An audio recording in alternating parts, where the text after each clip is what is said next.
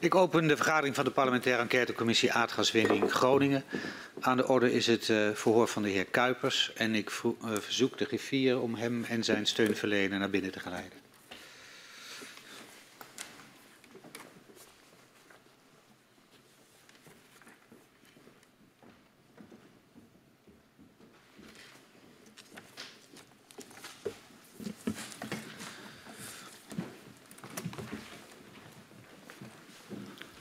Goedemorgen, meneer Kuipers. En ook u. Goedemorgen, meneer Tiebe.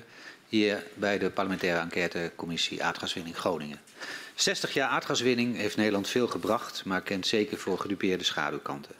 De commissie onderzoekt hoe deze schaduwkanten hebben geleid tot het besluit om de aardgaswinning in Groningen te stoppen. We willen weten hoe de besluitvorming op cruciale momenten is verlopen. Uh, hoe private en publieke partijen hebben samengewerkt bij de gaswinning. We onderzoeken de aardbevingen en ontwikkeling van kennis daarover, de afhandeling van schade veroorzaakt door de bevingen en het proces van het uh, versterken van gebouwen in Groningen.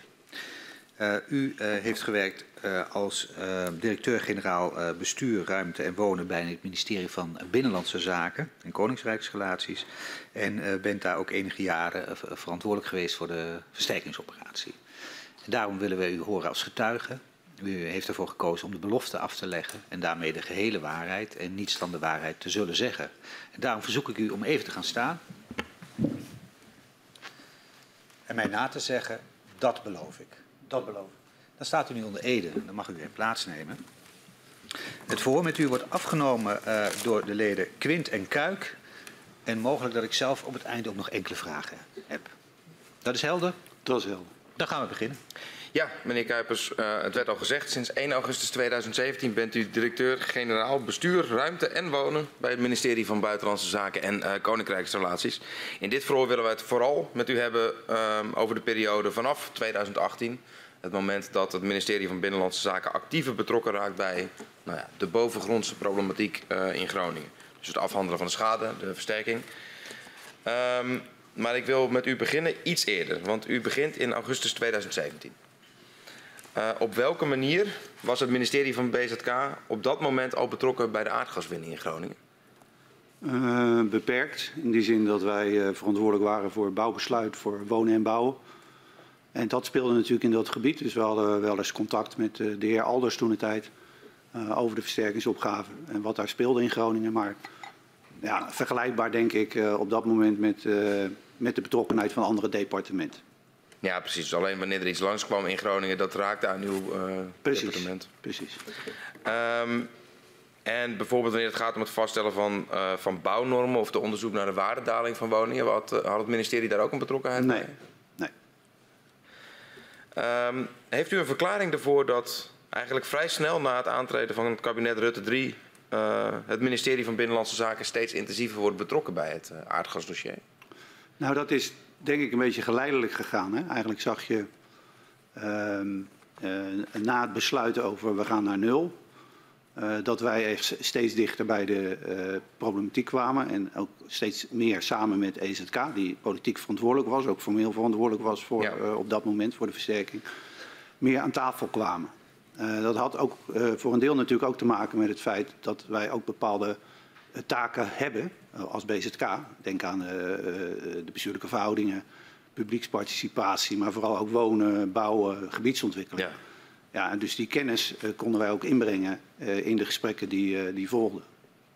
Maar ook in de, in de aanloop naar dat besluit, daar komen we straks nog uitgebreid op. Dat nulbesluit bedoel je? Ja, precies. Bedoelt u? Sorry.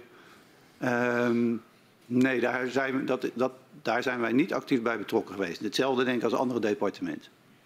Ik bedoelde iets anders. Oh. Um, uh, de, de, betrokkenheid van het ministerie bij de problematiek in Groningen al voorafgaand aan, uh, aan het nulbesluit. We zien dat er uh, nou ja, eigenlijk vanaf Rutte 3 vaker overleg plaatsvindt. Ook dat er vanaf januari 2018 bijvoorbeeld wordt gestart met de bestuurstafel Groningen bovengronds. Um, waarbij nou ja, namens het Rijk BZK eigenlijk met provincie en gemeenten in gesprek gaat.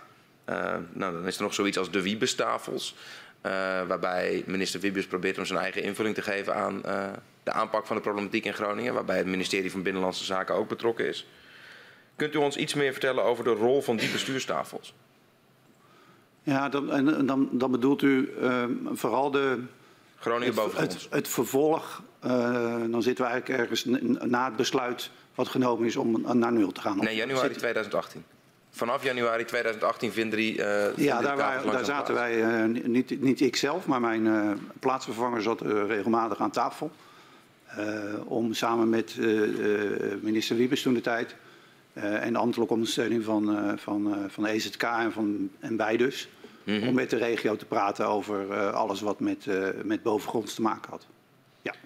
Ehm, wat was de rol van het ministerie van Binnenlandse Zaken aan die tafel? Nou ja, die elementen in te brengen. Ja, precies. Eh, waar ik net over zei, van, eh, ja, wij zaten natuurlijk ook langs andere lijnen in Groningen. Eh, we hadden natuurlijk ook verstand van wonen en bouwen.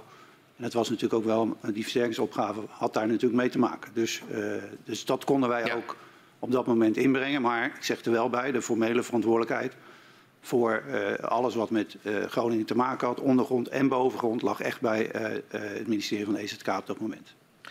En ehm, een van die doelen van die bestuurstafel eh, was om te komen tot die publieke eh, versterkingsaanpak. Dat weg te halen bij de private partij. Ehm, op welke manier heeft het ministerie van BZK geprobeerd om bij te dragen aan dat doel? Eh, wij begrepen heel goed dat het nodig was. Dus wij steunden deze aanpak heel nadrukkelijk.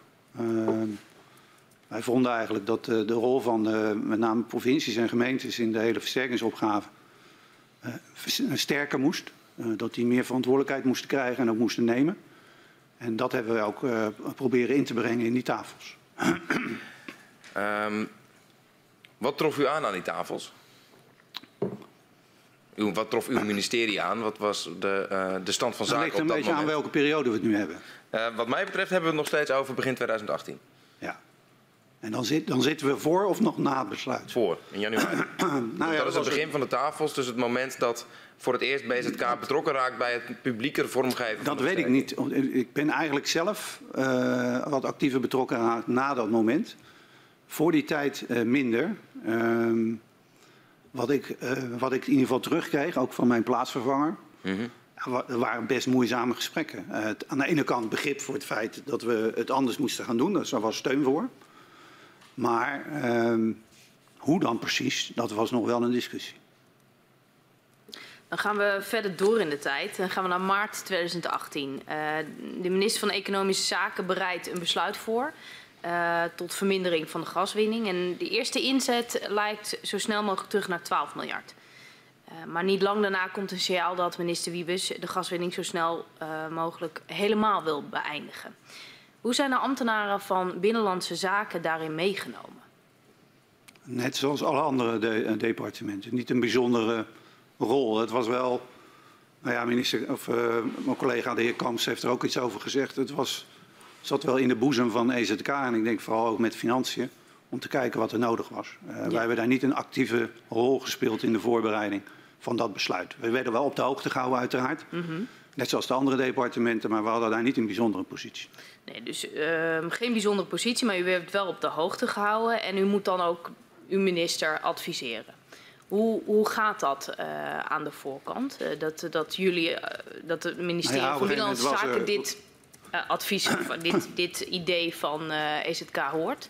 Nou ja, het, het aantrekkelijke van, van naar nul gaan. Kijk, het was natuurlijk een enorme veiligheidsopgave. De hele aanpak. We moesten mensen eh, die in Groningen zaten, die voelden zich onveilig en terecht. En daar moest wat aan gedaan worden. Dan, eh, de beweging om dan naar nul te gaan, dat was natuurlijk wel een hele belangrijke en majeure stap op dat moment. Dus eh, dat, op zich was dat goed om dat te doen. Dus wij steunden dat ook. En tegelijkertijd en dat, dat is de spanning die, die later ook nadrukkelijk bleek in het hele vervolg. Ja, was er al, waren er al dingen aan de gang? Eh, waren er al verwachtingen gewekt? En, en dat was een beetje de, de discussie eh, die later pas eh, duidelijk, echt duidelijker werd. En, en aan de voorkant hebben wij nog wel aangegeven van nou, hou ook rekening met de al lopende versterkingsprojecten die in de praktijk gaande waren. Ja, want hoe, hoe keek ambtelijk BZK aan tegen dat plan van Wiebes? Nou, wat ik zeg, dat, dat, wij steunen dat. En nog even iets specifieker, want u moet ook een, een, een advies natuurlijk geven aan de minister. Wat zijn dan de elementen ehm, nou, die worden Maar ik kan me nog herinneren uit die nota, en ja, die heeft u denk ik ook. Eh, ik heb er denk ik ook nog wat opgeschreven. En er waren twee dingen. Dat we nu geen financiële discussie moesten krijgen over wat dan de dekking van deze hele operatie zou met zich mee gaan brengen. Eh, want anders, dat zou niet erg opschieten. En het tweede was dat eh, het effect op de uitvoeringspraktijk, daar was men best wel optimistisch over. En dat vonden wij wat twijfelachtig. Ook omdat we wisten dat er uh, uh, al zoveel zaken, uh, nou ja, zoveel, dat er in ieder geval al een aantal batches, zo maar eens te zeggen, ik zal het woord niet te veel gaan gebruiken, maar een aantal batches al liepen. En dus dat was wel een, een, een accent wat we hebben meegegeven aan de minister. Um, dus u geeft mee van nou, er wordt eigenlijk te optimistisch gekeken naar. Nou, naar de, wat de, precies? nou, het idee was natuurlijk dat op het moment dat je naar nul gaat en het veiliger wordt, Ja, je uh, kon verwachten dat er ook minder versterking nodig zou zijn. ja. En, dat was te optimistisch ingeschat. Nou, dat, dat was denk ik goed ingeschat. Dat was niet het punt. Want ehm, ja, je wilde eh, eh, versterken was geen doel op zich. Hè? En dat, is, eh, dat was ook duidelijk de lijn van de minister Wiebes. En dat, dat was ook heel logisch. Je- De vraag was alleen hoe, je, hoe zich dat verhouden. wetende dat je nog de komende tijd toch nog steeds, ook met een versnelde verlaging, met bevingen te maken had. Hoe zich dat verhouden tot de lopende projecten die op dat moment in Groningen aan de gang waren. Ja. En, en dat, ja, dat, dat was eh, iets wat wij inbrachten. Maar dat was overigens niet de hoofd, hoofddiscussie. De hoofddiscussie was natuurlijk ook van als je naar nul gaat... wat betekent dat ook voor de leveringszekerheid, et cetera. Dat, dat was dominanter op dat moment dan eh, het effect op wat er, in, eh, wat er met de lopende verzengingprojecten moest gebeuren. En uiteindelijk is daar, ook in de brief die naar aanleiding van het besluit naar de Kamer is gezegd, ja, wel gezegd dat we daar dan ook echt naar moesten kijken of die, al die projecten eh, nog wel door moesten gaan. Want je wil mensen natuurlijk ook niet een versterking geven wat niet meer nodig is. Ja, en, en als u het dan heeft over die, ehm, eh, die uitvoering en, en de hoeveelheid, eh, te optimistisch versus realistisch, over wat voor bedragen of wat voor sommen hebben we het dan over? Nou, dat was niet zozeer sommen, maar, maar, maar meer in de zin van hoe is daar, hebben we niet al te veel verwachtingen gewekt? Wat is het draagvlak in de regio hiervoor? Ja. Dat was meer de, de, de waarschuwing die wij gaven. Maar vooralsnog eh, hebben wij de minister ook niet negatief ge- geadviseerd of iets dergelijks. Dus de beweging was natuurlijk eh, heel belangrijk en goed om te doen. Was de snelste manier, denk ik, naar een veilig Groningen.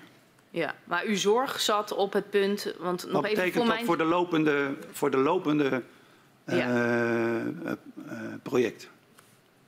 Ehm, en u gaf aan hoe, hoe, eh, wat is het effect op de uitvoeringspraktijk. en had u, waren daar de, de getallen scherp? Wat de eff- Nee, ik denk, waren? ik denk eh, als ik daarop terugkijk, denk ik dat we dat op dat moment onvoldoende scherp in beeld hadden, ook gebracht hadden. Dat was Ja. ook niet precies onze taak, maar dat was niet de hoofddiscussie toen de tijd. Nee, Ehm, ehm, punt. oké. Ehm, we zien in de ambtelijke nota aan eh, minister Ollongren eh, ter voorbereiding op een informeel overleg hierover in de ministerraad van eh, eh, 23 maart ook adviezen. Wat was het punt van zorg wat u meegaf aan de minister? Dit, Dit.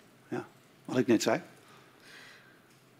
En was dat in, hoeverre eh, eh, zag u voor het ministerie ook een rol? Van Binnenlandse Zaken? Nou, op dat moment speelde dat niet echt. Eh, da- daar waren we toen op dat moment ook niet mee bezig. Maar dat kwam natuurlijk na het na, we waren natuurlijk ook voor dat besluit al wel betrokken. Dus ja, wij gingen eh, gewoon door in die ondersteunende rol op dat moment Ja. die we richting EZK hadden. Ja, oké. Ehm, welke, welke rol speelde de verwachting van het ministerie van Economische Zaken dat de versnelde afbouw van gaswinning ook de versterkingsoperatie kleiner zou, zou maken? Nou, dat was een, een, een, eh, ook een belangrijke overweging bij dit, eh, bij dit besluit. Ja. Zeker. Ja, Ik denk dat, ja. Dat, we, dat, uh, dat werd in, in uh, de gesprekken ook duidelijk. Hoe, hoe beoordeelde u de financiële plaatjes die EZK uh, inbracht? Ten behoeve van de besluitvorming van. Nou, daar hadden wij niet echt een. Kan ik mij niet herinneren dat wij daar echt een opvatting over hadden. Nee. Uh, we, we, we hebben natuurlijk een aantal uh, mails ook gekregen. En uh, daar zien we wel een kritische noot over hoe dat eruit ziet. Kan, weet ik niet meer. Nee. Oké. Okay. Um, dan uh, is er een, uh, we hebben het, uh, u heeft een, een, een, advies gegeven aan, een ministerie, aan de minister van, van BZK.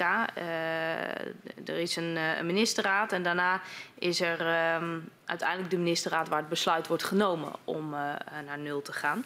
Zat daar nog um, nou ja, een ander element in welk advies u meegaf aan de minister? In de discussie? Nee, niet denk ik niet anders dan wat ik nu, wat ik nu net heb gezegd. Nee, Oké. Okay. En even voor de helderheid, steunde het uh, ministerie van Binnenlandse Zaken het voorstel van de minister uh, Wiebes om de gaswinning helemaal naar nul te brengen? Ja, ja. zeker. Oké, okay. dank. Ik wil nog even met u terug naar uh, de voorbereiding van dat, van dat besluit. Wij zien in uitgebreide maildiscussies dat er op uw ministerie eigenlijk vooral verbazing is over het feit dat uh, economische zaken het ministerie van Financiën zover krijgen om hierin mee te gaan. Ze zeggen van ja, als ik, uh, als ik, als ik zie wat hieronder ligt, uh, er spreekt bijna een soort van jaloezie uit. Zo van nou, dat zouden wij eens moeten proberen om met zo'n berekening aan te komen bij Financiën. Herkent u dat?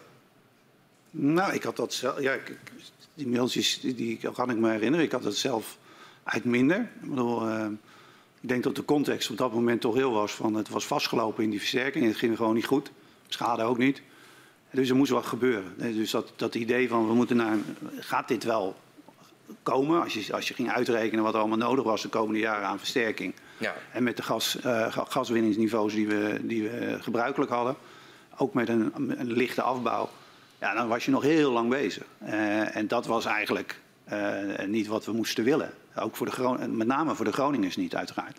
Want die hadden dan nog veel langer moeten wachten. En, de, ja. en toen was ook. Ja, dan was dit eigenlijk wel een, best een creatief uh, idee, om het zo maar eens te zeggen. En dat, dat, dat kwam vrij snel. En dat kwam ook vrij snel tot besluitvorming, inderdaad. Ja, Nee, dat, bedoel, dat het, is, gaat, is, het dat... gaat, in een hele korte tijd inderdaad. Maar het deel waar ik naar op zoek ben en waar ik, waar ik iets meer beeld bij probeer te krijgen... is hoe die discussie dan op, uh, intern op het ministerie uh, gevoerd wordt. Want we zien nou ja, uh, al, allerlei ta ja, ik, wat, tabellen, wat berekeningen, ik... sommetjes langskomen. Van, nou ja, als je dit doet, dan gebeurt er dat. En, nou ja, kijk, er was er misschien bij onze financiële mensen de zorg...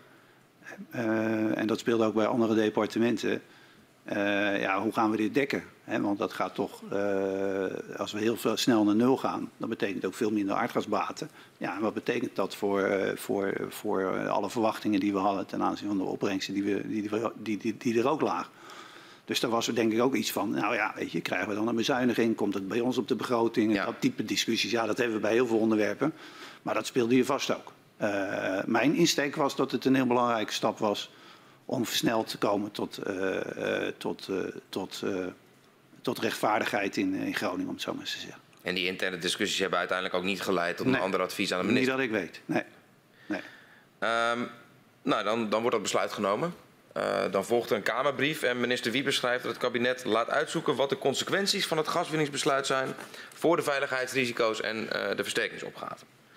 Evident, onveilige huizen moeten nog steeds zo snel mogelijk worden versterkt, maar overige onomkeerbare stappen, zoals het is gaan heten in die brief, worden opgeschort tot meer duidelijkheid is over de veiligheid. En dan hebben we het al met een hoop betrokkenen over deze brief gehad. Was u op dat moment bekend wat er bedoeld werd met die onomkeerbare stappen? Nee. Nee. Kijk, je, oh, je, kan het eigenlijk niet oneens zijn met onomkeerbaar. Als de staat zoals de staat kan je zeggen ja, ja nee natuurlijk onomkeerbaar, ja. weet je. We, we het is altijd een goed idee om onomkeerbare stappen zo weinig mogelijk te zetten. Ja. ja. Dus, dus, dus daar, daar kwam later, bleek dat pas, kwam daar, nog, uh, kwam, ja, kwam daar heel veel ellende van, eerlijk gezegd. Uh, maar op dat moment was het meer een kwestie van, goed, we moeten in beeld gaan brengen. Wat betekent dit besluit nou voor, ja, nou, wat ik net ook zei, Ja. voor de uitvoeringspraktijk van uh, Groningen, wat op dat moment aan de gang was. En dat gesprek, en dat was logisch dat we dat gesprek moesten gaan Ja. voeren. Dus dat hebben we toen ook, zijn we toen ook gaan doen. Maar de latere implicaties van die onomkeerbare stappen en hoe die door het ministerie van Economische Zaken werden ingevuld, zijn niet op dat moment met Nee, niet, eh, uw eh, ministerie besproken. Nee, niet, niet, nee absoluut niet. Is dat niet gek, gezien de toenemende rol van het ministerie bij Groningen bovengronds? Ik denk, maar achteraf gezien denk ik, hadden we misschien op dat moment scherper moeten, moeten zijn. Op met name deze passage, wat daarmee werd bedoeld. En ook bij het besluit, uh, wat genomen was over nul, daar dan ook iets moeten hebben. Ja. Van, jongens, wat betekent dat dan voor die badges die lopen? Uh, dat had misschien op dat moment, denk ik, misschien, denk, dat had echt op dat moment ook aan de orde moeten komen. En dat is pas later gebleken dat dat Ja. toch tot een hoop problemen heeft geleid. Op dat moment, die formulering heeft ook niet intern bij, bij BZK Niet dat ik geleid weet. tot... Nee, ik ben niet ge- gewezen of zelf daarop aangeslagen Ja. eh, op dat moment. Nee. Ook omdat er natuurlijk ook, er zit ook best wel ruimte in die, in die, in die zin. In hè? de formulering, ja. Ja. Nou ja, al, al vrij snel wordt natuurlijk duidelijk wat de concrete uitwerking daarvan is. Ik weet dat u gezegd heeft eh, niet al te veel het woord badges te willen zeggen, maar het moet toch even. Eh, de, de, de twee groepen met woningen, badge 1588 en badge 1581. eh, groepen die al in het programma van de Nationaal Coördinator Groningen zaten, ehm, komen stil te, leggen, eh, te liggen qua versterking. Eh, de pauzeknop wordt het ook wel genoemd. Ehm, ja, laat ik het gewoon open vragen. Wat is volgens u precies die pauzeknop? Ehm, eh, ja, wat is precies die pauzeknop? Wat de discussie was op een gegeven moment is van als wij echt met elkaar naar nul gaan, dan wordt het gewoon veiliger in, eh, in Groningen. En eh, eh, dat is één. Het tweede was, dat betekent dus ook dat de risico's, omdat ja, die, die NPR, we komen er misschien vast nog wel even over te spreken, Ja. die NPR'en zullen ook eerder aangeven dat het veilig is, dat je woning veilig is of wordt. Eh, moet je dan, eh, gegeven die beweging die gezet is, moet je dan eh, op al die projecten waar je al mee bezig bent, en moet je dat dan ook goed, goed willen doorzetten. Ook omdat een, een, een versterking als zodanig aan je huis ook echt heel veel betekent. Ehm, dat, dat was het ene verhaal. Tegelijkertijd, en dat was denk ik ook heel belangrijk, tegelijkertijd eh, zag je dus dat eh, ja, de operatie was al in gang. Het duurde al heel lang. Mensen zaten al heel veel te wachten.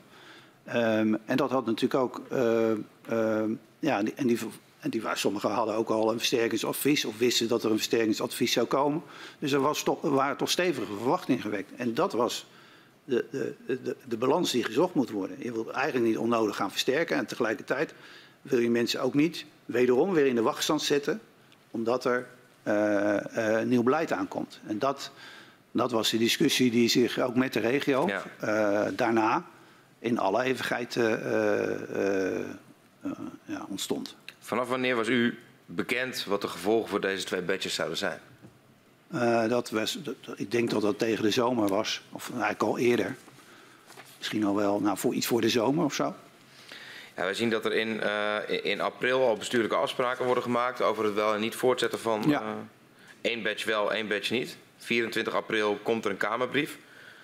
Ehm, was u in dat moment, was uw ministerie op dat moment al betrokken bij de discussie? Ja, ja, ja. Wij waren gewoon ambtelijk betrokken. Hè? Ja. Dus, nogmaals, wij waren Ook niet in aanloop naar dat besluit? Eh, ook in aanloop naar besluit. Ik heb ook bij, zelf ook bij eh, gesprekken met de regio gezeten eh, onder leiding van de min- minister Wiebes. En daar bleek met name ehm, ja, die eerste badge, laten we even badge 1. Ja. Het was eigenlijk al vrij snel geen discussie, want daar waren al zoveel verwachtingen gewekt, daar waren ze al meer, meer mee bezig. Dus dat was sowieso niet. Eigenlijk de laatste badge, dat was, daar, daar kon je echt nog wel op dat moment van zeggen, nou, we zijn nog niet zo ver. Er zijn wel verwachtingen gewekt, maar je kon dat eh, eh, eh, eventueel nog, nog uitstellen. Maar dat vond de regio al ingewikkeld. En we hebben toen eigenlijk gezegd, ook vanuit BZK, laten we dan kijken of we toch, of we toch iets voor die 1588 kunnen doen. Ehm, En dat speelde eigenlijk pas in die, nou, dat kwam een beetje op in de Ja. periode daarna. Ja, maar het ging me juist, juist in de, de periode op weg na dat besluit. Ik bedoel, u geeft aan, van ik, ik, ik had echt wel nou ja, scherp voor ogen dat hier al flinke verwachtingen waren gewekt. U bent betrokken bij het vooroverleg. Hoe gaat zoiets dan? Wordt er dan eh, nog geprobeerd om EZK op andere gedachten te brengen? Of? Ja, kijk, dan, dan ook interdepartementaal gaat het gesprek. Ik kan me niet meer precies herinneren hoe dat ging. Eh, eh, maar de, de- de, conclusie was uiteindelijk dat, dat we ook ten aanzien van 1588, op dat moment in ieder geval, toch over een even een pas op de plaats moesten maken.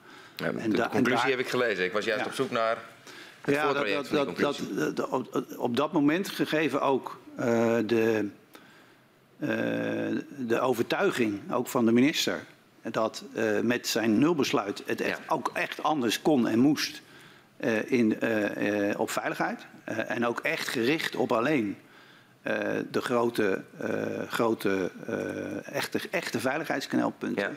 Ja, wat, dat was een vrij massief eh, opvatting. En, eh, daar, eh, ja, en ook in de, de brief die we natuurlijk naar aanleiding van het besluit hebben gehad, had het kabinet besloten dat we ook zouden kijken naar dit soort zaken. Dus wij eh, zagen wel het bezwaar vanuit de regio. Ik, en ik begreep dat. Eh, maar eh, op dat moment eh, hadden we daar nog geen andere, konden we daar nog geen andere conclusie aan verbinden. Dus het was in die zin een logische gevolgtrekking van de onomkeerbare stappen die in de brief omschreven werden. Ja, U heeft ook niet richting uw eigen minister gevraagd om daar, op, daar, op dat punt. eh, toen niet. Nee. nee. nee. Ehm, zei het al een paar keer. Achteraf heeft dit een, een hoop gedaan in de regio. Wat zijn volgens u de belangrijkste gevolgen geweest? Eh, nou ja, laten we beginnen bij de bewoners zelf. Nou, die, die moesten weer langer wachten. Eh, dat was natuurlijk eigenlijk toch wel heel treurig. Ehm, eh, zeker als je in die bed zit. Ehm, eh, het gaf, eh, het tweede wat, het gaf heel veel spanning tussen, tussen regio en, en Rijk. Ja, dat is inderdaad mijn volgende omdat, vraag. Omdat, kijk, ook die bestuurders en, en, en wethouders, die hebben natuurlijk ook in zaaltjes gestaan en, en dingen uitgelegd aan mensen. Ehm, dus dat moet je je ook realiseren. Die, ja, die moesten dat verhaal dan weer gaan vertellen dat het toch weer anders werd. Eh, en dat was gewoon heel, eh, dat, was, dat, dat was echt wel he- eh, Is heftig. dat, is dat meegewogen van tevoren? Ik bedoel, u zei aan het begin helemaal dat juist, juist ook vanwege de ervaring met nou, nou ja, bestuurlijke verhoudingen en de contacten tussen de diverse lagen in het huis van Thorbecke, laat ik het zo maar zeggen. het moet- goed was dat BZK betrokken werd. Ja, maar op dat moment, hè, denk ik, want je moet het toch een beetje in de context zien van dat moment. Wij waren, waren lang niet actief betrokken. We kwamen eigenlijk pas in beeld begin acht- 2018. Ja. Dus eh, de betekenis van dit besluit op de lopende versterking, ja, dat kwa- kwamen we eigenlijk pas la- later achter. Eh, dat is misschien niet goed, hè? maar eh, dat was wel de realiteit. Ook omdat we niet tot in de haarvaten in, in die discussies zaten. Voor mij was Ja. het soms ook best lastig om te zeggen, ja, wat is ook weer P50 en P90 en badges en zo. Dat- dat herken dat, ik. dat was heel technisch allemaal. En, pas, en, eerlijk gezegd, pas later eh, heb ik beseft eh, dat, eh, wat de consequenties waren. Nou, dat zei zo. Had, ehm, had een betere formulering van die Kamerbrief, die eerste Kamerbrief, een hoop ellende kunnen voorkomen. Ook wanneer daar gewoon ingestaan had, we drukken de pauzeknop in voor deze twee badges. Dan was het in ieder geval gelijk op tafel gekomen. Ik denk dat dat goed was geweest. Eh, je had ook kunnen zeggen, ja, we weten dat dit een voornemen is.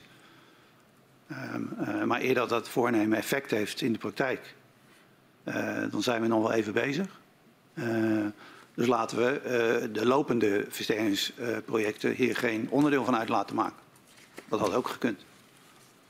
Vanaf ehm, wanneer, want u, u, schetst van ja, de, de, betrokkenheid van BZK is nog nou ja, in ontwikkeling, laat ik het zo zeggen.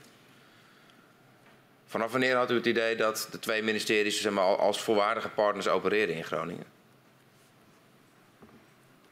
Eh, dat denk ik dat dat in de loop van 2018, eh, eind 2018, denk ik dat het steeds meer naar elkaar toe groeide.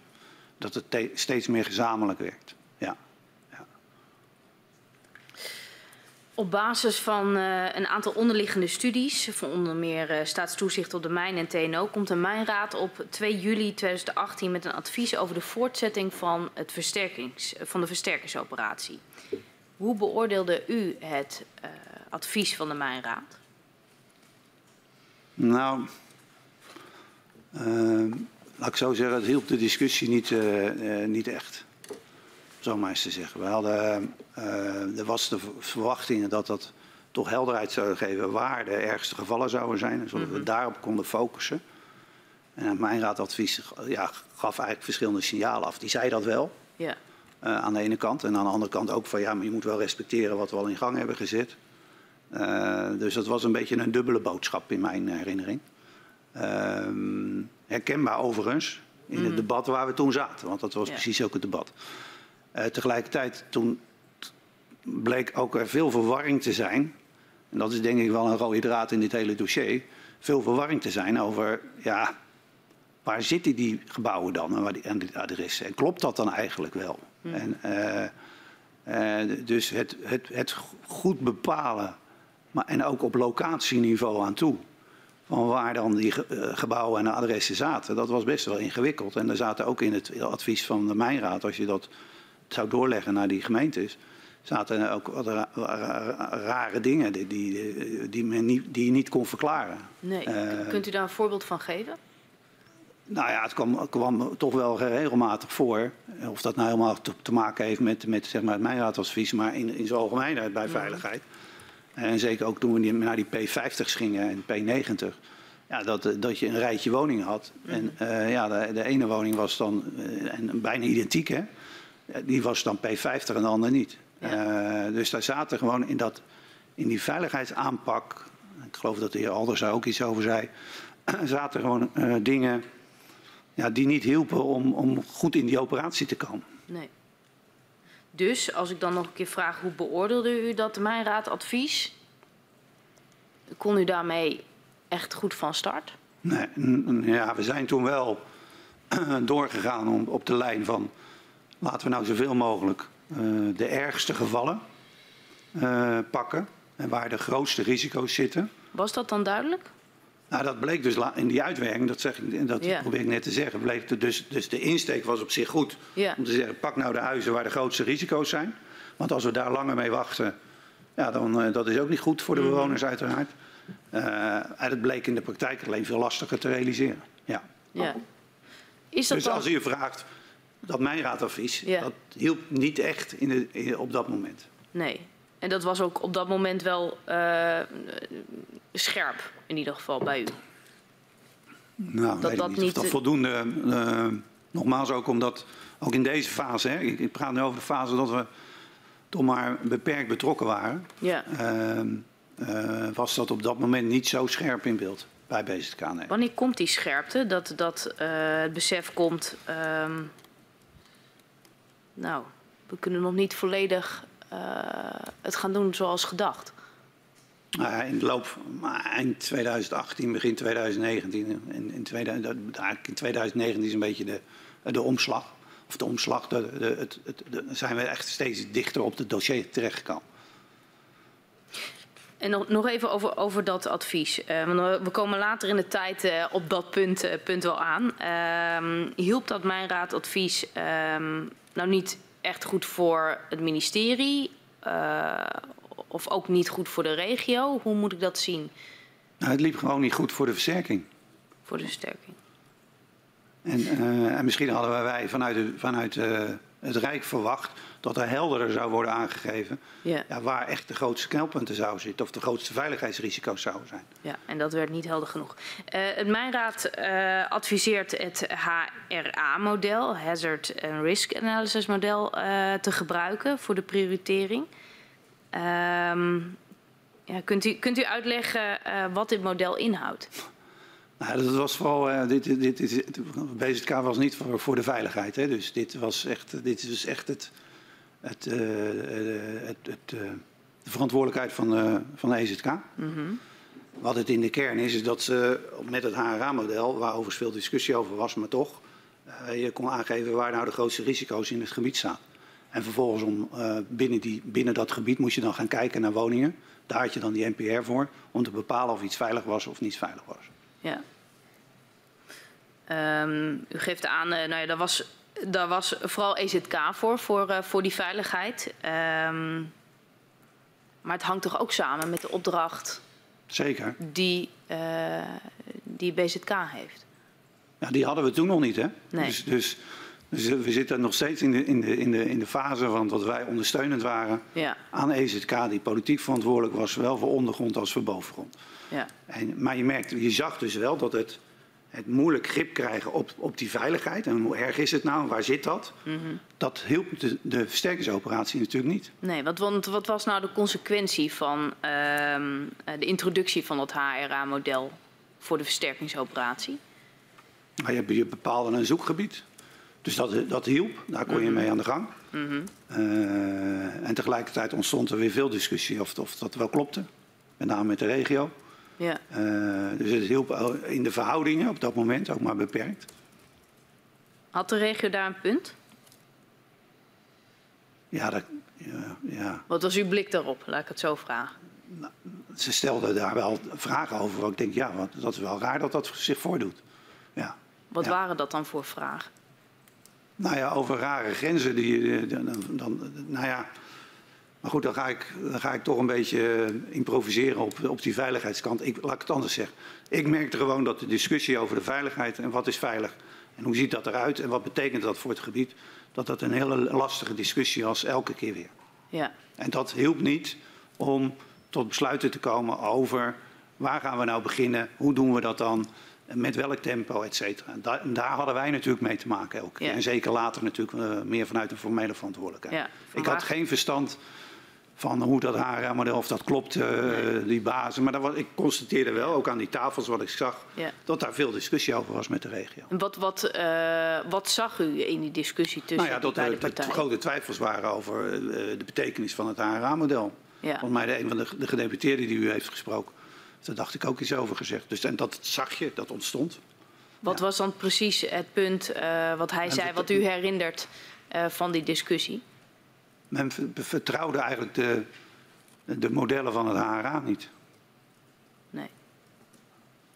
En wat was, was dan de reactie van uh, uw, nou ja, uw co-partner, zeg ik dan maar, het ministerie nou ja, van EZ? EZ? Dat is wat we hadden, weet je wel. Dat was gevalideerd, TNO, nou, et cetera. Dus dat is wat we hadden. Dus daar moest het mee gedaan worden? Ja.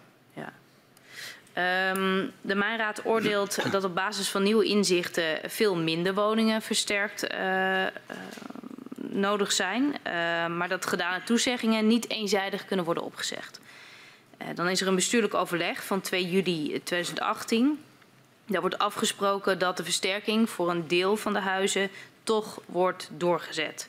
En dat is die badge 1588. Vanwege, vanwege gewekte verwachtingen. Vervolgens gaat uw ministerie aan de slag uh, om een oplossing te vinden voor deze woningen. Waarom ging uh, Binnenlandse Zaken hiermee aan de slag? Nou, omdat wij misschien, uh, we hadden, laat ik zo zeggen, die badge die bestond in belangrijke mate. Uit mijn herinneringen, ik denk ook iets van, van die 1588 woningen of adressen. En een groot deel van was voor corporaties. Ik denk duizend wel. Mm. En die, wij hadden natuurlijk nauwe contacten. We zitten vanuit Volksvesting met die corporaties heel vaak aan tafel. We hebben ook instrumentarium, dus een deel van de oplossing zat in het feit dat we andere financiële potjes zouden gebruiken. Uh, om toch tot een deal te komen over die 1588. Want financiën was een, een, een, een knelpunt om dit op te lossen. Ja, want waarschijnlijk zouden niet alle uh, woningen in die badge uh, onveilig zijn. Dus dan zou je de, de kosten niet bij de NAM kunnen verhalen. Nee. En dan bleef er dus uh, uh, een gat over. En hoe zouden we dat dan kunnen dichten? Ja, dus dan, dan uh, gaat uh, Binnenlandse Zaken hiermee aan de slag. Hoe gaat zo'n discussie dan aan de voorkant? Steekt u dan uw vinger op van dit kunnen wij veel beter, want het zijn corporaties? Of hoe gaat zoiets? Nou ja, wij, weet je, wij hadden wel um, affiniteit met, uh, of affiniteit is echt niet het goede woord. Ik denk, de, dit punt van die 1588, daar waren echt verwachtingen gewekt. Je zag dat bestuurlijk ook. Wij vonden het eigenlijk netjes om daar toch wat mee te doen. Dus wij waren sterk gemotiveerd Ja. naar BZK om te zeggen, nou we gaan er een op, dat moet een oplossing voor denkbaar zijn. Was, Dus, was die verhouding anders binnen ik weet. EZK? Ik- ik- ik- nou, dat durf ik niet te zeggen. Die zagen ook dat hier een oplossing voor moest komen. Maar wij hadden misschien wel iets meer mogelijkheden. We hadden een potje aardgasvrije wijken. We hadden nog een regiomiddelen. Eh, nou, eh, allerlei, eh, we, hadden, we konden iets doen met de vuurdersheffing en de korting op de vuurdersheffing. Ook voor de Groningse corporaties. Nou ja, wij hadden in ieder geval creatieve, creatieve ideeën om hier uit te komen. Ja, En ik zeg niet dat anderen dat niet hadden, helemaal niet zelfs. Maar ja, en toen dachten wij van nou laten wij dit oppakken. ja. En ehm, nog even voor mijn beeld. U zit dan aan tafel met ambtenaren van EZ, eh, met de minister. Hoe, hoe, eh, hoe ziet dat eruit, zo'n overleg vooraf aan zo'n besluit wat hier dan wordt genomen om aan de slag te gaan als eh, binnenlandse zaken? Ja, daar is dan overleg over. En ik weet niet hoe het precies gelopen is. Of, of, of, of misschien heb ik wel gezegd van nou wij zouden wel willen, willen kijken. Of dat de minister heeft gevraagd, minister Wiebes heeft gevraagd van misschien kan BZK helpen om een voorstel te maken om hier uit te komen. Dat weet ik niet meer precies hoe dat gegaan is, maar zo, zoiets. Is dat een brainstorm sessie? Of ik probeer er een beetje gevoel bij te krijgen. vorm- hoe- ik denk dat dat ook rond die overleggen die we elke keer hebben. Ja, eh, eh, die brede overleggen die we met de regio hadden. En daar zitten ook voorbesprekingen bij. Er zit ook, nou ja, dat, op dat soort momenten ja, kijken we ook eh, naar wat, wat kunnen we bereiken in de voorbereiding van dat soort gesprekken. Dan, eh, gebeurt dat meestal. ja. Ehm, en dan eh, is het aan Binnenlandse Zaken om ook nou, te kijken naar creatieve oplossingen. Ehm, wat was de oplossing waarmee het ministerie van Nou Binnenlandse ja, Zaken kwam? wat ik net probeerde te zeggen, dat is de, dat we eigenlijk het, het, het mo- mogelijk tekort, financiële tekort voor de opgave hebben dichtgelegd. Ja, dus dat ging met name om die financiële eh, Ja. potjes. Ja. Ehm, en niet per se om hoe gaan we het doen, maar meer Nee. hoe gaan we het financieren. In eerste, dat was natuurlijk als eerste, gaan we door of niet? Ja, En een van de argumenten om niet door te gaan is dat je waarschijnlijk eh, dat niet alle objecten in die 1588 batch eh, onveilig zouden zijn. Dus dan ontstaat er een financieel vraagstuk. Mhm. En toen hebben wij gezegd, nou kijken of we het kunnen dichtleggen, zodat we in ieder geval naar de bewoners en naar de regio kunnen zeggen, we gaan toch door. Ja. Linksom of rechtsom en we lossen het op. ja, En een deel van de rekening gaat gewoon bij de NAM en een ander deel eh, proberen wij eh, bij te leggen. Wat dat was een vrij praktische insteek. Ja, en dat, de, hè, dus dan voor mijn helderheid, de, de creativiteit eh, gaat met name dan om hoe gaan we dat financieel oplossen en eh, hoe gaan we het aanpakken inhoudelijk. Dat was helder. Dat kwam daarna natuurlijk, want dan moesten Ja. die, die badges moesten dan nog in uitvoering gebracht worden natuurlijk. Ja. Nou, in mijn herinnering waren er alleen de versterkingsadvies. Dus dat moest allemaal nog eh, verder gebracht worden. Dat is daarna ook opgepakt. Daar gaan we straks nog even verder op door. Wa- Wat gebeurde er eigenlijk met die andere groep? Die andere badge, 1581? Die is toen eh, aangehouden. Ja. Wo- Worden deze woningen dan alsnog versterkt? Of? Maar ik dacht dat we een jaar later of twee jaar later... eh, zijn een groot aantal van die woningen die in die badge zaten alsnog versterkt. Ja. Wat was de argumentatie om toen hier te zeggen... maar eh, hier houden we toch nog even een pas op de plaats? Omdat daar veel minder eh, gewekte verwachtingen waren. Er waren veel minder gewekte ge- verwachtingen en dat... eh, was dat ook duidelijk Nou ja, vanuit de regio? We zaten eigenlijk in die context, maar goed, dat hebben jullie denk ik ook, of daar heeft u ook eh, vaker over gesproken. Er zat toch een soort, die, die reset rond de versterkingsopgave had, had een element in zich van we gaan naar nul. Hmm. En een element in zich, we gaan strak focussen op alleen de meest onveilige huizen. Hmm. Dat was het, het idee. En dat, en dat moest verder uitgewerkt gaan worden. En dat betekende dus ook wat voor de lopende, eh, lopende zaak Ja, omdat er niet overtuigd was dat in die, in die betreffende badges echt pertinent onveilige huizen zouden zijn. En, en met name de minister van EZK eh, eh, was sterk gemotiveerd door het feit we moeten vooral focussen op de meest onveilige huizen. ja. Want daar zitten de grootste problemen. Die mensen moeten met snelheid gebo- geboden worden. En die hoefden niet per se in die badge- badges te zitten. Die zaten ook ergens anders in het gebied. Ja, maar en, en als dan uit een steekproef eh, blijkt dat daar eh, even goed huizen in zitten die versterkt moeten worden. Ja, dan had dat gekund. Maar dan had je niet de hele badge gedaan, maar dan had je eh, alleen degene die het meest onveilig waren in die badge aangepakt. U zei net uh, over het Mijnraadadvies dat hielp niet met de versterking. Was Economische Zaken dat op dat moment met u eens? Nou, ik, dat was mijn opvatting als ik zie wat er daarna allemaal nog gebeurde. Zeg ik nu dat hielp op dat moment niet. Uh, ik weet niet of. Uh, wij hadden daar niet een grote discussie over. Kan ik mij herinneren met, met EZK. Ik weet ook niet hoe zij dat nou precies waardeerden, uh, dat mijn raadadvies. maar het, het, het, laat ik zo zeggen, het, de verwachting was dat het ook een beetje zou helpen in de discussie waar we in waren beland. Ja. Van wat moet je nou prioriteit geven, wat niet. En daar was het een beetje, nou ja, dat, dat was een beetje, dat hielp niet voldoende, ja, denk ik. Um, het ging al een paar keer over de geleidelijkheid waarin een, een deel van de hele operatie verschuift van economische zaken naar uh, binnenlandse zaken. Um, op, wie, op wiens initiatief werd die beweging eigenlijk in gang gezet? Misschien een beetje een abstracte vraag. Maar... Ja, op wiens initiatief? Persoonlijk initiatief uh, bedoel je? Nou ja, of ook het initiatief vanuit de ministeries. Wat was de, bedoel, nou ja, wij, klopt de EZ bij u aan met het idee van wij zijn nu in een operatie beland waar we eigenlijk niks van kunnen? Of klopt u bij EZ aan met het idee we moeten ze helpen want ze zijn in een operatie beland? Nou, dat was, we zaten samen denk ik wel, uh, uh, zaten samen in deze operatie. Dus het was ook niet zo BZK versus EZK of zo. Dat heb ik helemaal niet zo ervaren. we, hebben wel, we zagen wel dat, dat dat, dat het moeizaam ging natuurlijk. Dat, dat, nou, daar hoeft je niet uh, goed voor te kijken, bij wijze van spreken. Het ging natuurlijk erg moeizaam op dat moment. Ja. ja en daar moesten dus nieuwe impulsen bij. En, uh, en, in die zin hebben wij ook gezegd, nou, wij, wij willen ook graag helpen om, deze, uh, om, de, om dit vraagstuk te helpen oplossen. Want het was natuurlijk wel een, een, een groot ding. Ja. en, en, ja, we kregen daar natuurlijk ook, ook vanuit, vanuit Groningen, die zaten natuurlijk ook te wachten. De mensen zaten te wachten.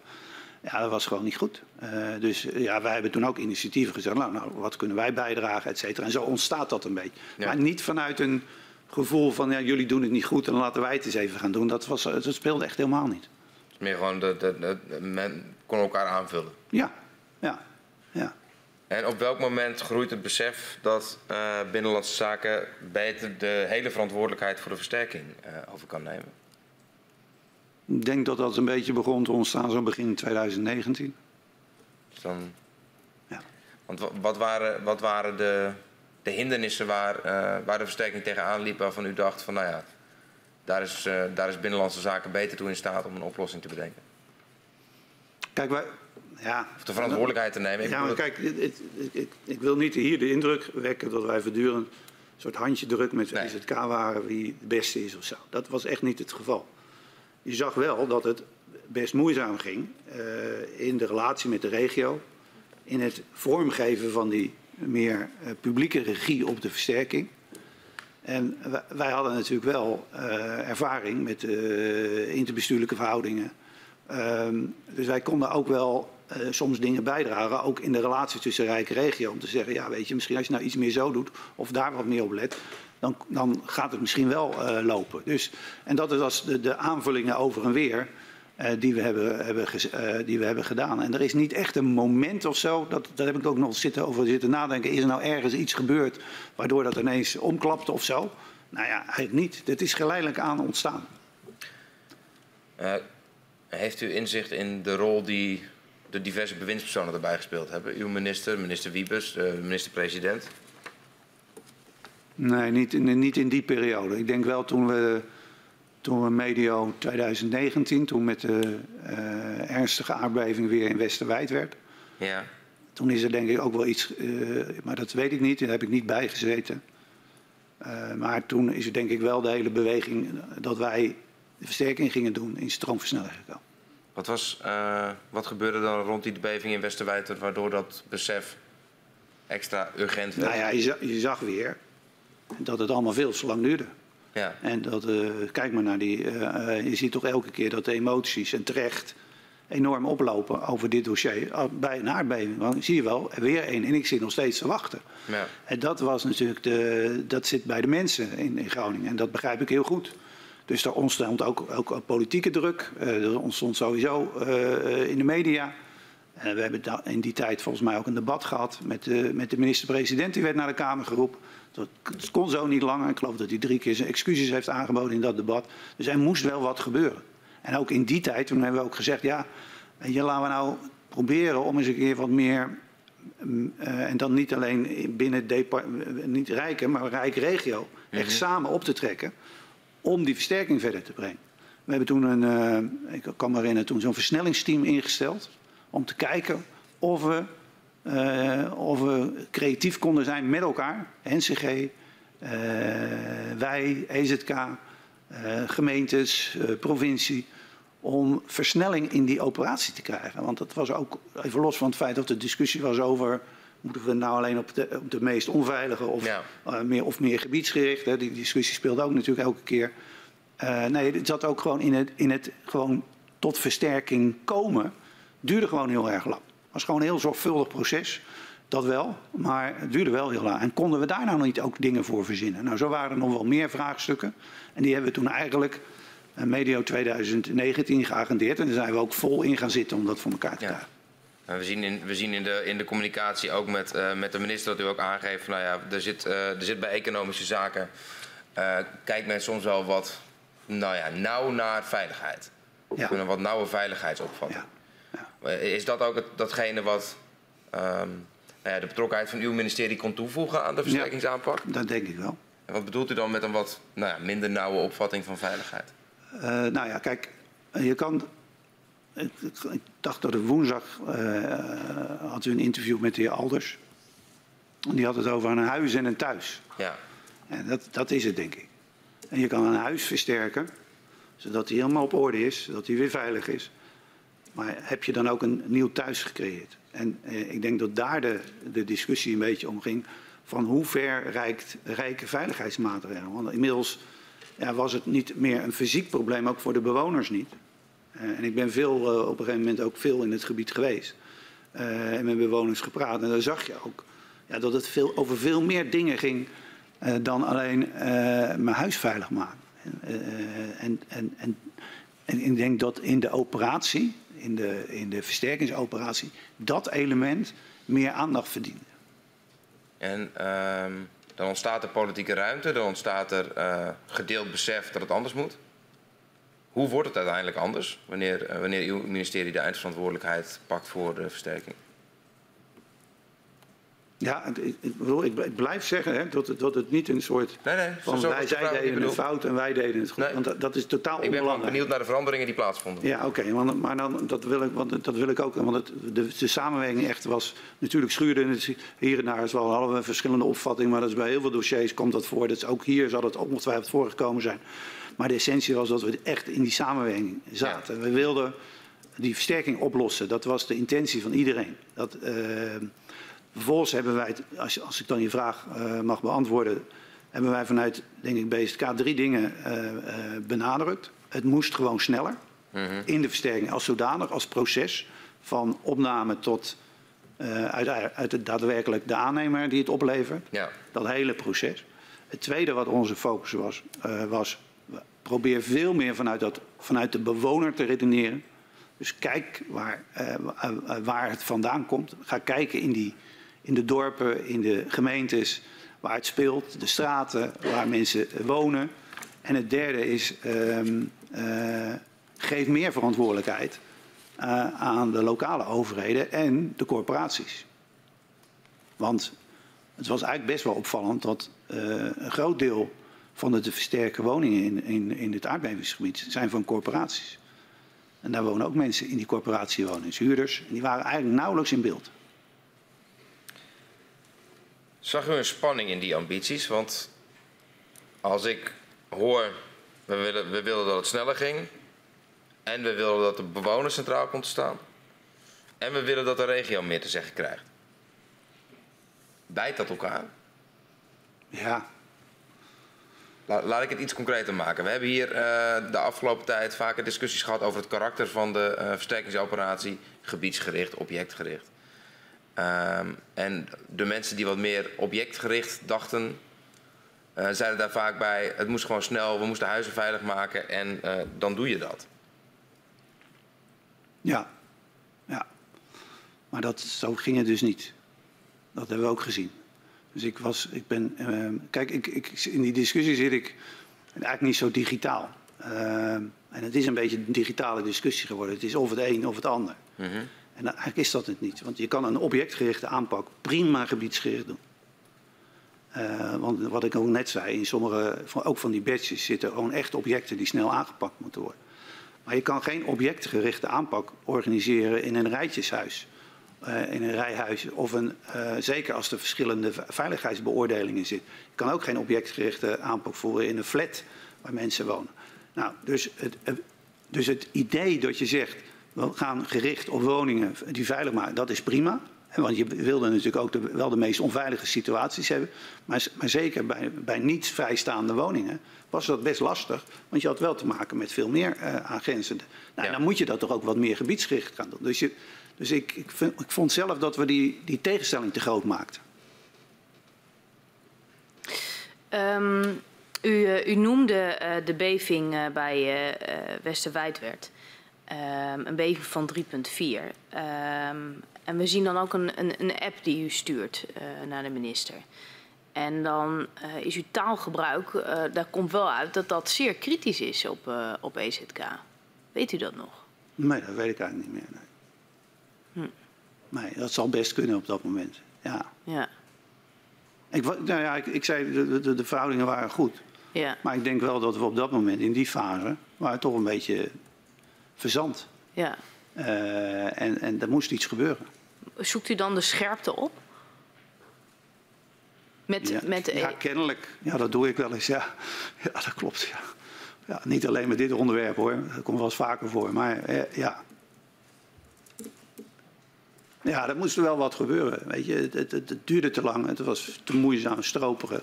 Ja. Je zag de discussie met die regio, het bleef maar. Mm. Uh, ja, is dat dan een keerpunt? Wat gebeurt er daarna? Want u, u, u bent kritisch. Uh, er is een, een, een, een zware beving. Uh, wat gebeurt er daarna dat het anders gaat? Nou ja, ik denk dat, dat wat ik net zei, dat, dat, die, die, er was natuurlijk heel veel uh, ophef naar aanleiding van die beving. Die, ten eerste bij de bewoners in het gebied zelf, mm. die wederom werden geconfronteerd met het feit dat ze in een onveilige situatie zaten. En, en ook weer terecht aandacht voor voor het feit, ja, maar gebeurt er nou eigenlijk nog eens wat? Ja. En uh, ja, dat, dat had natuurlijk ook, uh, dat bereikte natuurlijk heel snel ook Den Haag uiteraard. En, ja. en dat vonden wij ook. Nou, ja. dat is ook een beetje de... En, en, en toen was er zo vraag, moeten we nou niet... Uh, en daar moet echt wat gebeuren. Ja. En niet een soort uh, reset van het hele systeem of zo. Maar we moeten misschien wel doorpakken op een paar dingen die al wel sluimerend aan de orde waren. Die, bijvoorbeeld die typologiebenadering waar al langer aan werd gewerkt. Uh, maar zo, de, de, positie van die gemeentes, wat kunnen we daarvoor betekenen? Dus daar werd, werd wel over gesproken, ook in die tijd al. Ook Ja. samen met EZK. Maar misschien moesten we nu dit moment ook maar gebruiken om ook, ook een paar dingen te, te forceren. Ja, u, u, eh, dat is u scherp, van er moet nu echt wat gebeuren. Ja. Ehm, wat gebeurt er dan? Dan komt u uh, aan in een meeting of uh, er wordt gebeld. Het is natuurlijk wel een specifiek moment, juist die beving bij Westerwijdwerd. Um, kunt u ons meenemen naar, naar dat moment? Goh, dat, dat zou ik niet meer precies weten. Ik denk wel dat we toen ook, ook met de minister hebben gesproken. En wij zagen er elke dag hebben we zo'n actueel overleg. En zo Ja. hebben we dit hier vast ook over gehad. Ja, dat we nu, toch- nu echt wel stappen zouden moeten zetten. Dat we echt die, die versterking op, in de benen moesten krijgen. Want dat duurde gewoon te lang. Dat vond ook iedereen. Dus laten we dit Ja. momentum dan ook gebruiken. En ik denk dat die urgentie, dat die zal ik ongetwijfeld... eh, passend bij die eh, app die u heeft gezien... zal ik die ongetwijfeld ook hebben overgebracht op dat moment. Ja. Ehm, Is de minister het met u eens? Ja. Is EZK het ook met u eens? Ja, volgens mij waren zij ook ervan overtuigd dat, uh, dat, dat, dat we nu echt wel stappen gezet moesten worden. Oké. Dat was Ehm. ook altijd de intentie van iedereen, hè? Ja. Dus het, dat is het, maar goed. ehm, ja. Dan eh, er komt de verantwoordelijkheid voor de versterking in ok- oktober 2019 eh, bij Binnenlandse Zaken te liggen en wordt uitgevoerd door de Nationaal Coördinator Groningen, de NCG. Economische Zaken blijft verantwoordelijk voor schade. Die wordt uitgevoerd door instituut Mijnbouwschade, het IMG. Wat was nou de reden um, dat schadeversterking niet onder één ministerie die verantwoordelijk was, werd samengebracht? Oké, ik, ik, ik, zei ja, zo'n. Uh, kijk, er waren een paar redenen eigenlijk. Uh, de eerste plaats is dat wij als, uh, als ministerie van Binnenlandse Zaken vooral verstand hadden, of in onze portefeuille vooral kennis en kunde zat op het gebied van die bestuurlijke verhoudingen, op het gebied van, uh, van wonen, van volksvesting, dus heel sterk. Gebiedsontwikkeling, ruimtelijke ordening, omgevingswet zit bij ons. Dus ja, weet je, dat, dat is, is, is echt relevant voor die versterking om dat voor elkaar te krijgen. Dan zit je ook met gemeentes die zitten. Dus dat was één reden. Dus, nou ja, dat past eigenlijk het beste bij het ministerie van Binnenlandse Zaken.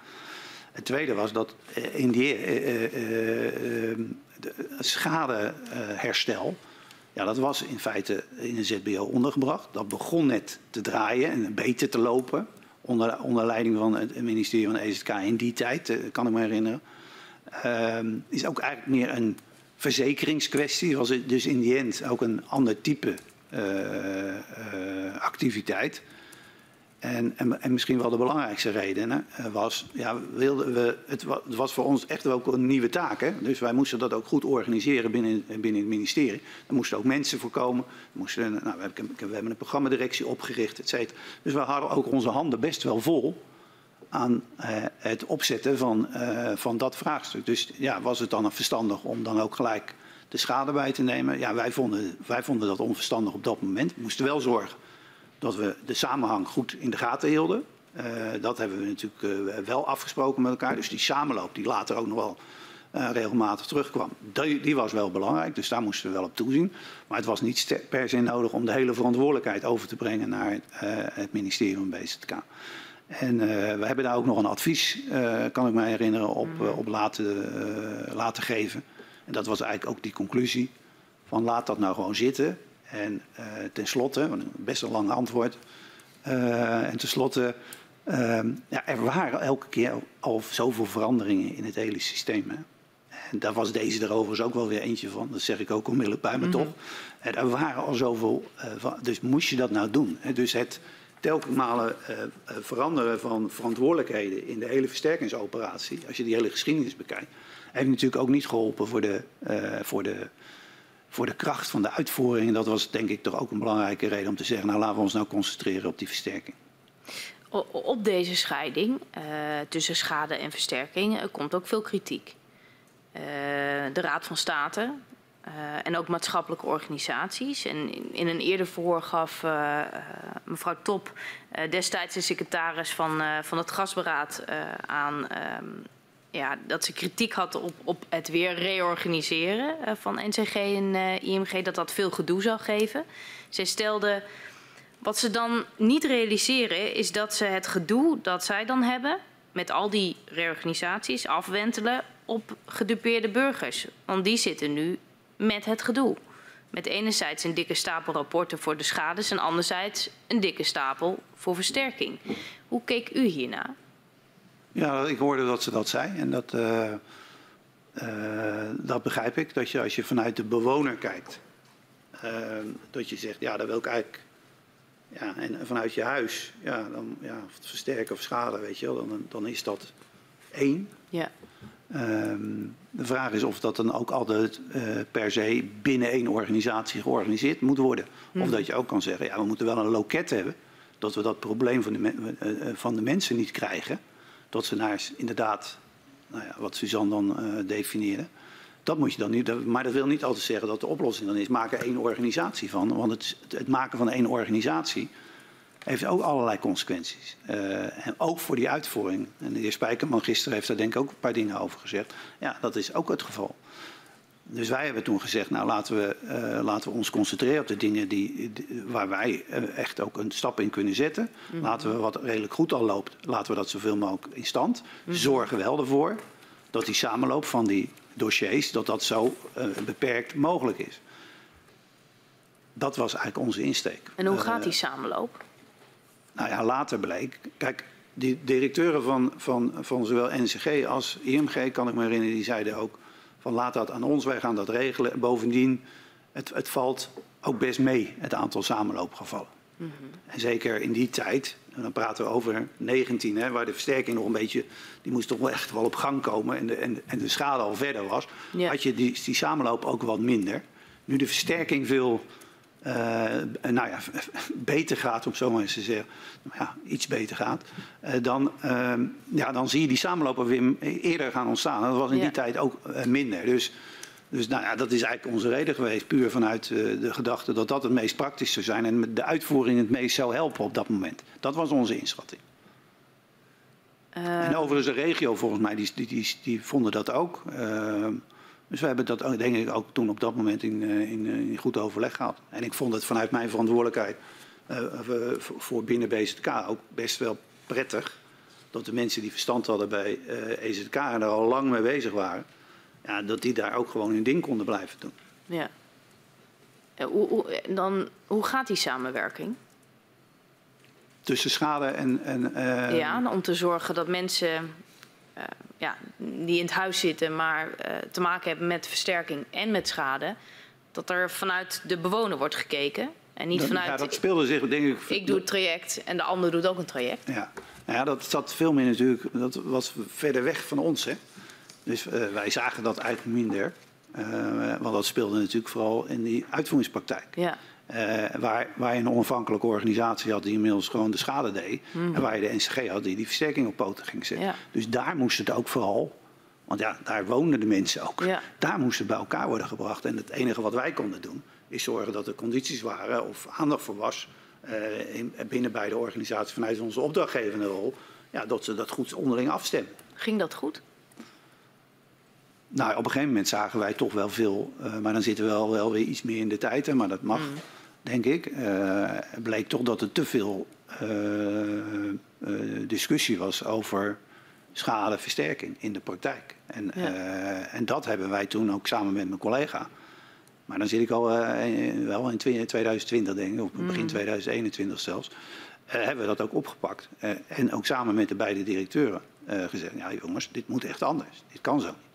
Is dan aan de voorkant voldoende ehm, geborgd dat de bewoner centra- centraal staat? Of laat ik het anders vragen. Hoe wordt dan geborgd dat de bewoner centra- centraal staat in dit hele traject? Door, eh, eh, even voor wat de, de NCG betreft, hè, want daar, daar had ik natuurlijk vooral de relatie mee en minder met, met, eh, met de IMG, want dat zat toch in het spoor van, maar laat ik even concentreren op wat wij gedaan hebben voor de, voor de NCG, is er maximale ruimte te, te geven voor eigen afweging die recht doen aan de, aan de variëteit en de verschillen eh, lokaal.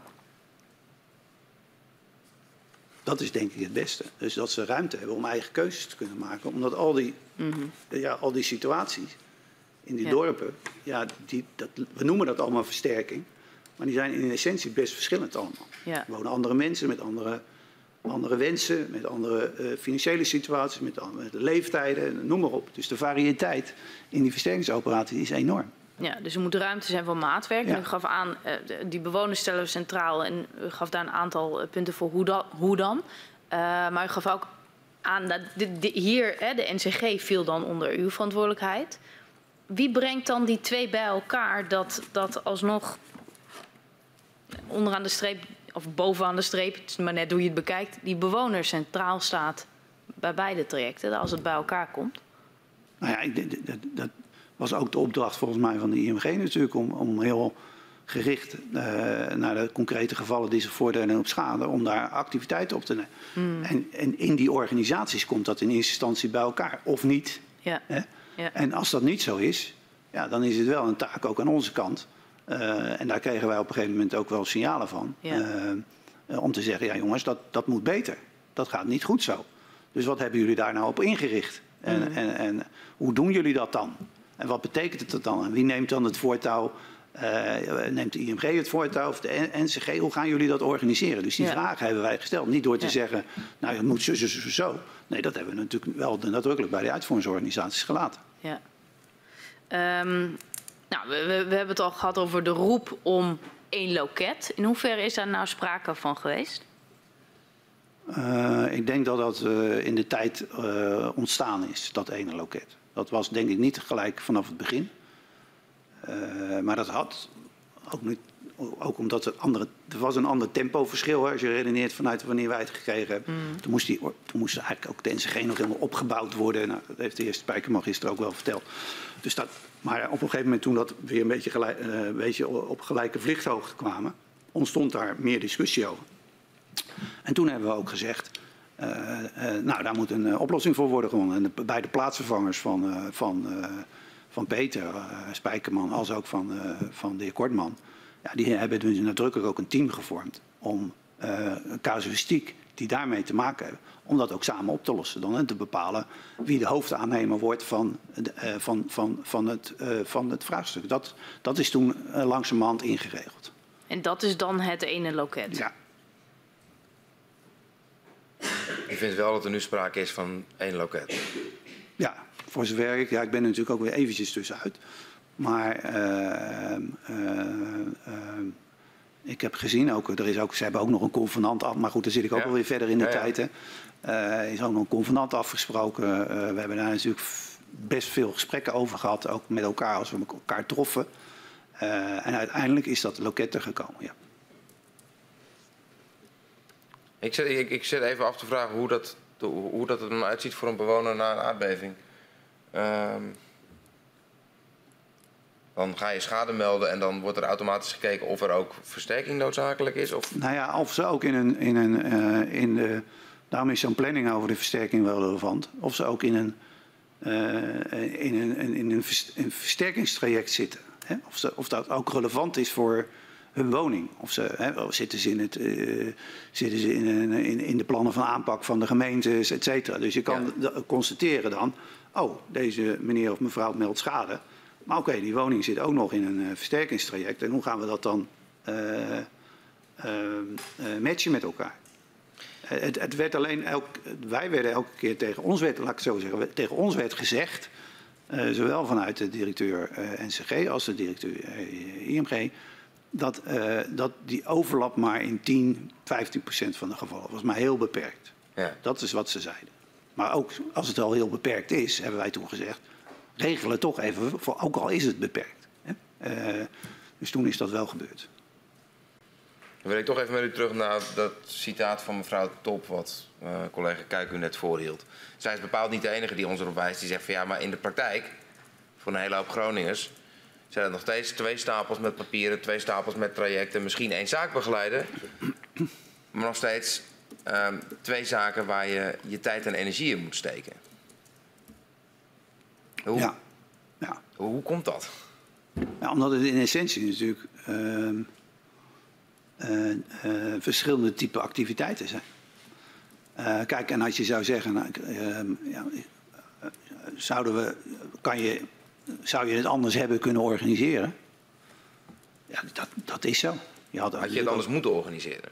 Nou, misschien dat je nu zou zeggen, als je vanuit nul mocht starten, dat je zou zeggen, nou, misschien doen we het gelijk bij elkaar. Eh, weet je, het is allemaal bovengrond.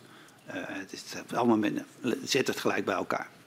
Maar we, we zaten niet vanuit een nulsituatie, wij ook niet als BSK toen we de versterking gingen doen. En, dat is, en we hadden al heel veel veranderingen in uh, wie gaat er over, ja. wat achter de rug. Dus het was ook een afweging van willen we dat nou weer? Ja. Uh, en kunnen we het niet op een andere manier regelen? Nou, en uh, uh, nou, toen hebben we deze afspraak gemaakt. Maar goed, daar kan je, daar kan je ook anders over denken. Ja, een van die veranderingen wilde ik nog even bij stilstaan. en dat is het, nou ja, naar de publieke sfeer trekken van de versterking. de Nationaal Coördinator als uitvoerder van de versterkingsoperatie. Um, toen uw ministerie de verantwoordelijkheid overnam van de versterking, toen was al besloten dat de versterking publiek georganiseerd zou gaan worden. Um, waar kwam die wens vandaan? Nou ja, we zagen eigenlijk dat de, de andere manier van uh, de meer private aansturing van de versterking natuurlijk niet gelukt was. Uh, maar dat, was, nou ja, dat besluit was al verder voorgenomen natuurlijk. Ja. dus het was nadrukkelijk van belang dat we zeggen, nou, we moeten dan toch anders doen. De NAM eruit en wij gaan het publiek doen. samen met de gemeentes en het Rijk. Uh, en de corporaties om dit voor elkaar te krijgen. Ja. Met hulp van een uh, dedicated uitvoeringsorganisatie zijn de NCG. U zei, uh, dat was daarvoor al besloten. Dat was inderdaad voordat de, de, de regie naar uw ministerie ging. Uh, heeft uw ministerie in, de, in die voorbereiding nog wel een rol gespeeld in de keuze om die versterking publiek te organiseren? Zeker, ja. Er zijn natuurlijk ook wat uitgangspunten vastgelegd. Daar hadden we de beleidsregel voor. Later hebben we natuurlijk, eh, zijn we met het wetsvoorstel uh, aan de gang gegaan. Ja. Daar werden de uitgangspunten ook, ook wettelijk vastgelegd. Daar hebben we ons wel tegenaan bemoeid, ja. Um, uiteindelijk komen dan regio en ministeries overeen dat, nou, je zei het al, NCG, de Nationaal Coördinator Groningen, de versterking gaat uitvoeren. Daarvoor voerden zij meer de regie, hadden ze meer een beleids, beleidsmatige rol. En lag de uitvoering bij, bij Centrum Veilig Wonen. Wanneer kwam de NCG eigenlijk in beeld als uitvoerder?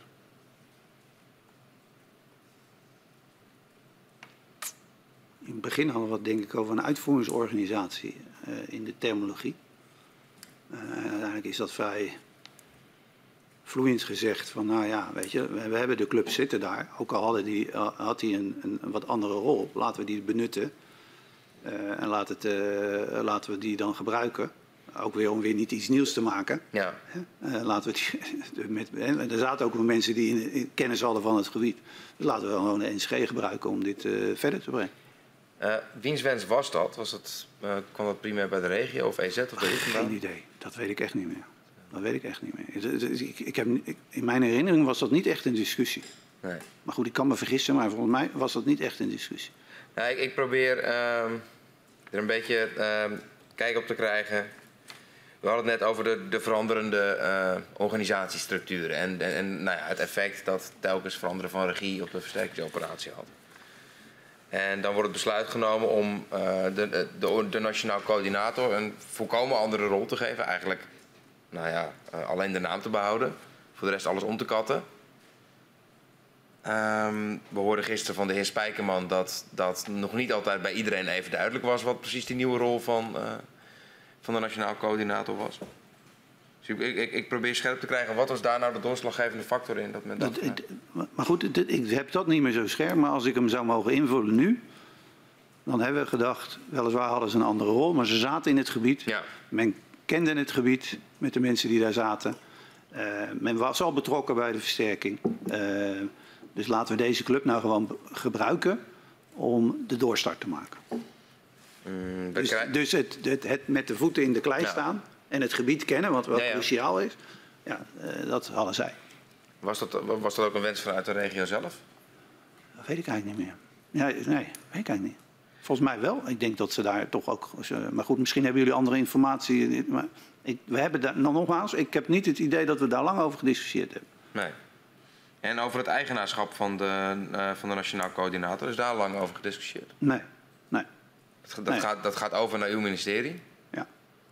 En dan worden wij automatisch eigenaar van, uh, van, uh, van, uh, van de hele operatie. Van de hele operatie. Dus dan hebben wij een eigenaarsoverleg voorgezeten door de, door de secretaris-generaal. daar zit ik als opdrachtgever bij. En er zit zeg maar de, de financiële kant zit erbij. Ja. Om vooral over de bedrijfsvoering en de randvoorwaarden waarop die, de, de, de uitvoeringsorganisatie moet opereren te praten.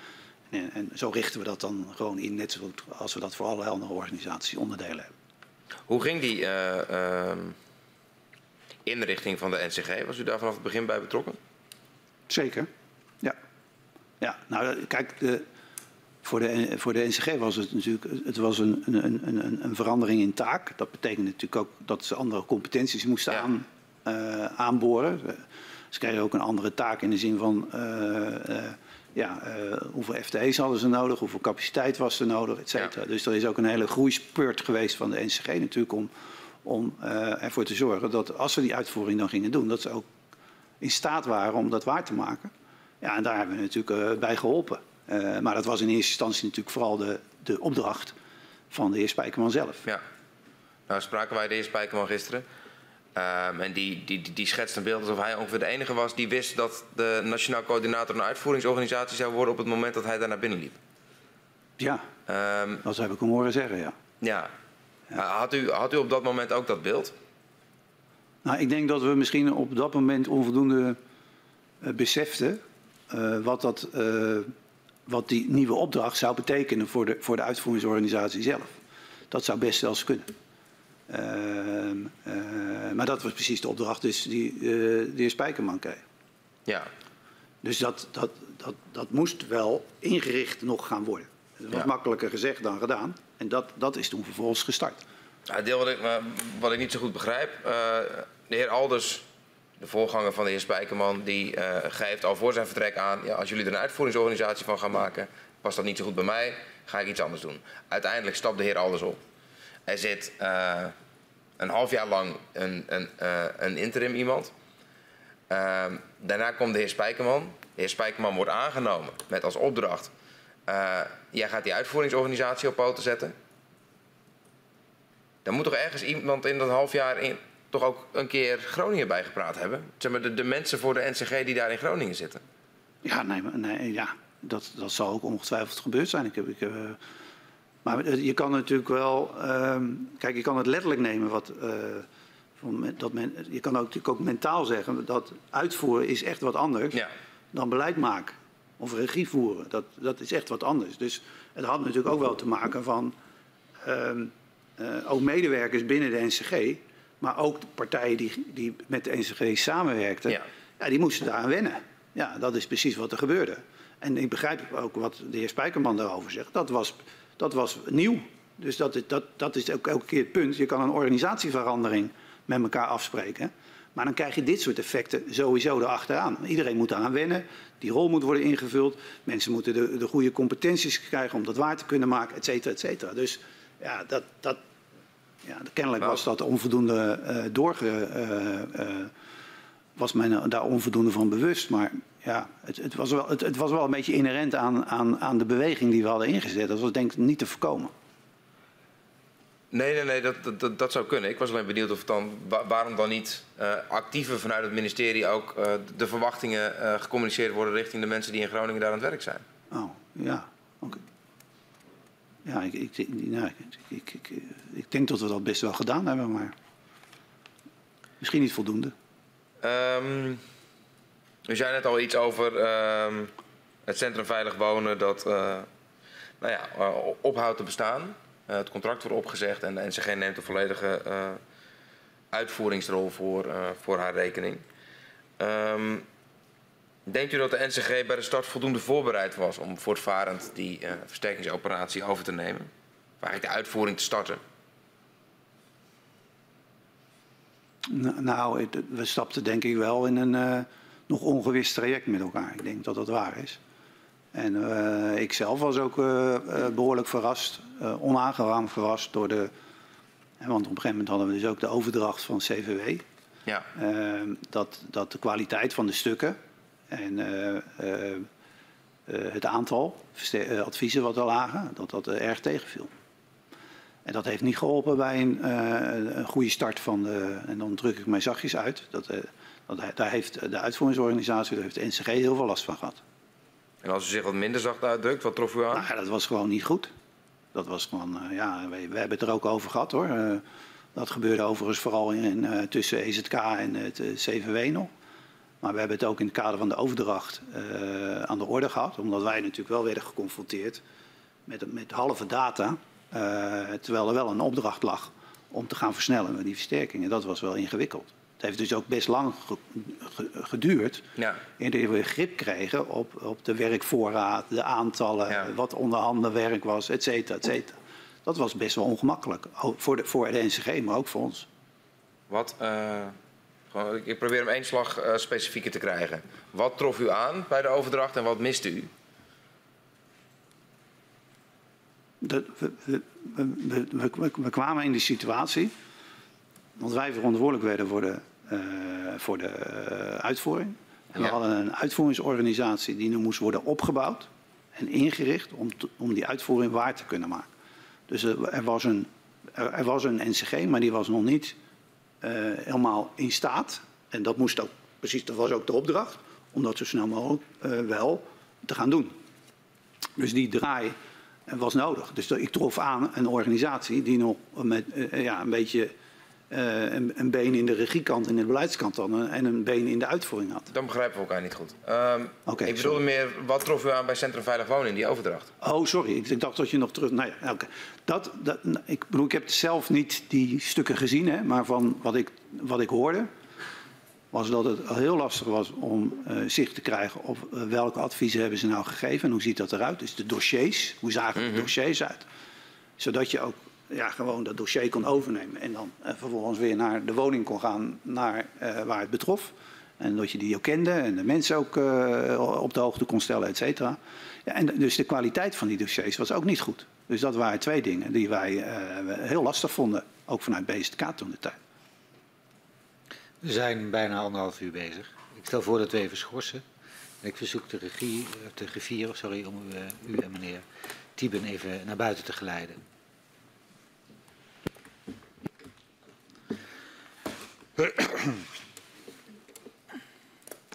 En ik ga de vergadering schorsen tot eh, tien over half twaalf.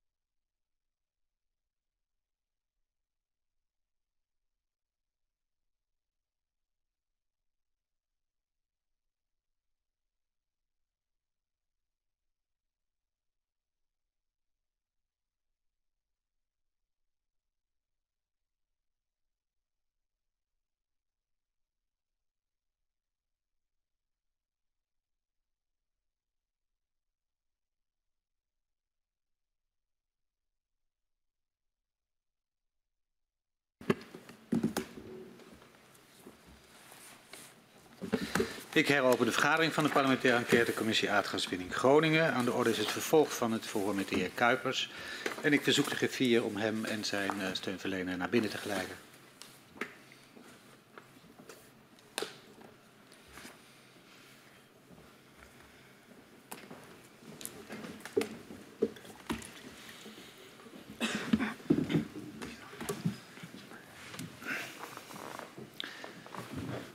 Gaan weer verder. Ik geef het woord aan mevrouw Kuijs. Ja, eh, meneer Kuipers, ik, ik wil het nog even hebben over de structuur, de organisatiestructuur, eh, als het gaat om die nieuwe eh, versterkingsaanpak. De gemeenten krijgen ook een belangrijke rol. Zij gaan lokale plannen van aanpak opstellen voor de uitvoering van de versterking. En gemeenten worden daarom beschreven als opdrachtgever van de versterkingsaanpak.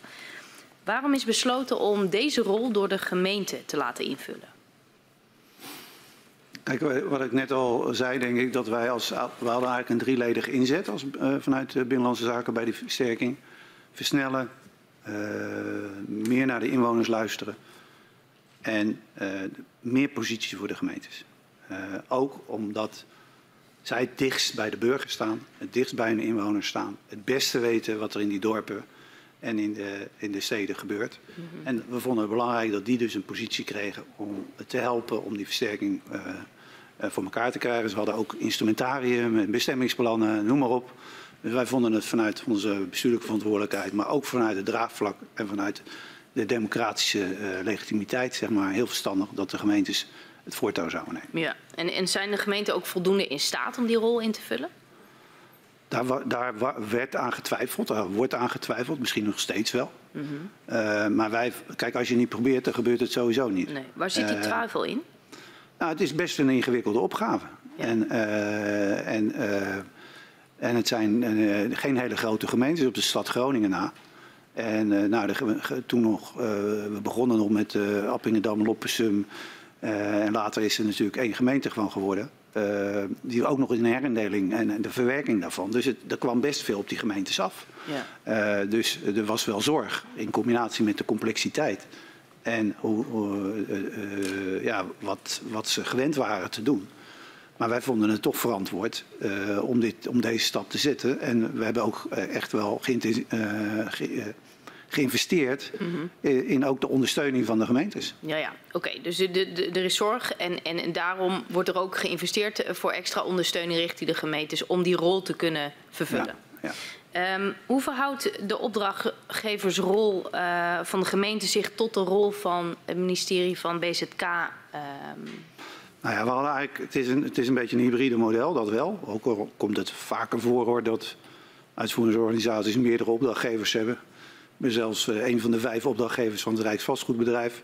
Dus, eh, dus dat komt wel vaker voor. Maar wat voor ons belangrijk was, dat je aan de ene kant waren wij verantwoordelijk om de condities voor de uitvoeringsorganisatie NCG goed neer te zetten, zodat hij zijn werk kon doen, dat hij voldoende middelen had, dat hij, eh, de, eh, nou, noem maar op. En aan de andere kant bepaalden eigenlijk de gemeentes eh, voor hun grondgebied wat eigenlijk de planning, de prioritering en de fasering zou zijn van de versterking, waar dan de NCG voor aan de lat stond. Dat was eigenlijk het model. ja. En nou, dat moet gaan werken. En eh, naast eh, eh, BZK en, en de gemeente ja, spelen ook de sta staatstoezicht op de mijnen een rol. Het adviescollege Veiligheid Groningen speelt een rol. Ehm, waarom was het nodig dat er zoveel spelers betrokken zijn? Nou ja, we hebben in ieder geval geprobeerd ook om het aantal betrokkenen kleiner te maken. Dat past ook bij, kunnen we het versnellen, kunnen we het versimpelen, eh, et cetera. Dus die hele discussie die we ook nog rond de beleidsregel hadden gehad, eh, waarbij, en, en ook het wetsvoorstel waarbij we allemaal aparte besluiten hadden, dat hebben we ook bij elkaar gebracht uiteindelijk. Dat er één besluit was, zodat er één versterkingsbesluit voor één organisatie, namelijk de NCG. Tegelijkertijd had je natuurlijk gewoon gemeentes. SODM heeft een veel bredere opdracht natuurlijk, hè, voor- ook voor de ondergrond, et cetera.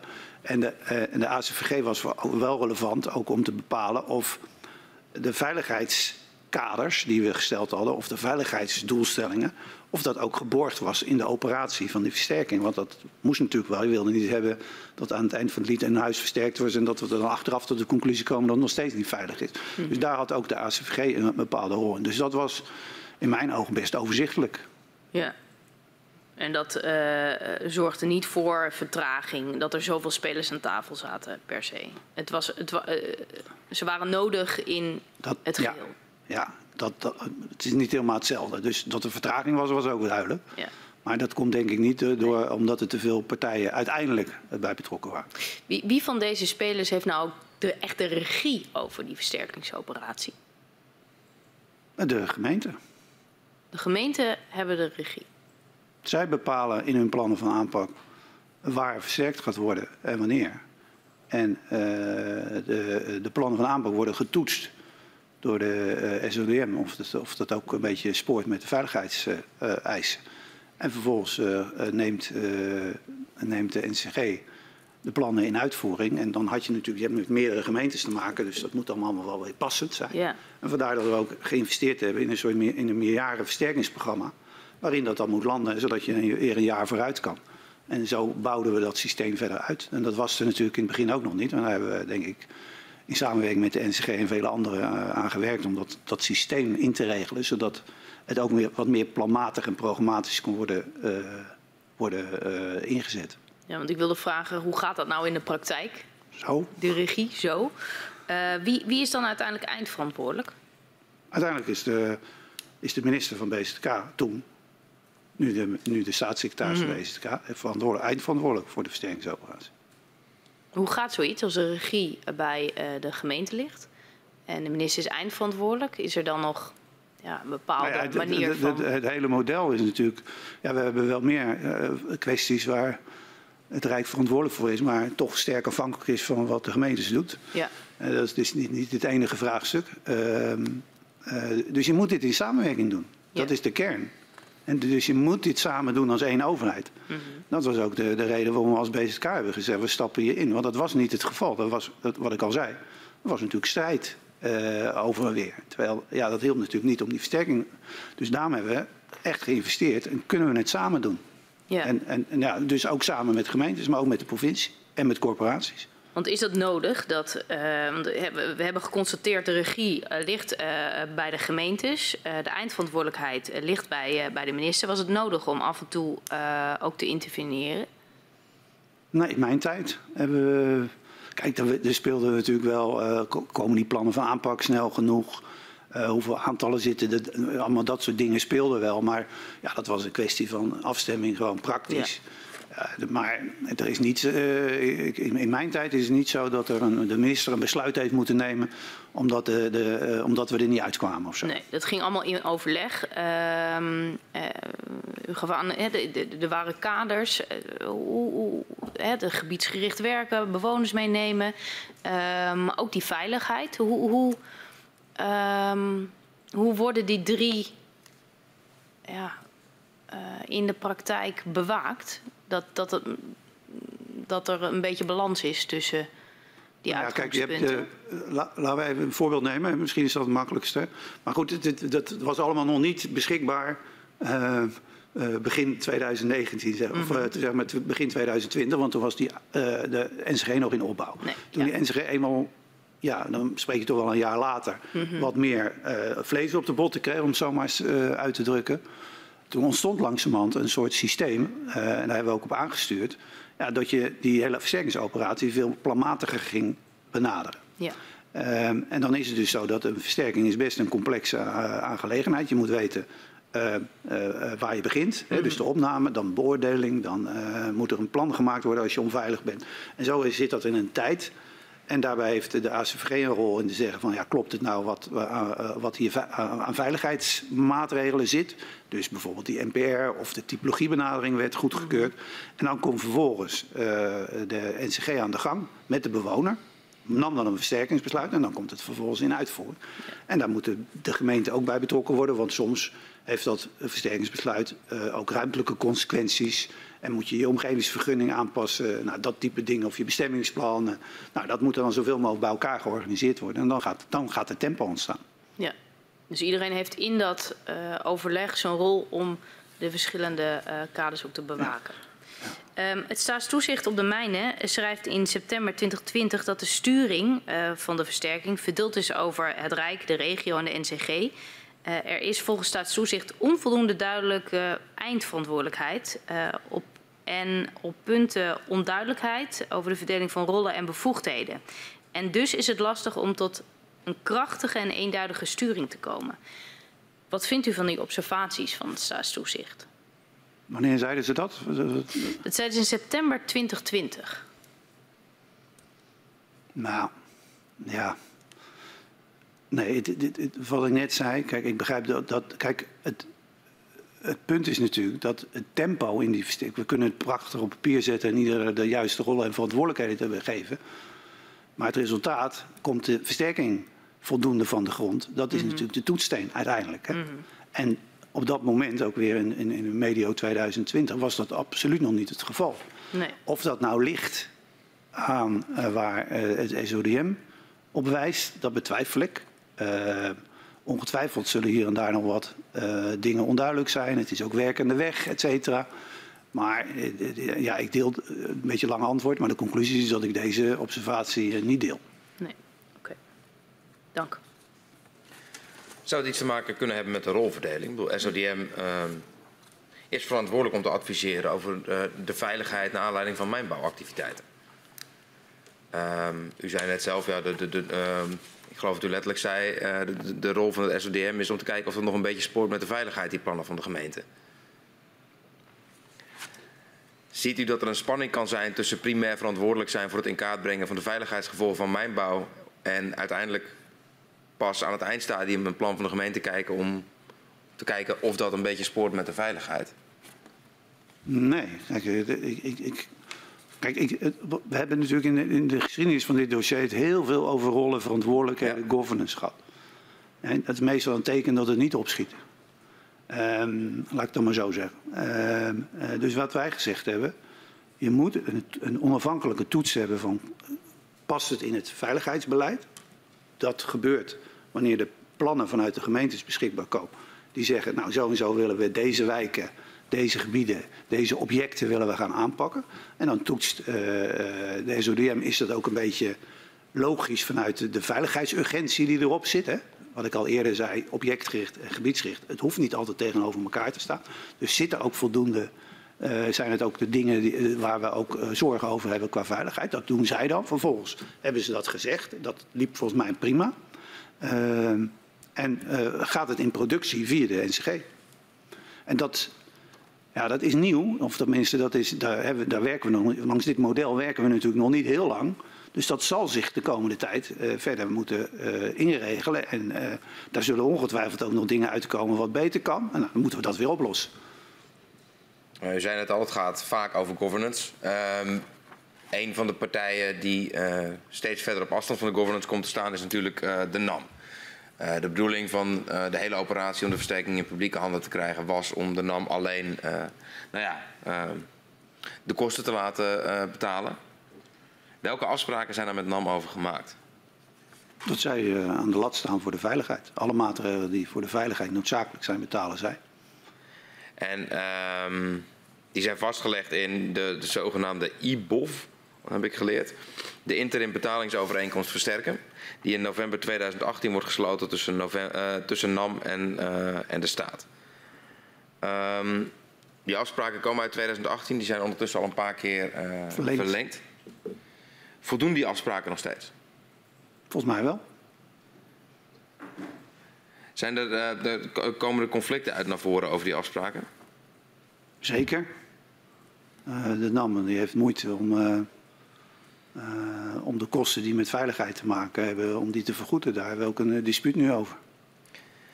Um, u zegt net, volgens mij voldoen ze nog steeds. Um, in de loop van 2020 wordt vanuit zowel economische zaken als binnenlandse zaken aangedrongen op een herziening van, van de betalingsovereenkomst, de IBOF 2. Dat is toch niet nodig als, afspraak, als afspraken nog voldoen?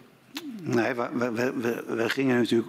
Um, we zouden naar een ander systeem toe groeien. Daarom hadden we het wetsvoorstel ook, waarbij we dus naar een heffingsinstrument gingen, zodat we aan de voorkant de NAM konden heffen, zodat we niet op het achteraf uh, betalingen krijgen op factuur. Ja. Dus dat was de beweging. Nou, dat, heeft, uh, dat duurt nog iets langer, zeg maar, dat wetsvoorstel. Um, uh, dus we zaten in de tussentijd met de vraag van, ja, voldoet het, het systeem zoals we nu nog hebben, voldoet dat? Ja, en toen hebben we geconstateerd, ja, misschien niet de schoonheidsprijs. Ik, ik weet de details niet waar de discussies nog zat hoor. Maar in principe hebben we toen gezegd, nou, dan proberen we het te verlengen. En, en, dat hebben we een paar keer gedaan. Om toch iets te hebben. En dat, dat is in essentie zoals ik schets. Ja. Uh, de, de NAM betaalt voor de veiligheid. Maar los van de, de, de rol die de nieuwe wet uh, daarbij speelde, werd er ook uh, gekeken naar of er niet, nou ja, voor die wet er al is, hernieuwde afspraken konden, konden worden gemaakt met, met NAM. Onder andere omdat de gedeelde conclusie was dat er een aantal zaken in die oorspronkelijke IBOV niet goed gere geregeld waren. Ja, maar dat hebben we denk ik, daar hebben we wel pogingen toe gedaan om in de, in de gesprekken met NAM volgens mij afspraken over te maken. Maar ik, in mijn herinnering, maar dan, dan ga ik nu een beetje gissen, da, daar heb ik ook niet heel actief bij betrokken geweest, is dat niet, is dat niet gelukt. En vandaar dat we het hebben moeten doen met de verlenging elke keer. Ja. En daar speelde achterweg de discussie over ja, wat, wat is veiligheid en hoe gaan we om met die nieuwste inzichten. Ja. En NAM, nou goed, dat is hier vaker aan de orde geweest. Ja, de NAM wilde voor overal, voor alles, de nieuwste inzichten toepassen. Ja. Als het ging om de versterking. Dat, uh, dat deel snap ik. Maar wat ik probeer nog iets scherper te krijgen is... er waren oorspronkelijke afspraken. Um, dus ja, die voldeden, maar er waren ook nieuwe onderhandelingen. En die lopen uiteindelijk stuk en dan wordt het verlengd. En ik probeer duidelijk te krijgen waarom het niet lukte om er met uh, NAM uit te komen en waarom er uiteindelijk gekozen werd voor uh, een verlenging van de bestaande afspraken. Ja, dat, dat, dat, als je het zo precies wil weten, dat, dat weet ik niet. Dat, dat, ook omdat de hele financiële kant ja. liep echt via EZK. Uh, zij deden de hele afwikkeling van de financiële kant ook voor versterken. via de NAM deden zij. Ja, maar daar, daarvoor heeft de beleidsverantwoordelijkheid van BZK ja, nog maar forse ik, ik heb er dus in mijn, in mijn beleid geen last van gehad of zo. Oké, okay, dat heeft uiteindelijk geen invloed gehad op... Uh... Nee, nee. Het is een beetje vergelijkbaar met uh, wat de heer Spijkerman gisteren zei. Die discussie over die facturen. Ja. Uh, zo ervaar ik deze ook. Ehm, dus die verantwoordelijkheid ligt dan nog volledig bij economische zaken. Nou ja, de- eh, omdat de NAM natuurlijk verantwoordelijk is voor schade en versterken, Ja, hebben we de financiële afwikkeling. Ook om weer niet over twee ministeries te moeten, met als gevolg dat we allemaal aparte. Eh, Dus hebben we dat over via de NAM, eh, via de EZK laten lopen. Ja. toch zien wij wel in discussies op het ministerie dat men enigszins onzeker is over de juridische basis die dit nu biedt. Dus Ja, ja, ja, ongetwijfeld. Dat weet ik niet. Dat geen inzicht verder in wat die juridische Nee, onzekerheid wel- dan Daar heb ik me ook niet echt mee bezig gehouden, vond ik ook niet echt belangrijk. Mijn, eh, mijn voornaamste oriëntatie zat op het eh, in de benen krijgen van de versterking. Ja. Ehm, u zei net al, de bedoeling is natuurlijk dat er uiteindelijk een wetsvoorstel versterken is. Eh, of een wet versterken is. Het voorstel ligt er al, nou ja, geruime tijd. Ehm, die een heffing bij NAM zal opleggen. Welk verschil zal dat uiteindelijk maken? Ja, nu moeten we elke keer met facturen naar eh, de NAM, achteraf. Ja, En als je een heffing aan de voorkant kan leggen door een bedrag te regelen, is dat makkelijker geworden. en daarmee ook een eind te maken aan de oneenigheid die ontstaat over. Ja. Ja, dan, dan nog even over die eh, oneenigheid. Eh, de afrekening van de versterkingskosten. Eh, NAM heeft een aantal facturen onder protest eh, voldaan en de betaling van meer recente facturen opgeschort. Ehm, ook heeft NAM in januari 2022 arbitrage aangevraagd. Wat is nou precies die oneenigheid? Ja, ze, ze, ze zeiden, ze zeggen, dat ze onvoldoende zicht kregen eh, eh, waar die kosten aan werden gemaakt. En daardoor eh, zouden hun accountants dat niet kunnen goedkeuren. En daardoor zouden ze een probleem krijgen. Dus eh, zij eh, wilden een veel eh, gespecificeerdere afrekening van de kosten hebben. Het Dan moest- kennelijk door, door ons, NCG, aangeleverd was. Ja. Dat is de kern. Tenminste, dat is het eh, eh, wat ze zeiden. Ja, dus de NAM eh, heeft kritiek op het punt. We, zien, we hebben onvoldoende inzicht in wat, ehm, eh, nou, wat de rekening nou precies behelst. Ehm, wat vindt u van die kritiek? Ja, daar werd ik, daar, nou, dat interesseerde me eigenlijk niet zo. Ehm, wat, staat, er- wat, wat, wat staat er dan op zo'n. eh, Ja, ik, ik heb ze zelf niet eh, eh, langs mijn bureau gehad. Hè? Dus ik teken die facturen ook niet of wat dan Nee. ook. Ik hoorde alleen wel van, vanuit onze financiële mensen dat er discussie was met, met de NAM. En waar wij, we hebben in die zin hebben we gekeken als ze terechte kritiek hadden op het feit van ja, maar dit is wel te algemeen geformuleerd. Dus ik heb Ja. wel gevraagd, jongens, als er een terechte eh, punt is waarbij ze zeggen ja, dit is ongespecificeerde kosten. ja. Eh, en dat ze daar vragen bij stellen. Nou, dan moeten we kijken of we, of- we dat kunnen oplossen. Hè. Dus Precies. ook met NSG in contact om daar ons best voor te doen. Zodat dat beter kon. Zodat zij ook met hun accountants eh, het ook netjes konden afhandelen. Dus, maar, ja, Want, ja, want, want de, een- Dus NAM-directeur zei van nou, een bonnetje van een restaurant is, is specifieker dan wat wij krijgen. Dat, dus, dat weet ik niet. Ik, dat lijkt me sterk. Maar Dat. En, u- maar u heeft wel zeg maar, bij de NCG gevraagd. eh, goh, eh, Nou ja, en- we hebben bij die achterdeur hebben we problematiek. Eh, kunt u verder specificeren? Ik, ja, ja, waar dat redelijk is. Hè? Want je kan natuurlijk om specificaties blijven vragen. Ja. Als je je eigen huis verbouwt, ja, dan krijg je soms ook een rekening van de aannemer. Die denkt, nou, zou ik toch hè, eh, no- nog iets meer van willen weten. En dat kan Ja. je eindeloos volhouden. Ja. Eh, du- dus, wij dus daar waar het echt duidelijk is. Maar dat heb ik dan aan onze financiële controllers gevraagd. Ja. Waar je echt zegt, ja, maar daar hebben ze wel een punt. Probeer dat dan nog eh, terug te leggen bij de NCG. Maar ga daar vooral niet te veel tijd aan besteden. Nee. Wat is dan redelijk? Ja, dat kunnen die controllers weten bepalen. Dat is niet mijn vak.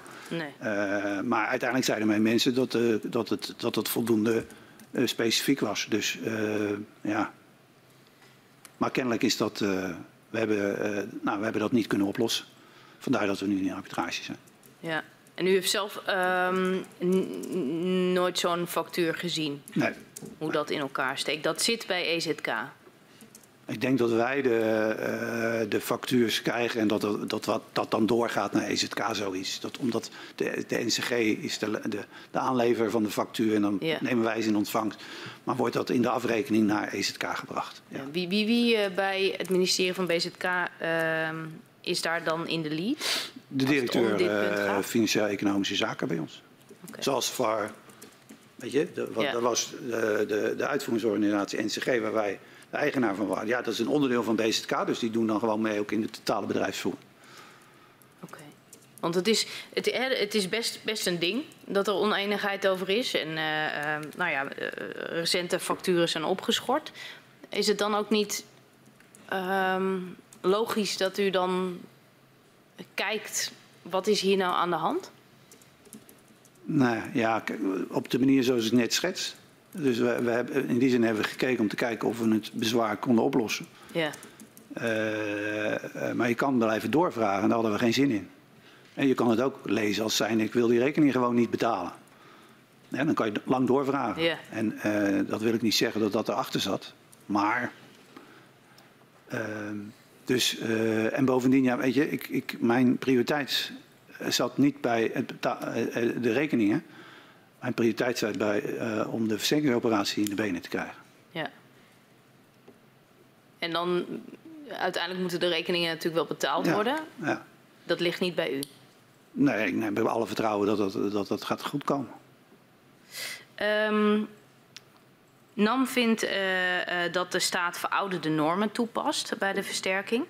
Uh, de extra kosten die hierdoor ontstaan zouden voor rekening van de staat moeten zijn. In hoeverre vindt u dat een legitiem argument van de NAM? Nou, kijk, dat je een huis beoordeelt op basis van de, nieuws, van de nieuwste normen. Uh, ook om mensen niet onnodig uh, in, in, problemen te brengen van god, mijn huis is niet veilig. Dat vind ik op zich prima. Alleen wat, het, wat bij de NAM elke keer speelde, dat, dat wil eigenlijk bij, bij voorkeur bij terugwerkende kracht. Uh, en dat hoe, kon het, hoe, bedoelt u dat? Nou ja, al die beoordelingen die we al uh, in de benen hadden, uh, die moesten dan ook daaronder gaan vallen. Dus die wilden eigenlijk bij, bij elk gasbesluit leiden tot een, nieuw, tot een verlaging. Dan moest er een nieuw inzicht komen en dat moesten we vastleggen. En dan moesten we vervolgens gelijk de beoordelingen opdoen. Maar dat hield geen rekening met de, de eigen ritmiek van de hele versterkingsoperatie. Dus je werd elke keer dat is een, een, belangrijke oorzaak van, van, van de, de vertraging in de, in de versterkingsoperatie. Ja. Je werd elke keer geconfronteerd in dit proces ja. met nieuwe inzichten op veiligheid. Ja, dat is, dat, ja, ga je eigen huis maar na en je gaat een uitbouw organiseren. En elke keer tijdens het bouwen veranderen de criteria waaraan het, de, de, uitbouw moet voldoen. Dan ben je niet snel klaar met je uitbouw. Nee. En dat gebeurde. Ja. En, uh, en dat vond ik heel ongelukkig. Ja, en, en um wat was de reactie daarvan op? Want u gaf nou ja, aan die, waarschijnlijk de, naar de NAM, dit leidt, leidt weer tot vertraging. Ja, ja. Maar wij hebben toen gezegd, nou ja, wij, wij willen recht doen aan, eh, aan de gemaakte verwachtingen, aan de inzet die we hebben gedaan. We hebben ook wel degelijk uh, nieuwe inzichten toegepast. Maar we kan, kunnen niet bij de minste of geringste dat, uh, dat weer uh, doen. En zij hadden het idee dat we daar meer energie op hadden moeten zetten. Of in ieder geval daar nog sneller in zouden moeten zijn geweest. Nou ja, dat, dat, uh, dat is niet mijn indruk. En wat was hun, hun, hun uh, antwoord erop? Dat, dat u zei van nou, ja, het, het, het, duurt al heel lang, we willen nu versnelling ja. en dit leidt tot vertraging. Wat was dan de reactie? Nou ja, dat, dat ze daar problemen mee hadden. En dat ze het daar niet mee eens waren. Want, dus agree to disagree is, was het ongeveer. Ja, want dat kostte hun... Geld. Ja. Ik zit nog even te puzzelen op die, op die facturen. Um, u zegt, ik teken die niet. Dat, dat, snap, dat snap ik. Zeker nog, dat zien wij ook. Want de facturen worden ondertekend door uh, de Nationaal Coördinator. Maar die Nationaal Coördinator valt onder uw directe um, verantwoordelijkheid. Um, onder uw aansturing. Uiteindelijk leidt dit tot een, een, een arbitrage, wat ook weer tijd kost. Wat uh, nou ja, op andere punten het moeilijker maakt om met de NAM tot overeenstemming te komen. Is er dan niet een moment dat u denkt van, nou ja, ik onderteken die facturen misschien niet zelf, maar uh, het moet nou even klaar zijn? Ja. Uh, ik duik ja. erin.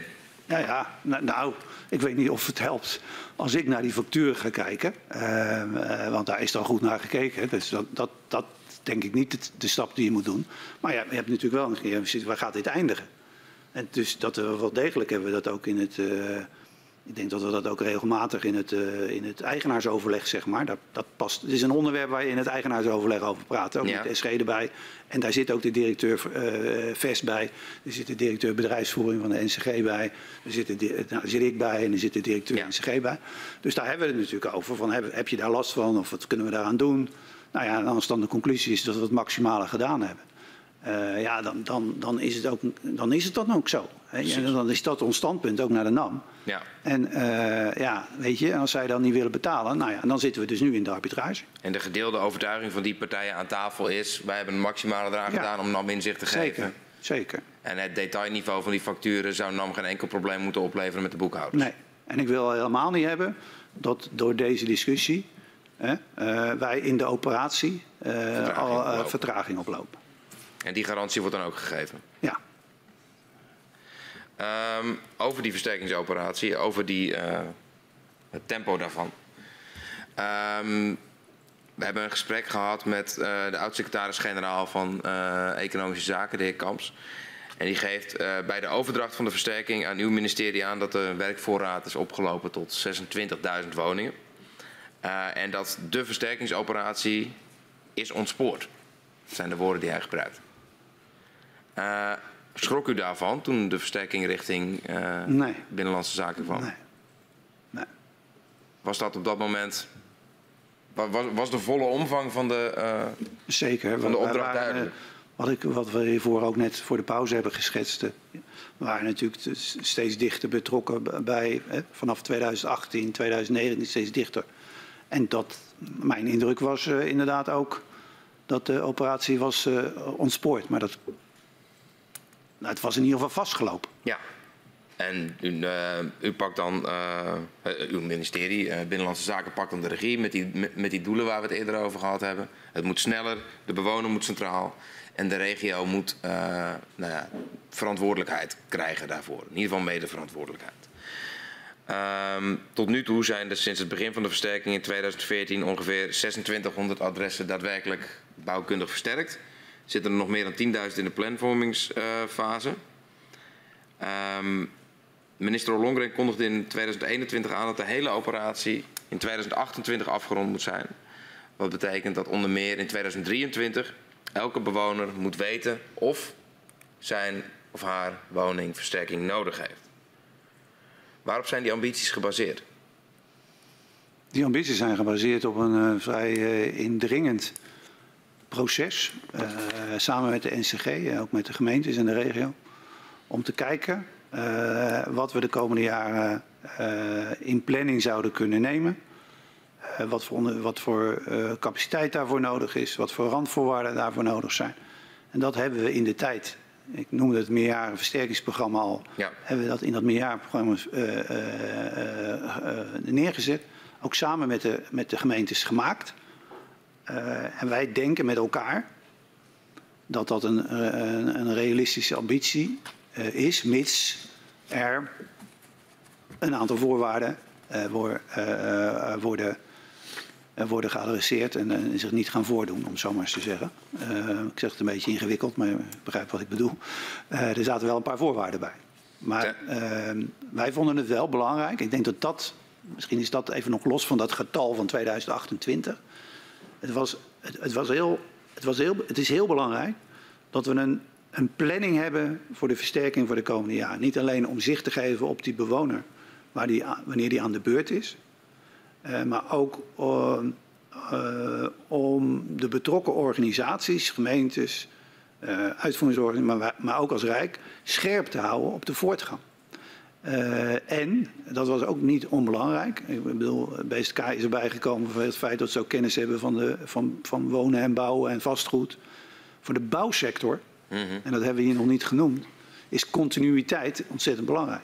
Investeer, gaan ze investeren in Groningen door er te zitten, door er mensen neer te zetten, omdat ze weten dat er een bepaald bouwvolume de komende jaren gaat ontstaan. Dus het was ook een heel belangrijk signaal om aan de markt te laten zien, luister, hier gaat veel werk achterweg komen. Dus kom naar Groningen of blijf in Groningen.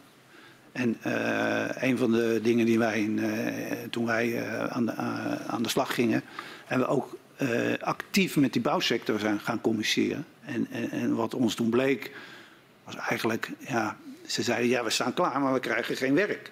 En dat was logisch, want ja. het was een beetje stilgevallen. Stil. Zo. Ja. Dus wij hebben toen gezegd, nou ja, onder wat voor voorwaarden zouden jullie dan aan de gang kunnen? Nou, en dat was een van de voorwaarden die voor hun heel belangrijk is om te investeren in hun ondernemingen, is dat ze zicht hebben op een continue bouwstroom. En dat helpt ook als je zo'n programma maakt. Ja, nou had ik het net over uh, nou ja, hoe, uh, hoe de versterkingsoperatie aan u overhandigd werd. Uh, en over wat er, sinds, wat er sindsdien gebeurd is. Um, versnellen was vanaf het begin een van de, van de hoofddoelen van, van BZK. Hoe komt het nou dat het uiteindelijk niet sneller gegaan is? Ja, ik weet niet of het niet. Nou, laat ik, zo, laat ik zo zeggen, het is niet snel genoeg. We moeten nogal een stuk.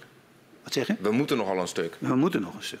Ik denk wel dat uh, waar wij denk ik uh, veel energie op hebben gezet, is die typologiebenadering. Ja. Die het opnamen en beoordelen uh, en veel eenvoudiger maken. En dus goedkoper en snelle resultaten. Dus daar, eh, dat was ook een van de afspraken die we in die versnellingsagenda hebben gemaakt, ook met de regio. Als die typologie aanpak en, en met de nieuwste inzichten werken, als die combinatie moet uh, uh, bewoners sneller inzicht geven of ze veilig zijn of niet veilig zijn. Dus ik verwacht van die hele werkvoorraad van 26.000 dat daar nou ja, een kleine 10.000 uit mijn hoofd, denk ik, zo ongeveer, die moesten dan ook echt versterkt worden. Uh, uh, en dat proces hebben we nu uitgelijnd. Daar hebben we een planning op gelegd, uh, een meerjarenplanning. En dat is de komende tijd aan de orde dat we die ook systematisch uh, gaan uitrollen. Dus gaat het snel genoeg? Nee. dat moet echt, daar moeten we echt aandacht voor blijven houden. Ehm, maar het, er is nu wel een systeem, denk ik, en, waarbij we langs die weg wel voortgang kunnen gaan boeken. Nou, mijn, mijn vraag was niet hoe gaat het alsnog op tijd klaar zijn. Um, op zich inzicht, inzichtrijk om dat te horen. Maar mijn vraag was meer waarom is het tot nu toe zo langzaam gegaan? Als je, uh, als je ziet uh, van het moment af dat wij het uh, kregen, hè, laten we dan, is dat misschien. Dan had je natuurlijk nog te maken met het feit dat, dat de uitvoeringsorganisatie nog niet op sterkte, op volle oorlogssterkte was. Daar hebben we het net ook over mm -hmm. gehad. Het tweede was dat de data die we kregen vanuit de CVW om, uh, om voortgang te kunnen boeken er uh, onvolledig uitzag. Dus dat maakte het ook ingewikkelder. En het derde is dat we nog best uh, discussie met elkaar hebben gehad over de precieze invulling van de operatie. Um, met name, um, en daar waren die bestuurlijke, hebben we het nog niet over gehad, die bestuurlijke afspraken ja. een belangrijke factor in. Dat er toch uh, elke keer discussie was, met name in dorpen en steden uh, waar allerlei grensconflicten waren, om het zo maar eens te zeggen. Omdat je daar al was begonnen, deels ook met verouderde NPR'en. maar waar, ja. nou, toen hebben wij op. Dus, de, dus er zaten nog een paar uh, discussies uh, rond de operatie, die nog niet ja. uh, scherp genoeg waren gevoerd en, en, tot een besluit waren gekomen. Daar hebben we natuurlijk in 20 en in 21 ook aan gewerkt. De discussie over Zandplatenbuurt, ja, de. En later hebben we die bestuurlijke afspraken gemaakt. En toen hebben we in die B-categorie. Daar komen we zo nou. op die bestuurlijke afspraken. Dus dan kunnen we okay. daar nog wat uitgebreider op ingaan. Oké, okay, sorry daarvoor. Nee, dat, dat kan maar alvast aangekondigd zijn. Maar dat, dus, dus, het, dus er zat dus hier en daar discussie. De organisaties stonden nog niet helemaal. Uh, en de data uh, waren, uh, waren ook niet helemaal wat we wilden. Dus dat heeft ook wel een deel voor de verklaring dat het, dat het moeilijk op gang komen was. Even, even voor, mijn, voor mijn duidelijkheid. Want ik, ik wilde door, maar nu begin ik toch weer te twijfelen. Um, u krijgt na een fors aantal jaren de regie over de versterkingsoperatie vanuit, uh, vanuit het ministerie van Economische Zaken. En u zegt nu, de data was niet helemaal op orde. Dat... De uitvoeringsorganisatie stond nog niet helemaal. Het klinkt alsof het allebei helemaal niet er stond. Maar kijk, wat, wat, dat heb ik, denk ik, nou, heb ik me niet goed uitgedrukt.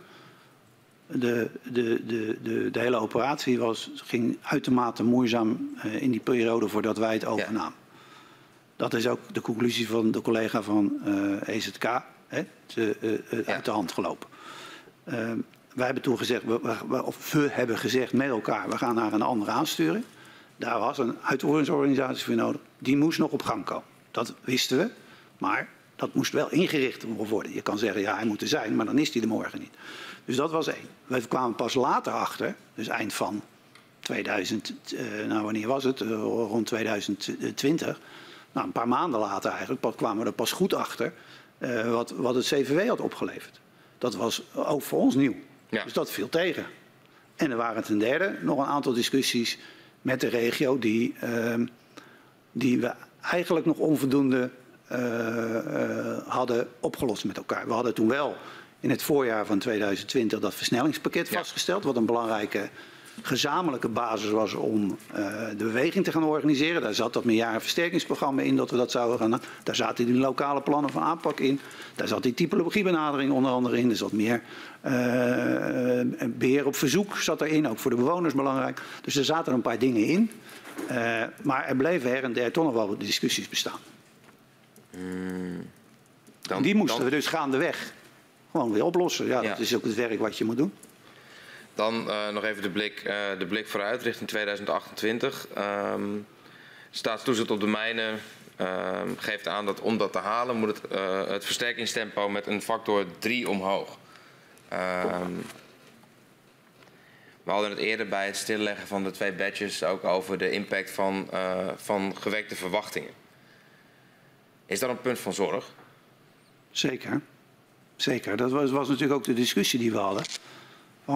Kunnen wij ons achter een doelstelling stellen? En geven we daarmee, kunnen we dat dan ook waarmaken? Want dat was natuurlijk precies het punt. Want ja. als je een doelstelling formuleert en die maak je weer niet waar, ja, dan krijg je weer precies dezelfde uh, reactie die we al vaak genoeg hadden gehad. Dus dat is waar. Wat ik probeer te zeggen is dat we toch hebben gekozen voor een doelstelling die in onze ogen realistisch was op basis van een jaar lang met de NCG diep in de organisatie, met gemeentes praten mm -hmm. over het feit wat er wat er aan de hand was, wat er speelde, waar de plannen zaten, waar nog geen plannen zaten, wat de capaciteit was en noem maar op. Ja. Dat hebben we helemaal gezamenlijk ook gedaan. En toen dachten we van nou, het kan. En, en, en, uh, en natuurlijk hebben we er ook bij gezet. Maar wel, we hebben nog wel een paar randvoorwaarden. En als daar niet aan voldaan wordt, dan gaat het niet lukken. Ja. En die staan ook in het meerjarenversterkingsprogramma. En we gaan ook elk jaar gaan we dat plan weer herijken. Uh, mm -hmm. Dus het kan ook zo zijn dat je misschien toch tot de conclusie komt ja, dat er toch een paar tegenvallers in de planning zitten. Dat kan, maar dat hebben we met de normale in een volksvervesting. Ja, lopen we nu ook tegen allemaal uh, randvoorwaarden aan. Gestegen bouwkosten, uh, beleggers die zich terugtrekken, nou, ja. uh, noem maar op. Capaciteitsprobleem. Dus dat zal in Groningen wellicht. Hè. Het kan dat ook consequenties hebben. Maar laten we het toch doen, vanwege die continuïteit, vanwege een zicht dat we geven ook op de organisaties om tot prestaties te komen. Ja, dus. maar dat is, een, dat is een hele organisatorische benaderwijze. Dat terwijl um, die gewekte verwachtingen zijn natuurlijk bij, uh, bij Groningen zelf. Die, die zullen do, door de, uh, nou ja, gemiddeld gezien niet al die meerjarenplannen lezen met alle mits en nee, maren nee. op weg naar een deadline. Nee. Dus we hebben ook gezegd, ja, weet je, die, die, dat getal 28, oké. Okay, maar we, we proberen zo concreet mogelijk te zijn voor het eerst volgend jaar. Dus, uh, want daar moeten we, dat, want dat moet dan wel goed zijn. Dus hoeveel opnames doen we dan? Hoeveel beoordelingen? Waar komen we dan? He, dat moet ook in die plannen van aanpak zijn. Wat kunnen we dan ook uh, veilig maken? En ik, ik, ben eigenlijk best wel blij uh, dat ik tussen aanhalingstekens, ja. want dat gaat allemaal nog niet hard genoeg, dat zeg ik ook onmiddellijk erbij. Maar in 2021, 2020 hebben we dus de doelstellingen wel gehaald. Loopt op schema voor eind 2023? Uh, u gaf al uh, aan, er zijn op een aantal punten ook gewoon nog discussies uh, tussen gemeenten, ook met het Rijk. Had, had de NCG nou last van die dubbele ja, opdrachtgeverschap? Ik denk dat de, dat de NCG wel hier en daar last had van die discussies die speelden. Van wat, wat ze moesten aanpakken, welke huizen, moesten er huizen bij of niet. Dus ja. die hele discussie over eh, dat, dat speelde wel. Ja. ja. En dat was ook precies de reden waarom we het met elkaar over hadden. En dat heeft er ook toe geleid dat we toch echt eh, niet per projectje een afspraak moesten maken. Zoals met op vierde zandplaten. Mm. Maar we mhm. moesten eigenlijk zeggen, van, ja weet je, hier zit de grootste discussie. Hoe gaan we ja. om met die grensconflicten in dorpen en straten? En dat mm. was echt wel... Uh, nou ja, ik ben vaak, vaak in die dorpen geweest. Dan zag je echt Ja, dat, dat was niet eens een veiligheidsissue. Dat was, het was een sociaal conflict wat kon ontstaan. Want de Ja. ene kant van de straat die werd anders behandeld dan de andere kant van de straat. Ja, dat, dat kon gewoon niet. Nee. Dus wij moesten daar een keuze in maken van hoe we dat dan, hoe we dat dan zouden doen. En daar hebben we toen samen met de regio eh, uiteindelijk een afspraak over gemaakt. En dat is het bestuursakkoord Groningen. Ja, en dan vooral het onderdeel B. Onder de bel. Is dat het, eh, ik, ik wilde eigenlijk namelijk naar eh, november 2020 waar het eh, eh, bestuursakkoord eh, Groningen eh, tussen eh, Rijk en regio wordt gesloten. Ehm, en dan heeft, zegt u het vooral onderdeel B. Kunt u die nog even toelichten? Nou ja, ja dat, dat, ik ga niet het hele. Maar het, het, voordeel van het, van het bestuursakkoord, denk ik in mijn ogen wat belangrijk was, is dat we al die discussies die we hadden, soms nog eh, liepen, dat we die eigenlijk toch opgepakt hebben en, eh, en een plek hebben gegeven in, in dat bestuursakkoord. Op, een geordende manier, voor zover de werkelijkheid kan ordenen natuurlijk. Maar het was in ieder geval een poging om de verschillende discussies een beetje bij elkaar te brengen of uit elkaar te trekken. En je had in de eerste categorie was gewoon mensen die gewoon een versterkingsadvies hadden, die al lang in de operatie zaten. Die konden gewoon door. Ja. Ongeacht wat er eh, met nieuwe inzichten beschikbaar was en, en noem maar op. Dus die, die, tenzij, en dat was een belangrijke tenzij, ze zelf verkozen dat ze eh, eh, alsnog een, een Aan de beoordeling nieuwe, aan de nieuwe Nou, dat was aan de, aan de bewoner zelf. En, maar ze konden er ook voor kiezen, ook al gingen we dan misschien iets meer versterken dan strikt genomen, volgens de normen noodzakelijk zou zijn geweest. Dat weten we niet, maar dan, dat zou kunnen. Maar dat, dus dan hadden we die categorie georganiseerd. Die tweede categorie, dat, dat was het B-deel. Ja. Dat ging veel meer over, eh, ja, eh, eh, omdat we al bezig waren in sommige dorpen. Nou, Overschild is zo'n voorbeeld waar je natuurlijk in de, in de ene hoek van Overschild ben je bezig met een, met een normstelling uit 2015. En in Ja. de andere hoek van Overschild, ja, zo groot is het niet, ben je met uit 2018 of 2020 bezig. Ja, die verschillen zijn te groot. Dus toen Ja. hebben we gezegd, ja, die moet je eigenlijk in een cluster aanpakken. En ook op één norm eh, eh, nemen. En oké, dan, dan kunnen we misschien die kosten niet allemaal verhalen op de NAM, omdat het niet allemaal misschien meer eh, klopt met de, de nieuwste inzichten. Maar dan passen wij bij.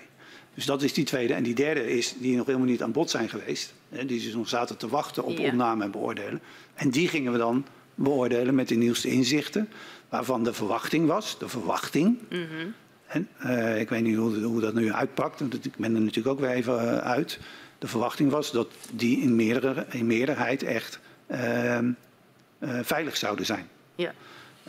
En wat denk ik ook belangrijk was, maar dan ga ik toch het hele akkoord, dat ga ik niet doen, hè, maar twee dingen die ik nog zou noemen. Is dat er een lange discussie was met de gemeentes over inpassingskosten. En je zou kunnen Wat zijn dat? Inpassingskosten? ja, ja, ja als, als planoloog ik ben, is dat. eh, ehm, ehm, nou ja, als je een wijk aanpakt of je gaat eh, slopen en nieuwbouw, moet je natuurlijk ook wat aan de straten doen. Mhm. Ah, soms aan het openbaar groen, eh, misschien hier en daar eh, aan de ontsluiting. Ehm, ja, dat zijn inpassingskosten. En de vraag is, kan je die toerekenen aan de veiligheid? Mhm. Of moet je daar iets aparts voor doen? En als je daar iets aparts voor moet doen, dan moet je dat ook financieren. En daar Ja. was de discussie met de gemeentes over. Dat hebben we toen beslecht. Ze zeggen, nou, dat is iets aparts. Jullie moeten misschien ook wat doen.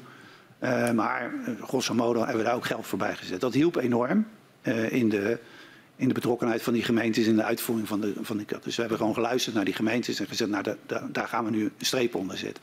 En het andere, wat ook, een, wat ook de hele tijd in die periode daarvoor speelde, was dat de NCG te weinig ehm, handelingsruimte voelde om op concrete casuïstiek te opereren. Als het niet helemaal, en ik zei net al, je ziet natuurlijk in die praktijk van die versterking zie je heel veel verschillen. Ja. Het lijkt één versterkingsopgave, maar dat is in de werkelijkheid natuurlijk heel verschillend. Nou ja, ze moesten eigenlijk wat meer regelruimte, maar ook financiële regelruimte hebben. Dus we hebben gezegd, jullie krijgen een knelpuntenpot van 100 miljoen. En daar kan je dan ook eh, af en toe een knoop doorhakken voor situaties waarvan je zegt, ja, dit is toch wel heel onrechtvaardig eh, wat hier nu gebeurt. Dus hier moeten we gewoon nu een oplossing voor bedenken. En, hier, en daar hebben we dan ook middelen voor. Ja. Er waren nog meer dingen, onder andere ook een perspectief eh, of ehm, eh, woningverbetering. Ehm, en ook de toekomstagenda, maar dat, dat, dat, daar ga ik het toch weer helemaal vertellen. Dus, eh, maar het was wel een, ik vond het wel een belangrijk moment, omdat het ook toch wel de gezamenlijkheid ma- markeerde Mhm. tussen Rijk en regio. ja. En NAM stond hier helemaal buiten. Ja, Ham stond helemaal buiten. Die hebben er kennis van genomen. Ehm, de provincie en de betrokken gemeente eh, scharen zich ook achter eh, het bestuursakkoord. Maar Groningen Gasberaad en Groningen Bodembeweging zijn kritisch op de plannen. Hoe verklaart u het gebrek aan draagvlak onder eh, de Groningse belangengroepen? Ja, die, ik, ja, ik zat vanochtend te denken, ik denk, ja, stel nou, ze deze vraag gaan stellen. Wat, want ik heb dat dus niet zo dicht bij. Mijn, mijn programmadirecteur die, die deed echte onderhandelingen. Wat ik heb meegekregen, eh, is dat eh, men eigenlijk een andere aanpak wilde. Veel meer eh, een aanpak wilde die direct op de bewoner aansloot. Dus wat minder in die groepen, maar gewoon het hele gebied door, één op één. Dus ze steunden niet helemaal de filosofie van het, het akkoord zoals we dat hadden gemaakt. En een aantal zaken vonden ze, vonden ze eigenlijk niet goed genoeg geregeld. Onder andere speelde de discussie, ook bij schade, maar ook wel bij besterking, is dat hele funderingsprobleem. Hè? Dat, dat, dat, ja, eh, wanneer is iets, wordt, als je, je kan je elke keer je schade herstellen, maar als in essentie de fundering van je huis niet goed is, ja, dan moet je dat er ook aan willen pakken. En daar wilden zij ook middelen voor hebben en die zaten uiteindelijk niet in het akkoord. Dus, eh, Was dat wel een punt van discussie eh, op de tafel? Zeker, zeker. Het was, maar het is heel lastig. Maar goed, dat, dat zat veel meer in de hoek van EZK, omdat het heel erg gekoppeld was aan schade en wat minder aan versterking. Hoewel we het bij versterking natuurlijk ook wel speelt. Neem je de fundering mee of niet? Ehm, maar dat, dat was nog wel een discussie en die, die speelt denk ik nog steeds. eh, hoe je dat doet. Waar, waar- ja. Ik zit dan te denken, waarom is dat dan niet in dat akkoord eruit gekomen? Waarom zijn jullie daar niet Omdat, uitgekomen? omdat we er eigenlijk geen. Eh, we hadden eigenlijk een onvoldoende kennis wat het nou precies zou betekenen voor de hele operatie. Konden er dus ook geen ehm, getal aan hangen van hoeveel dan? Hoeveel Nee. kost dat dan? En hebben we daar middelen voor, et cetera. Dus, dus dat was nog ongewis. Ja. Ehm, dus daar hebben we toen van gezegd, eh, ja, weet je, oké, dat zien we dan in de uitwerking. Ja. Eh, en dan komt het vast nog wel weer een keer. Dus de- de- uiteindelijk wil je ook zo'n akkoord, daar wil je ook weer geen jaren over doen. hè. Nee. Dus, eh, het, het was dus wel een knelpunt wat geadresseerd is, ehm, ehm, maar niet belegd in het bestuursakkoord. Dat moest dan bij de uitvoering. aan de orde komen. De ja. ja. Dat is ook een manier om een keer ergens een knoop, eh, weet je, Ja. een keer te zeggen, nou ja, we weten dat dit nog speelt. We Ja. zetten het er even naast, dus we vergeten het niet. Maar we hebben er nog geen oplossing voor. Ehm, dan ga ik toch nog even terug op, op eh, de reacties op het bestuursakkoord. Eh, hoogleraar eh, Posmus was in zijn openbaar verhoor kritisch op dat bestuursakkoord. Hij zegt, hij had er moeite mee dat het werd gepresenteerd alsof de oplossing voor versterking nu gevonden was. En ook zei hij dat ehm, eh, het bewonersperspectief volledig vergeten wordt. Vindt u zelf dat er voldoende oog is voor dat bewonersperspectief in het akkoord? Ja, zeker. Kunt u dat toelichten? Nou ja, ik noemde net een paar voorbeelden. Denk aan een knelpuntenpot voor de NCG. Hmm. Die gaat echt naar mensen die al eh, jarenlang in een ingewikkelde situatie zitten met hun huis. Versterken, vaak ook sociale problemen. Ja. Inpassingskosten gaat helpen. Omdat daar veel meer aandacht komt voor de, voor de leefbaarheid van dorpen en steden. Het feit dat we die, die, die, die grenzen beslechten van, eh, van waar we elke keer discussie over hadden. Hoe rekenen we de dingen door? Gaf, gaf ook, geeft ook echt, helpt ook naar die gemeentes, eh, naar de bewoners toe. Dus het, het- ja, kijk, ik, ik, ik eh, ben helemaal niet eh, tevreden over waar we nu staan met de versterking. Daar gaat het niet om. Maar dit, ik, ja, ik, ik denk wel dat het een, een, een, een stevige, goede stap in de, in de richting was. Dit was, goede richting. dit, dit was ehm, eh, juist ook voor dat bewonersperspectief. Ze- Het biedt alle ruimte eh, om, om, om daar goed vorm aan te geven. Ja. Oké, dank. Ik heb ook nog een paar vragen voor u. Ehm, en het haakt eigenlijk één op twee opmerkingen die u tijdens het verhoor eh, maakte. De eerste dat u eh, ja, niet het beeld wilde neerzetten dat het armpje drukken was met economische zaken. En de andere opmerking was dat er strijd was over de versterkingsoperatie. Dus als ik goed heb begrepen, de regio en de NCG aan de ene kant en het ministerie van Economische Zaken aan de andere kant. Ehm, en ik benoem dat even omdat ik u toch even wil, mee wil terugnemen naar het moment voorafgaand aan het nulbesluit. Eh, en naar een e-mailverkeer waarin u bij betrokken bent over hoe wordt aangekeken tegen de verwachtingen uh, rond dat nulbesluit. En ik ga de griffier even vragen om u even een A4'tje te geven. Uh, en dan verzoek ik u even om de groen gemaakte zinnen uh, uit dat mailverkeer even voor te lezen. En deze zijn dus uh, van maart 2018, voorafgaand aan het nulbesluit zelf. Dus uitgaan van 3000 woningen, ook bij daling van gaswinning, naar nul in 2030 lijkt mij zeer optimistisch en ook niet realistisch. Dus kortom, snap niet dat Fin zo'n reeks zonder serieuze onderbouwing accepteert als basis voor politieke wegen. Wat dat was een, een, mail van een, uh, een collega van u? Een collega van mij aan mij en ja. een paar anderen. Ja. Mag ik daaruit concluderen dat uh, op dat moment al in de tijd het, het ministerie eigenlijk vond dat de verwachting dat met het naar nul brengen van de gaswinning je op zo'n laag aantal te versterken huizen uitkwam, dat het echt niet realistisch was. Ik heb volgens mij uh, bij, de, bij de nota van, ter voorbereiding van uh, de minister ook gezet dat het, uh, dat het hier en daar leek op wishful thinking. Wishful thinking, ja. Nou, dat... En dat is ook meegedeeld aan het ministerie? Dat, dat, is, dat heb ik de minister meegegeven ten, uh, ja. ten behoeve van uh, ja. de bespreking in de minister. Ja.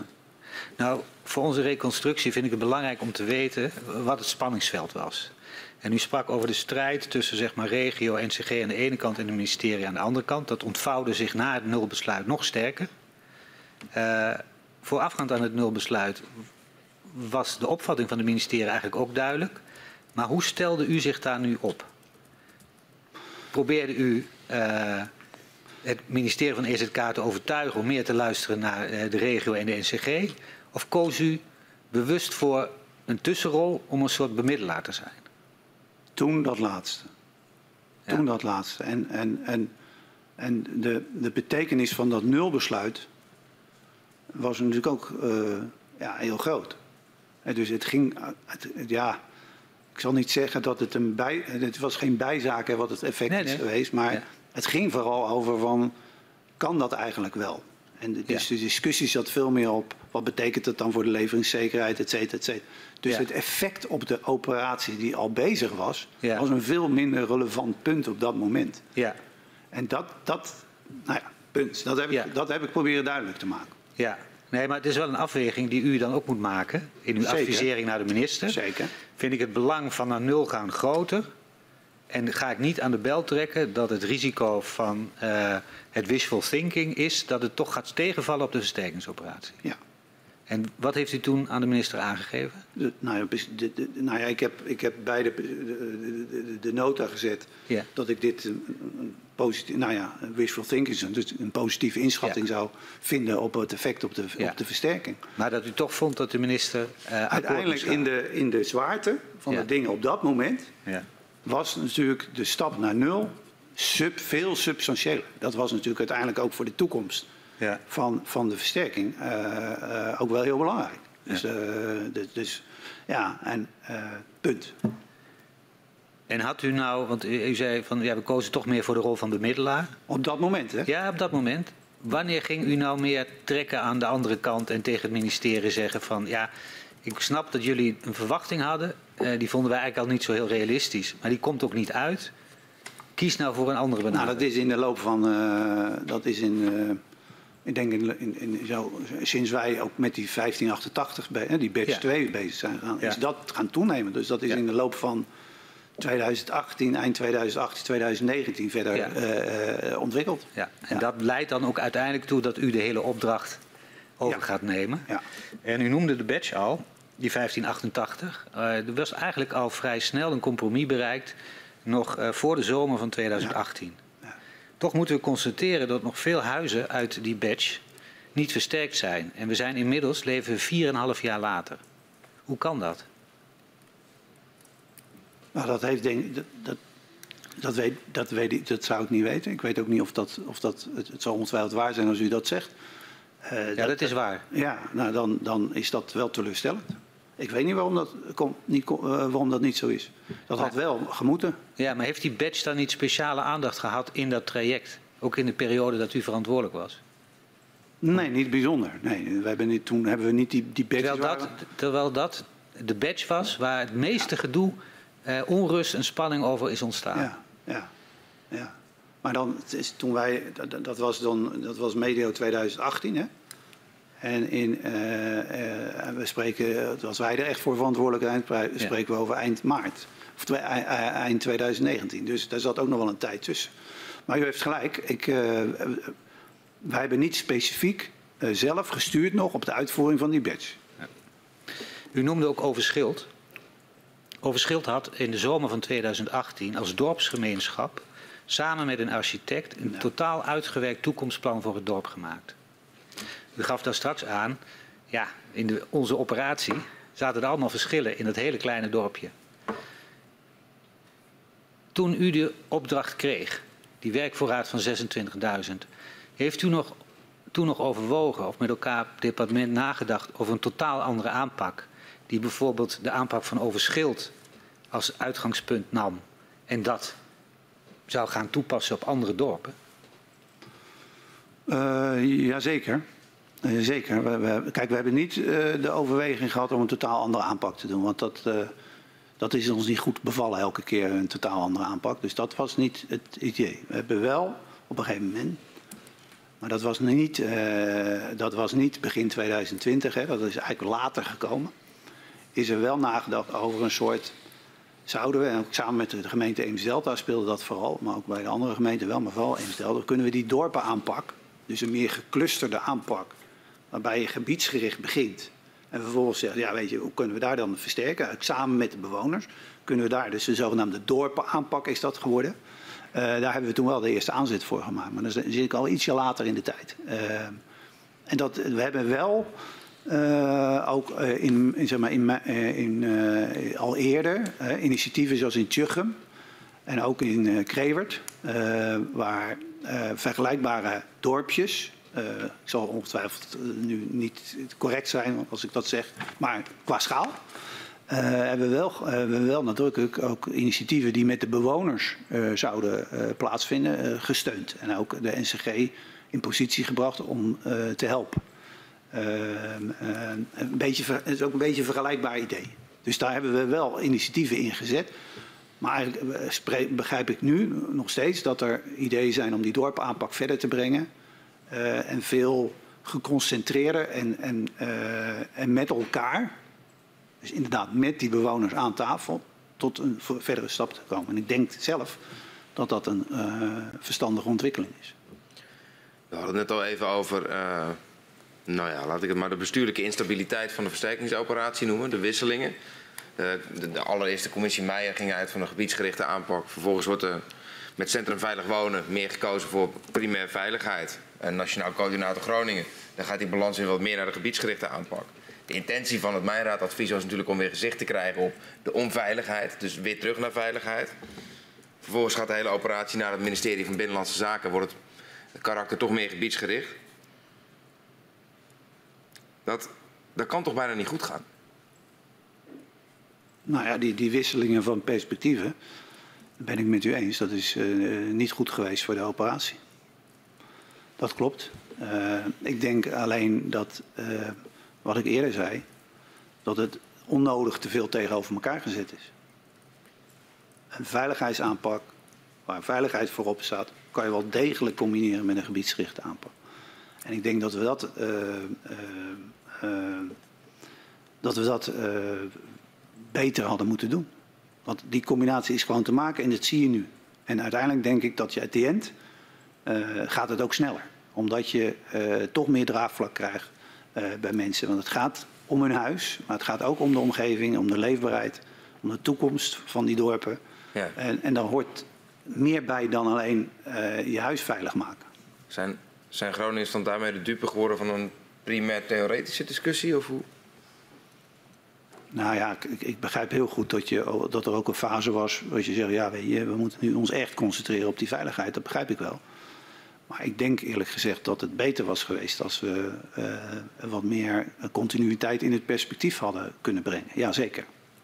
Con wat is dan continuïteit nou ja, in het perspectief? De, dus de gebiedsgerichte aanpak veel meer combineren met een, met een veiligheids... Uh, het is eigenlijk, het is eigenlijk de, de aanleiding om gebiedsgericht te werken hier, is de veiligheid. Ja.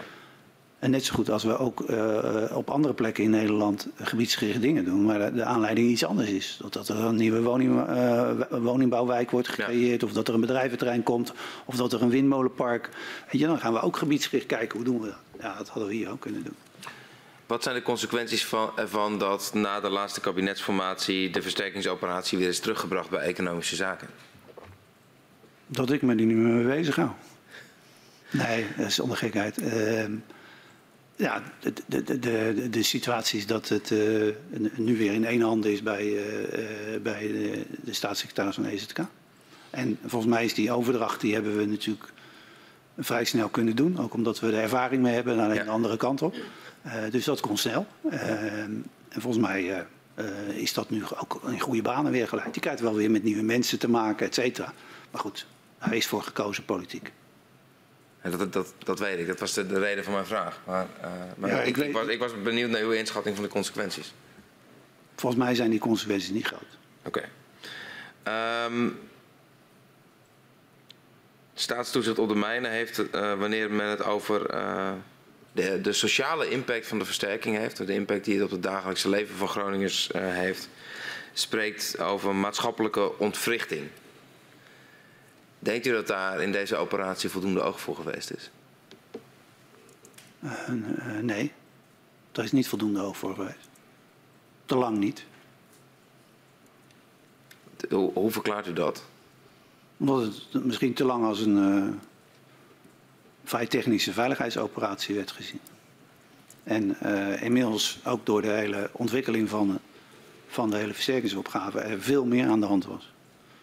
Uh, en uh, daar is toen wel, daar hebben we ook, ook, ook al eerder, het is niet alleen uh, toen, toen het over was naar BSK, maar ook daarvoor al zijn er wel degelijk initiatieven geweest, ook voor ondersteuning, geestelijke ondersteuning, ga zo maar door. Maar, maar ik denk uiteindelijk dat, het, dat we daar meer oog voor hadden moeten hebben. Wat is op weg naar 2028 de beste garantie om die maatschappelijke ontwrichting tot een noodzakelijk minimum te beperken? Resultaten boeken. Uh, in, in, in de jaren dat u betrokken was bij dit uh, nou ja, omvangrijke project, laat ik het zo maar zeggen. Uh, wat is de belangrijkste les die u, die u heeft opgedaan? De belangrijkste les is dat, een paar misschien wel. Eén les is dat het niet helpt om voortdurend uh, in governance discussies met elkaar te zitten over wie waar over gaat. Dat is, uh, dat is uh, funest voor een snelle reactie. Dat, dat hebben we te vaak gezien. De tweede les is dat het toch heel lastig is om kennelijk om iets veilig te verklaren. Wat is veiligheid in dit dossier? Is ook uh, lastig geweest. Dus, uh, er zijn ook veel opvattingen over. Ook in de TNO er zijn veel partijen die daar wat van vinden. Dat is de tweede les. Een derde les is dat we natuurlijk uh, veel, veel indringender en eerder vanuit die inwoner hadden moeten gaan denken. ik ben zelf, toen ik het dossier kreeg, echt het gebied in geweest. Ook met mensen die ermee te maken hadden, aan tafel gezeten, de gesprekken over gevoerd. Ik heb met huurders gesproken, met de huurdersvereniging. Ja, dan, dan, dan, dan, zie je pas echt. Ook, ook, hè, want je kan stukken lezen en mailtjes krijgen en mailtjes beantwoorden.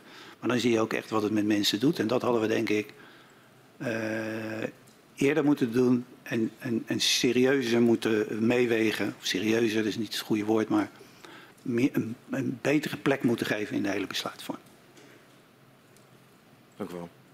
Dank. We zijn uh, uitgevraagd als commissie. Ik verzoek de griffier om uh, u uh, en uw steunverlener naar buiten te geleiden.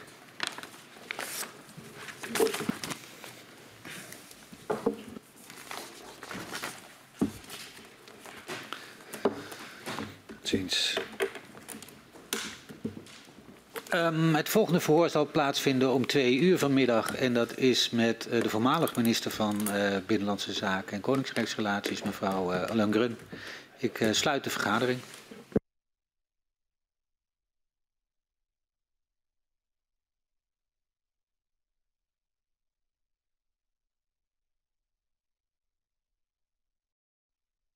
Ik open de vergadering van de parlementaire enquêtecommissie Aardgaswinning Groningen. Aan de orde is het verhoor van mevrouw Longren. En ik verzoek de griffier om haar en haar eh, steunverlener naar binnen te geleiden.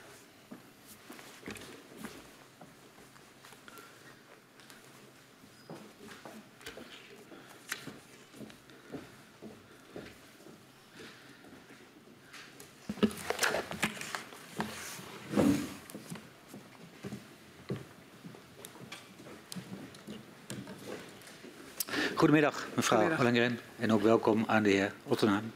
Hier bij de parlementaire enquêtecommissie Aardgaswinning Groningen.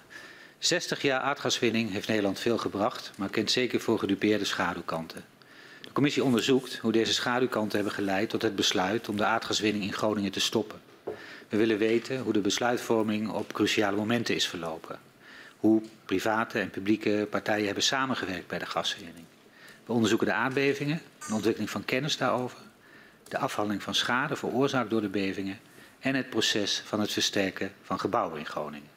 Waar u als uh, minister van Binnenlandse Zaken en Koningsrijksrelaties in het vorige kabinet ook een verantwoordelijkheid in hebt gehad.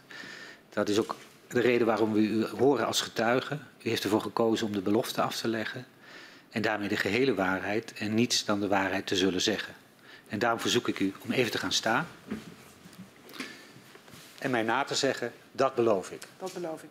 Dan staat u onder Ede. Dan mag u weer plaatsnemen. Het voor met u wordt afgenomen door mevrouw Tiele en mevrouw Katman.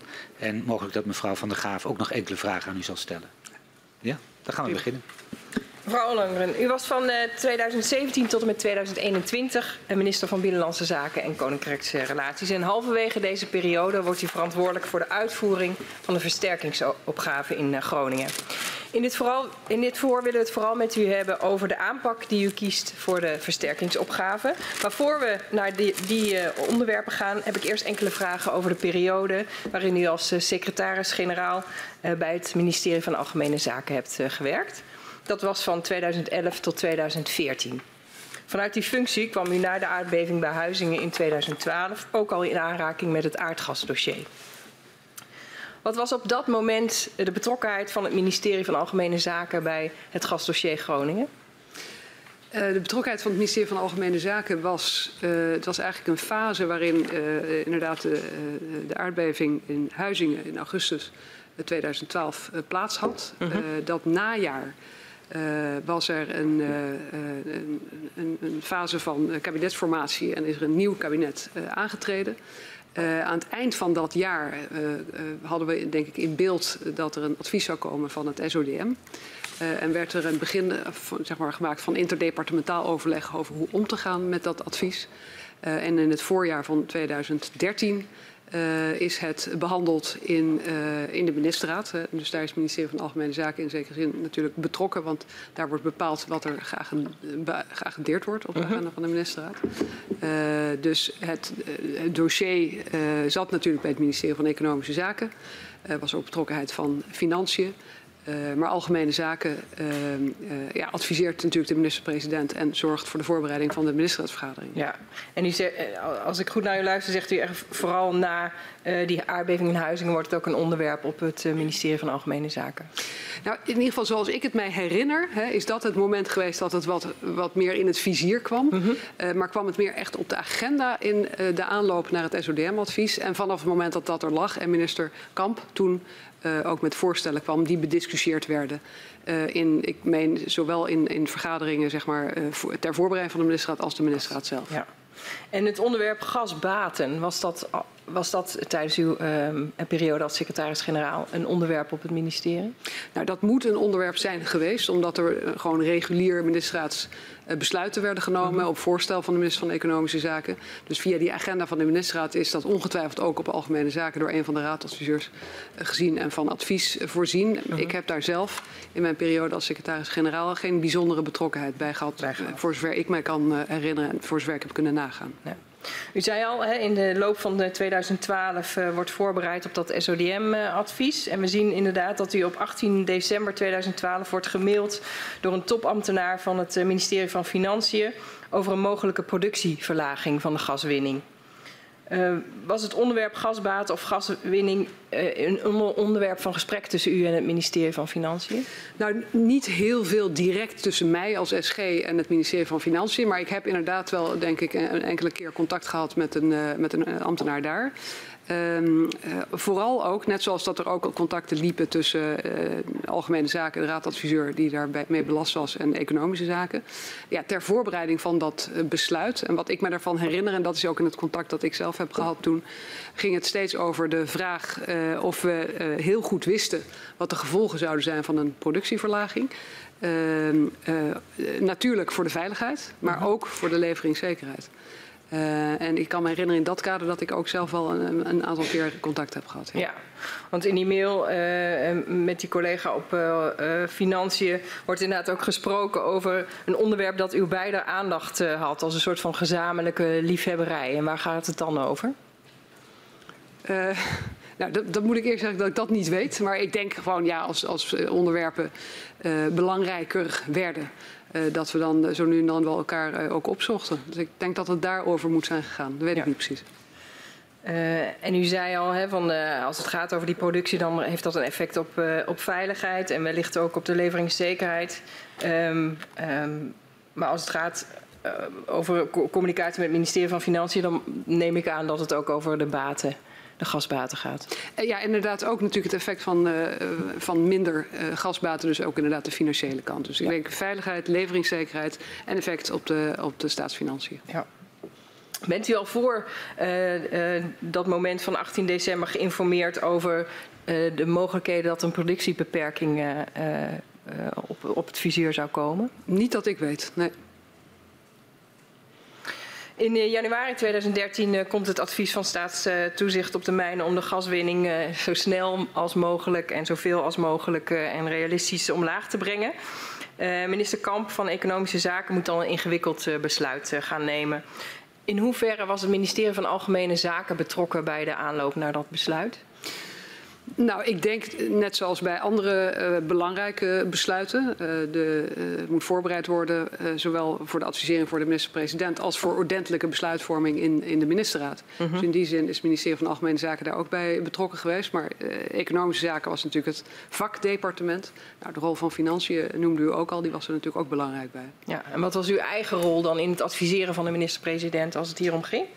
Nou, ik denk, hè, zoals ik het heb kunnen, uh, kunnen nagaan, uh, de, de SG van Algemene Zaken is, is niet zelf degene die zeg maar dag, dagelijks dit, dit soort dingen doet. Maar natuurlijk wel samen met de raadadviseurs verantwoordelijk voor het adviseren van, uh, van de minister-president. -hmm. en als het grote besluiten zijn, dan, dan kijkt de, de SG daar natuurlijk wel op mee. Dus ik heb daar toen en ook een jaar later uh, toen uh, zeg maar alle door Kamp gevraagde rapporten er lagen en er weer een vervolgbesluit moest worden genomen, uh, kan ik me wel herinneren dat ik zelf ook die notities heb gelezen en dat we daar ook over hebben gesproken op het departement. Ja. En die notitie richting de besluitvorming in januari 2013, weet u nog wat de kern van het ambtelijk advies was aan 2013 Januari. herinner ik me eerlijk gezegd minder goed dan 2014. Want in 2014 uh, ging het ook wat, wat verder. Omdat, kijk, in 2013, zoals ik me herinner, omdat het over zowel de veiligheid als leveringszekerheid als de financiën ging, waren er heel veel vragen uh -huh. uh, die beantwoord moesten worden. Uh, nou, de uitkomst is, uh, zoals bekend, dat minister Kamp heel veel onderzoeken in gang heeft gezet. Uh -huh. na omkomst zeg maar, van de, de, de, rapporten, de uitkomsten van die onderzoeken, is de volgende fase ingetreden. waarin we met iets meer kennis van zaken, bijvoorbeeld op die leveringszekerheid, want in begin 2013 werd dat gezien als een heel groot probleem.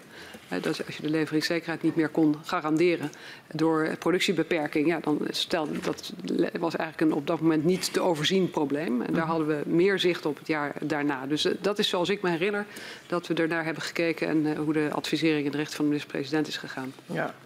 Ja, dus u zegt, uh, uh, in mijn herinnering was eigenlijk de betrokken... Ik, ik, probeer het te begrijpen, dus als ik het niet goed zeg, dan uh, corrigeert u mij maar.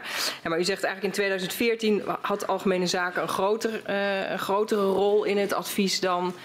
of in de, in de besluitvorming dan in januari 2013. Ja, maar dan zeg ik wel bij mijn beeld. Ja, uh, en ik was uh, secretaris-generaal, dus ik ja. heb natuurlijk best een goed overzicht gehad van wat er gebeurde in die tijd. Ja. Maar het waren natuurlijk gewoon dedicated raadsadviseurs, zou ik maar zeggen. Dus mensen die op het departement echt zo'n zo'n vakdepartement volgden, dossiers volgden. Die er ongetwijfeld veel dieper in hebben gezeten. Want hoe werkt dat even voor mijn, voor mijn begrip? raadsadviseurs bereiden dan notities voor, zeg maar. Ziet u die allemaal? Of, of ja, ze gaan wel altijd langs de SG of de plaatsvangend SG. Ja. Uh, dus ze gaan wel via die route naar de minister-president ja, toe. Precies.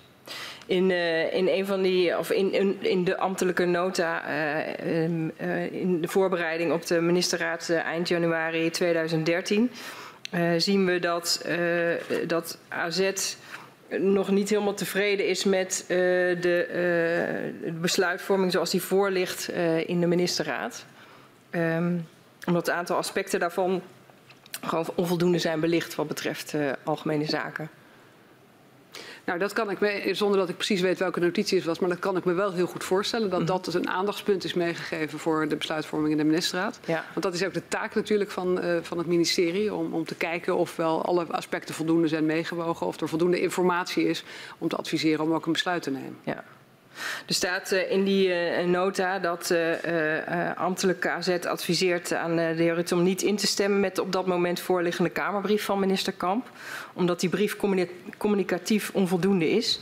En de landing van het nieuws in de streek dient juist perfect voorbereid te zijn met afspraken over ieders rol, verantwoordelijkheden en woordvoeringslijn. Want niet onderschat moet worden dat er een afbreukrisico is voor het voltallige kabinet. Wat was zeg maar de, het afbreukrisico voor het voltallige kabinet? De, daar zou ik dan de hele nota even moeten bekijken. Maar wat ik me kan voorstellen is dat het eigenlijk onderdeel, zo'n advies onderdeel uitmaakt van wat ik net zei. Dat het op algemene zaken natuurlijk belangrijk is dat als een besluit wordt genomen, uh, dat dat besluit één gebaseerd is op uh, goede informatie. En twee, dat er ook goed nagedacht is over uh, hoe je het uitlegt. en in dit geval, of er ook in voldoende mate met de regio, met Groningen zelf ja, overeenstemming was, of in ieder geval contact was, ja. uh, over wat de besluitvorming was. Ja, en de nota impliceert dat dat in ieder geval onvoldoende hm. voor elkaar ja, dat, zo klinkt het wel zoals u het voorleest. Ja. ja.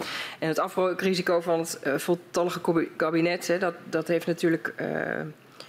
daarbij is de minister-president natuurlijk de, het, het, boegbeeld. Wat was zijn opstelling um, in die dagen voordat de ministerraad plaatsvond, gezien ook deze ambtelijke nota?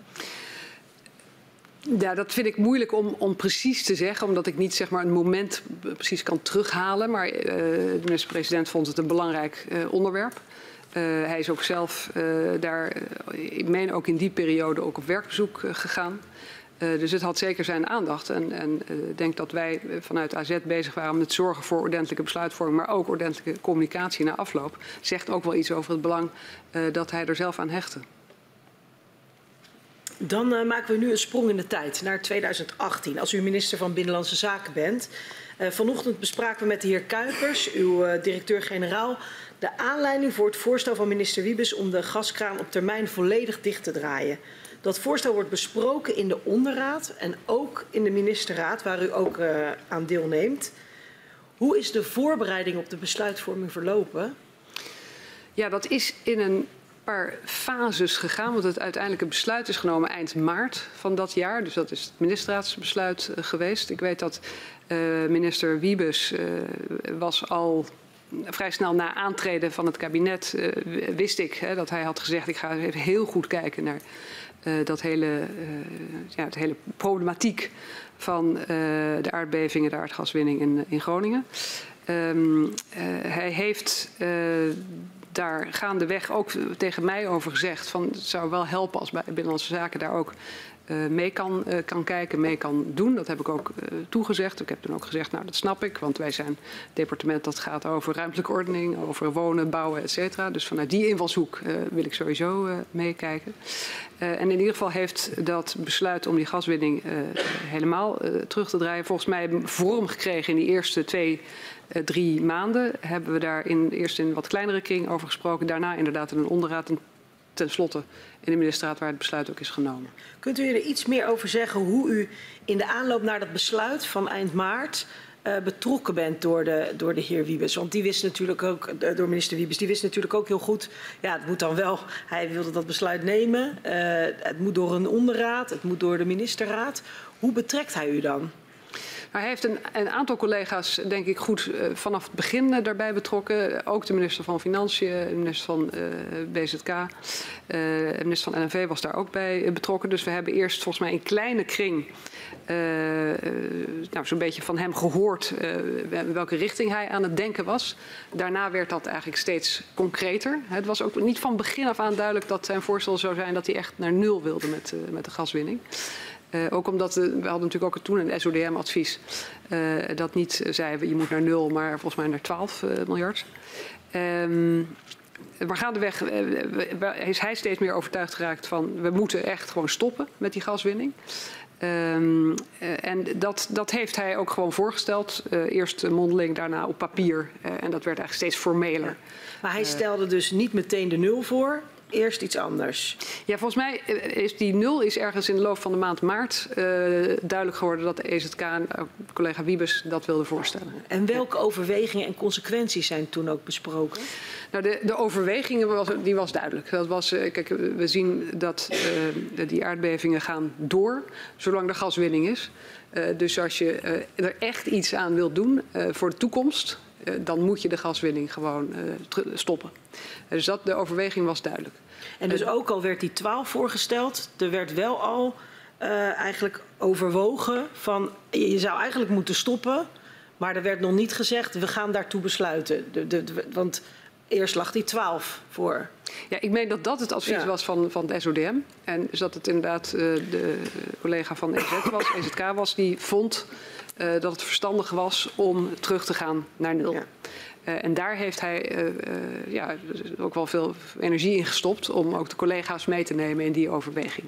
Toen hebben wij natuurlijk wel gezegd van ja, wat heeft dat, weten we nou echt heel goed wat de consequenties daarvan zijn. want in de redenering zat wel de veronderstelling dat als je stopt met gaswinning, dat je dan ook echt veel minder zou moeten versterken of zou hoeven versterken. Ehm, de vraag was natuurlijk of dat echt zo was. En dat wisten we niet. Hè. Dus we onderkenden wel, want dat was denk ik al jarenlang de redenering geweest, ook van de toezichthouder.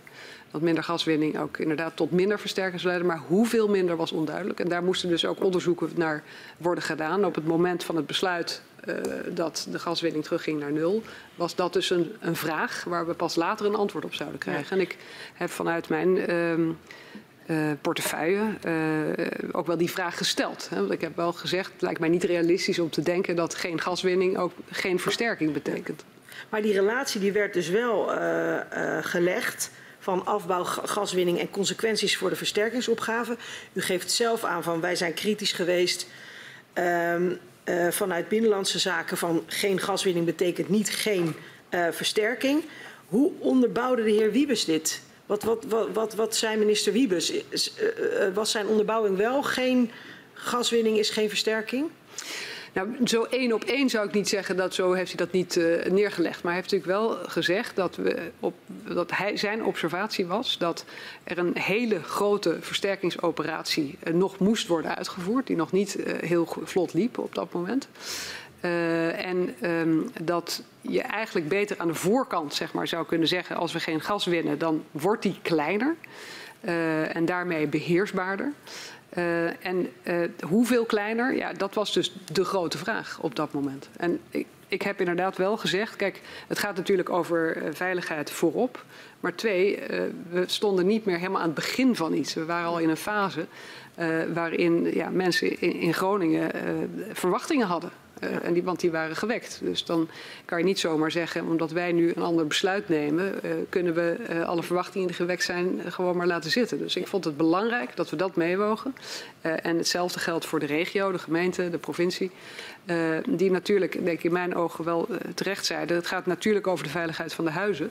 Maar het gaat ook over de gebiedsontwikkeling die wij in Groningen doen. Het gaat ook over het perspectief van de gemeente in Groningen. Ja, en daar, ja, daar wil ik het zo ook nog met u over hebben. Maar nu even over het voorstel wat minister Wiebes eigenlijk door de, om het even nou ja, kort te zeggen, door de ministerraad wil en door die onderraad wil. Um, uh, hij legt dan een relatie tussen afbouw, gaswinning en de versterkingsopgave. Welke concrete cijfers liggen daar dan onder? Want ik kan me niet voorstellen dat het gewoon is, ja, dat, dat, dat zien we dan nog wel. Er moet iets onder liggen. Ja, nee, dat klopt. Hè. Dus de, er was wel een begin van een beeld dat uh, minder gaswinning minder versterking zou betekenen. Ik meen dat er toen genoemd is een aantal van 4000 of 4200 uh, woningen die niet meer versterkt zouden hoeven worden. En dat daar ook een bedrag van 1,9 miljard aan werd gekoppeld. Maar dat was heel erg tentatief. Uh, dus ook daarvan uh, hebben we toen wel gezegd, ook in die vergaderingen, van, ja, we weten dat niet. Uh, dat moeten we echt beter gaan uitzoeken. en dat kon niet op hetzelfde moment, dus daar was tijd voor nodig. Ja. En hoe, hoe gaat dat dan? Want, want u beoordeelt eigenlijk de cijfers als we hebben meer tijd nodig. Betekent dat dan eigenlijk voor u zijn de, dat de cijfers niet besluitvormingsrijp zijn? Uh, nou ja, kijk, we, hebben dat, dat gasbesluit genomen. Er moest ook een besluit worden genomen over hoeveel gas er gewonnen zou worden in de komende jaren. Dus we hebben alles afwegende samen, bedoel, dat is een ministerraadsbesluit geweest, gezegd ja, het is verstandig voor, uh, voor Groningen om, om die gaswinning gewoon te stoppen op termijn en daar een afbouwpad naar toe te maken. Het is ook verstandig om te kijken hoe we om moeten gaan met die versterkingsopgave. Voor mij heeft het overigens altijd buiten kijf gestaan dat onveilig huis, dat daar gewoon mee verder werd gegaan. Dus dat, daar was helemaal geen discussie over. Dat was, was evident. Maar er is een aantal onderzoeken toen uitgezet. bij de, ja, de, deskundige instituten, TNO, KNMI, et cetera. Um, en nou, de uitkomst daarvan hebben we natuurlijk pas um, eind juni, begin juli gekregen. met een overkoepelend advies van de Mijnraad erbij. En was dit dan ook het punt waar u eigenlijk licht dispuut over had met minister Wiebes? Over die consequenties? Ja, kijk, ik, ik vond het niet op zichzelf, hè, het besluit om te stoppen met de gaswinning in een afbouwpad, daar stond ik achter. Ik vond dat op zich een goed besluit. Ik had nog wel wat vragen daarbij, want ik, het leek mij wel um, dat we goed moesten nadenken over uh, dat we dan nog dreigden nog meer afhankelijk te worden van Russisch gas bijvoorbeeld. Is een van de punten die ik heb uh, gemaakt. En het andere punt was dus inderdaad, er is niet een één op één relatie tussen geen gaswinning, geen versterking. Uh, daar heb ik aandacht voor gevraagd, maar op zichzelf, het voorstel vond ik verstandig en daar heb ik er gewoon mee ingestemd. Uw directeur-generaal die zei zojuist in zijn verhoor, het was wishful thinking om, om te denken dat het, dat het verregaande consequenties voor de, voor de versterking zou kunnen hebben. Ja, dat heeft hij mij ook gezegd. Althans, ja. dat heeft hij op een uh, nota geschreven. En ik heb uh, ergens anders, uh, ik heb het ook wel eens gezegd, het is toch te rooskleurig. als je denkt dat het zo ontzettend veel gaat schelen in die, in die versterking. En mijn verwachting was dat we ja, zeker door zouden moeten gaan met de versterking. Maar feit was wel dat al die jaren daarvoor ook inderdaad steeds gezegd was, hoe minder gaswinning, uh, hoe minder versterking er nodig is. Er was natuurlijk wel voortschrijdend inzicht ook op het gebied van versterken. En heeft u dat zo ingebracht in de ministerraad? Dat het te rooskleurig was? Ik weet niet of ik dat woord heb gebruikt, maar ik heb er wel aandacht voor gevraagd. Ja. ja. En uh, uh, hoe heeft u dat standpunt eigenlijk ja, naar voren willen brengen? Nou, ik heb dat in, zeg maar, in de vergaderingen die u net noemde, dus ja. zowel de voorportalen van de ministerraad, maar ook in de ministerraad zelf, uh, is daar aandacht voor geweest. Maar belangrijker nog was natuurlijk dat we gewoon hebben afgesproken dat we dat lieten uh, toetsen door deze instanties. Ja. Uh, en dat we dus wisten dat we daar later op terug zouden komen. En overigens wilde de regio dat natuurlijk ook graag. Ja. Op dat moment was, uh, was de versterking als zodanig was niet mijn portefeuille, maar de zorg voor de mede-overheden.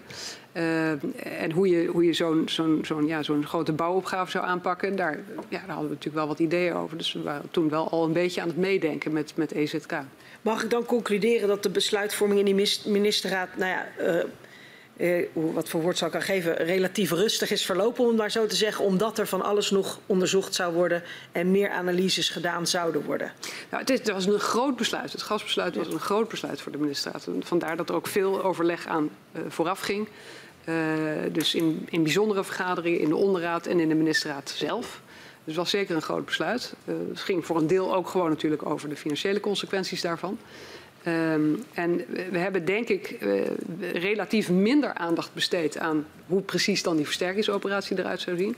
De minister van ESK die heeft toen wel voorgesteld, die zei van nou ik vind uh, dat we uh, geen onomkeerbare stappen moeten zetten nu in de fase dat we dat onderzoek laten doen. En zo is het volgens mij ook in de Kamerbrief verwoord. Ja. En nogmaals, wat in ieder geval het besluit wat voorlag was die naar beneden met, naar, naar 12. Naar nul. Naar nul. Um, en, maar er was eerst nog zat er een tweetrapzin. Nou, ik weet niet of dat toen een tweetrap zat. Ik, collega Wiebes heeft volgens mij in eerste instantie gewoon gekeken van... nou, dit is het advies wat ik krijg van, van de toezichthouder. En heeft daar zelf op een gegeven moment uh, aan toegevoegd... dat in zijn beleving het het allerbeste was om het perspectief naar nul te geven. Ja. En daar zijn we toen in maart met elkaar over gaan praten. Ja. En hoe, uh, hoe werd er dan besproken over de verminderde gasbaten? Da waren daar nog zorgen? Ja, zorgen. Kijk, uh, dat is natuurlijk, daar moet je natuurlijk ook wel gewoon goed naar kijken. Want het feit is dat dat een effect heeft. Uh, als je minder gas wint uh, dan je in eerste instantie zou hebben gedaan, dan heeft dat natuurlijk een effect dat je minder gasbaten binnenkrijgt. En dat moet op de een of andere manier begrotingstechnisch gewoon netjes worden, worden verwerkt. Dus daar heeft de minister van Financiën natuurlijk wel aandacht voor gehad. En ook de vraag hoe dat dan zou moeten worden, worden opgevangen. Was dat duidelijk, hoe dat werd opgevangen? waar in de begroting het neer zou slaan? Ja, dat, is, dat durf ik u niet helemaal te zeggen. We hebben het besluit genomen, dus het moet duidelijk zijn geweest. Maar ik kan nu hier niet precies reproduceren wat dat dan, uh, hoe we dat begrotingstechnisch doen. U garandeert wel eigenlijk dat er nooit besluiten worden genomen zonder dat het duidelijk is waar het in de begroting uh, neerslaat. Nou ja, in ieder geval dat we met elkaar onder ogen hebben gezien en ook dat de minister van Financiën heeft geconstateerd dat die effecten er zijn en dat dat op de een of andere manier natuurlijk moet worden, ja. worden meegewogen, meegenomen. Ja, maar het kan wel zijn dat het dus nog niet duidelijk was waar het zou neerslaan. Of hoe het verwerkt zou worden. Dat zou heel goed kunnen, ja. Want volgens mij is dat ook een van de discussiepunten geweest in de ministerraad. Dat andere collega's wel vroegen van ja, als dit een groot budgetair effect heeft, kan het er dan toe leiden dat ik op mijn begroting moet gaan bezuinigen? Nou, op zichzelf natuurlijk een legitieme vraag. Ja. Is er nog breder dan alleen vanuit u de zorg geuit um, dat uh, uh, het dicht, verder dichtdraaien van de gaskraan zou leiden tot een kleinere uh, versterkingsoperatie? En in hoeverre dat. dat nou ja, wishful thinking is of niet. Was dat alleen uw zorg of werd dat veel breder gedeeld? Nee, dat, in ieder geval in dat uh, vooroverleg wat we met een, een kleine, kleiner aantal uh, ministers hadden, is dat ook wel door anderen genoemd. Um, in ieder geval denk ik dat, uh, behalve ik, ook uh, een paar collega's hebben gezegd van is het nou, weten we nou zeker dat als we de gaswinning terugdraaien, dat het tot een kleinere versterkingsoperatie leidt. Want het zou natuurlijk een niet prettige uitkomst zijn als je minder gas wint, zelfs naar nul gaat. En uiteindelijk nog met een net zo grote en ook heel dure versterkingsoperatie uh, blijft zitten. Want ja, wie is daar dan eigenlijk mee geholpen? Dus die discussie is toen wel gevoerd. Maar in mijn beleving hebben we dus ook niet besloten uh, of, of, gedacht of opgeschreven dat, uh, dat die versterkingsoperatie zou verdwijnen. Hij zou er blijven, hij zou kleiner worden en we zouden heel goed kijken naar ja. wat en, en hoe. Ja. En u zei het net al, er valt een besluit, dan is er een Kamerbrief. Uh, er is dan dus eigenlijk ook breed gesproken over, is het nou wishful thinking of niet? Hoeveel gaat het schelen voor de versterking? En dan, verrassend genoeg, uh, neemt die veronderstelde besparing op de versterkingskosten, die wordt niet meegenomen in die Kamerbrief. Waarom is dat dan? Omdat we dus daar eigenlijk nog niet een hard getal op konden plakken. Omdat wij uh, die onderzoeken moesten en ook wilden afwachten. Uh, om daar uh, met meer ja, kennis en zekerheid uh, ja, een vervolgstap in te zetten. En overigens, hè, ook in die fase, ik was, ik was erbij betrokken, ik ben erbij geweest. Het was niet mijn portefeuille op dat moment. maar dit is zoals ik me herinner dat we dat hebben besloten en, of hebben besproken en besloten. Dus en, en is het dan ook zo dat dat is besloten in de ministerraad? Van laten we dat dan maar nog maar niet in de brief zetten. We nemen wel dat besluit uh, omdat we nog veel moeten uitzoeken. Dus is expliciet in de ministerraad besproken om het niet in die Kamerbrief te zetten? Nou, volgens mij wat er in die Kamerbrief stond was uh, het gasbesluit. Het is, was een hele lange uh, brief met heel veel informatie erin, ook over leveringszekerheid, internationaal. er stond, stond veel in. Ehm, en is er over de versterking in die brief, zoals ik me herinner, alleen maar gezegd: dat heeft effect. Wat voor effect gaan we bezien? En in de tussentijd worden onveilige huizen gewoon uh, versterkt. en nemen we geen onomkeerbare stappen ja. op de, zeg maar, die categorie waar onzekerheden over zijn. Ja. Is er ook nagedacht over wat het zou betekenen voor Groningers? Die dus op dat moment al jaren op een versterkte woning moesten wachten. Want juist waar u zelf aan refereert, die onomkeerbare stappen. Ja, niemand weet wat dat betekent. Uiteindelijk weten we wel wat het betekend heeft. Is daar nou voldoende over nagedacht eigenlijk dan? Nou, er, er, is zeker over gedacht en ook over gesproken. Uh, uh, ook vanuit de veronderstelling dat uh, die hele zware vorm van versterken, zoals die daarvoor was uitgevoerd in een beperkt aantal gevallen, dat dat nou ook niet per se is wat mensen heel graag wilden. Dus de Groningers wilden natuurlijk eerst weten dat het veilig zou worden voor henzelf. Dus de, veiligheid stond natuurlijk voorop. Um, en hoe dat moest, ja, in de jaren daarvoor was er natuurlijk wel wat ervaring mee opgedaan. Uh, maar ook ervaring mee hoe het, hoe het eigenlijk niet zou moeten. En hoe het eigenlijk ook helemaal niet prettig was voor mensen. Dus er zat een, een veronderstelling onder dat een minder zware en dus minder ingrijpende versterkingsoperatie uh, ook grote voordelen zou hebben voor, uh, voor de Groningers. Dus in die zin is daar wel degelijk ook naar gekeken. En nou, wat ik al zei, dus voor mij was het ook belangrijk dat gewekte verwachtingen mee zouden wegen in, in de overweging. Maar als die gewekte verwachtingen nou zo belangrijk zijn en ook eigenlijk het vertrouwen van de Groningers, waarom wordt er dan met zoveel haast zo'n besluit genomen, waardoor je dus niet in een brief kan zetten, dit zijn de consequenties voor de versterkingsoperatie, waarom worden dan die analyses niet afgewacht en wordt er dan eigenlijk ja, geschetst geen onomkeerbare stappen? Dus, dus is eigenlijk eerst lijkt het een positief besluit. Hè, uh, uh, Groningen, we gaan naar nul. En daarna komt er eigenlijk een hele zware klap. En dit betekent het voor de versterkingsopgave. Waarom, waarom niet wachten? Nou, ik denk dat dat gasbesluit en die gaskraan dichtdraaien, dat dat een, een, belangrijk besluit was. Ik meen ook dat het in die tijd moest worden genomen, omdat je, uh, geloof dat, maar dat is echt verantwoordelijkheid van minister van EZK. Je op een gegeven moment die, die gas, gasbesluit moet nemen, zodat partijen weten waar, uh, waar ze aan toe zijn. Dus dat besluit wilden we ook graag nemen op advies en op voorstel van de minister van EZK. Um, voor de versterking ja, was er niet voldoende uh, echte informatie beschikbaar om daar al van te zeggen, nou dat betekent dit of dat betekent iets anders. Dus vandaar die adviezen. Um, dus ik, ik geloof niet dat, dat het niet goed is geweest om die uh, gaskraan uh, dicht te draaien. Ik denk wel dat het goed was geweest om meer zicht te hebben op die versterkingsoperatie. En hoe het eigenlijk ging en wat de consequenties zouden zijn. Dat hadden we op dat moment gewoon niet. En dan waarom die haast? Ja, in mijn beleving was dat omdat er een gasbesluit moest worden genomen. Dat dat echt een tijdslot was voor ik, die ja. ministerraad. Dat dacht ik. Dat had dan ook in twee stappen gekund. Want het advies van de staatstoezicht op de mijnen was 12 uh, BCM.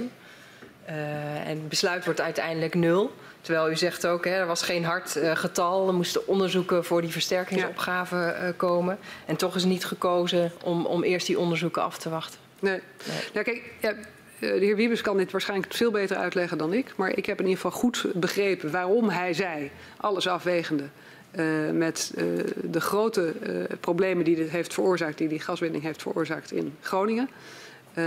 vind ik dat je uiteindelijk maar één ding kunt doen en dat is stoppen met die gaswinning. Dan neem je de oorzaak weg van de aardbevingen. Dan maken we hopelijk ook die versterkingsopgave beheersbaarder omdat het wel op termijn veiliger gaat worden.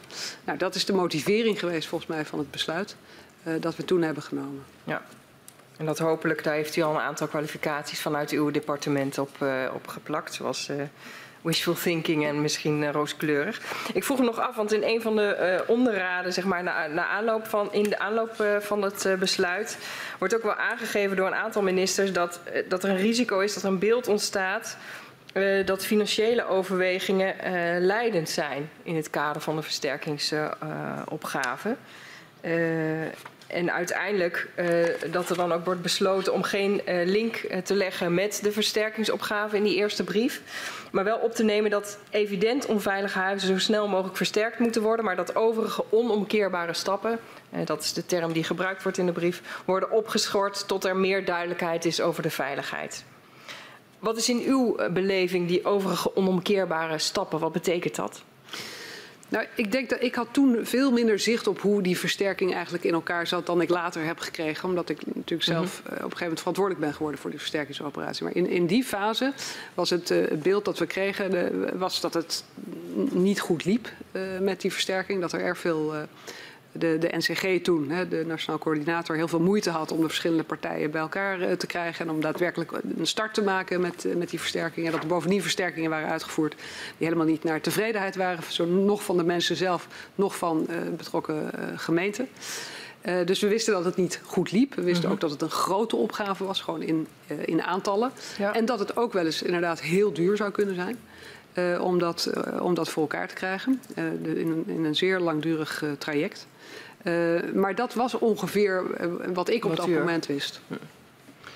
Uh, en u zei net ook al eerder, hè, het stond voor mij buiten kijf dat onveilige huizen mee werd doorgegaan. Ja. in de weken na die brief wordt duidelijk dat de versterkingsaanpak van een paar van de badges, een paar van de groepen aangewezen huizen, volledig stil ligt. En dat wordt ook wel de pauzeknop genoemd.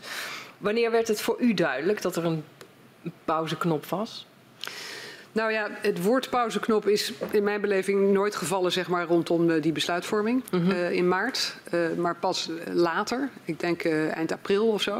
En volgens mij is dat meer een moment geweest waarop collega Wiebes ja, moest uitleggen uh, wat er nou precies wel en niet kon. Aan wie moest je dat uitleggen? Aan de, met name aan de, aan de bestuurders in de regio. Oké, okay, ja. ja. Um, uh, en, ja, en toen is op de een of andere manier dat woord pauzeknop uh, gebruikt. Um, en dat is dat denk ik een poging om uit te leggen, niet dat er was gestopt, eigenlijk het omgekeerde. Want ik herinner me dat we in de ministerraad daar nog wel over hebben gesproken. Dat ook collega van EZK ons verzekerde, de versterking is niet gestopt. Hè. Mm -hmm. Dus we gaan door met de versterking. Uh, onveilige huizen sowieso met voorrang. Hè, maar wij kijken wel, en u noemt inderdaad die, die badges.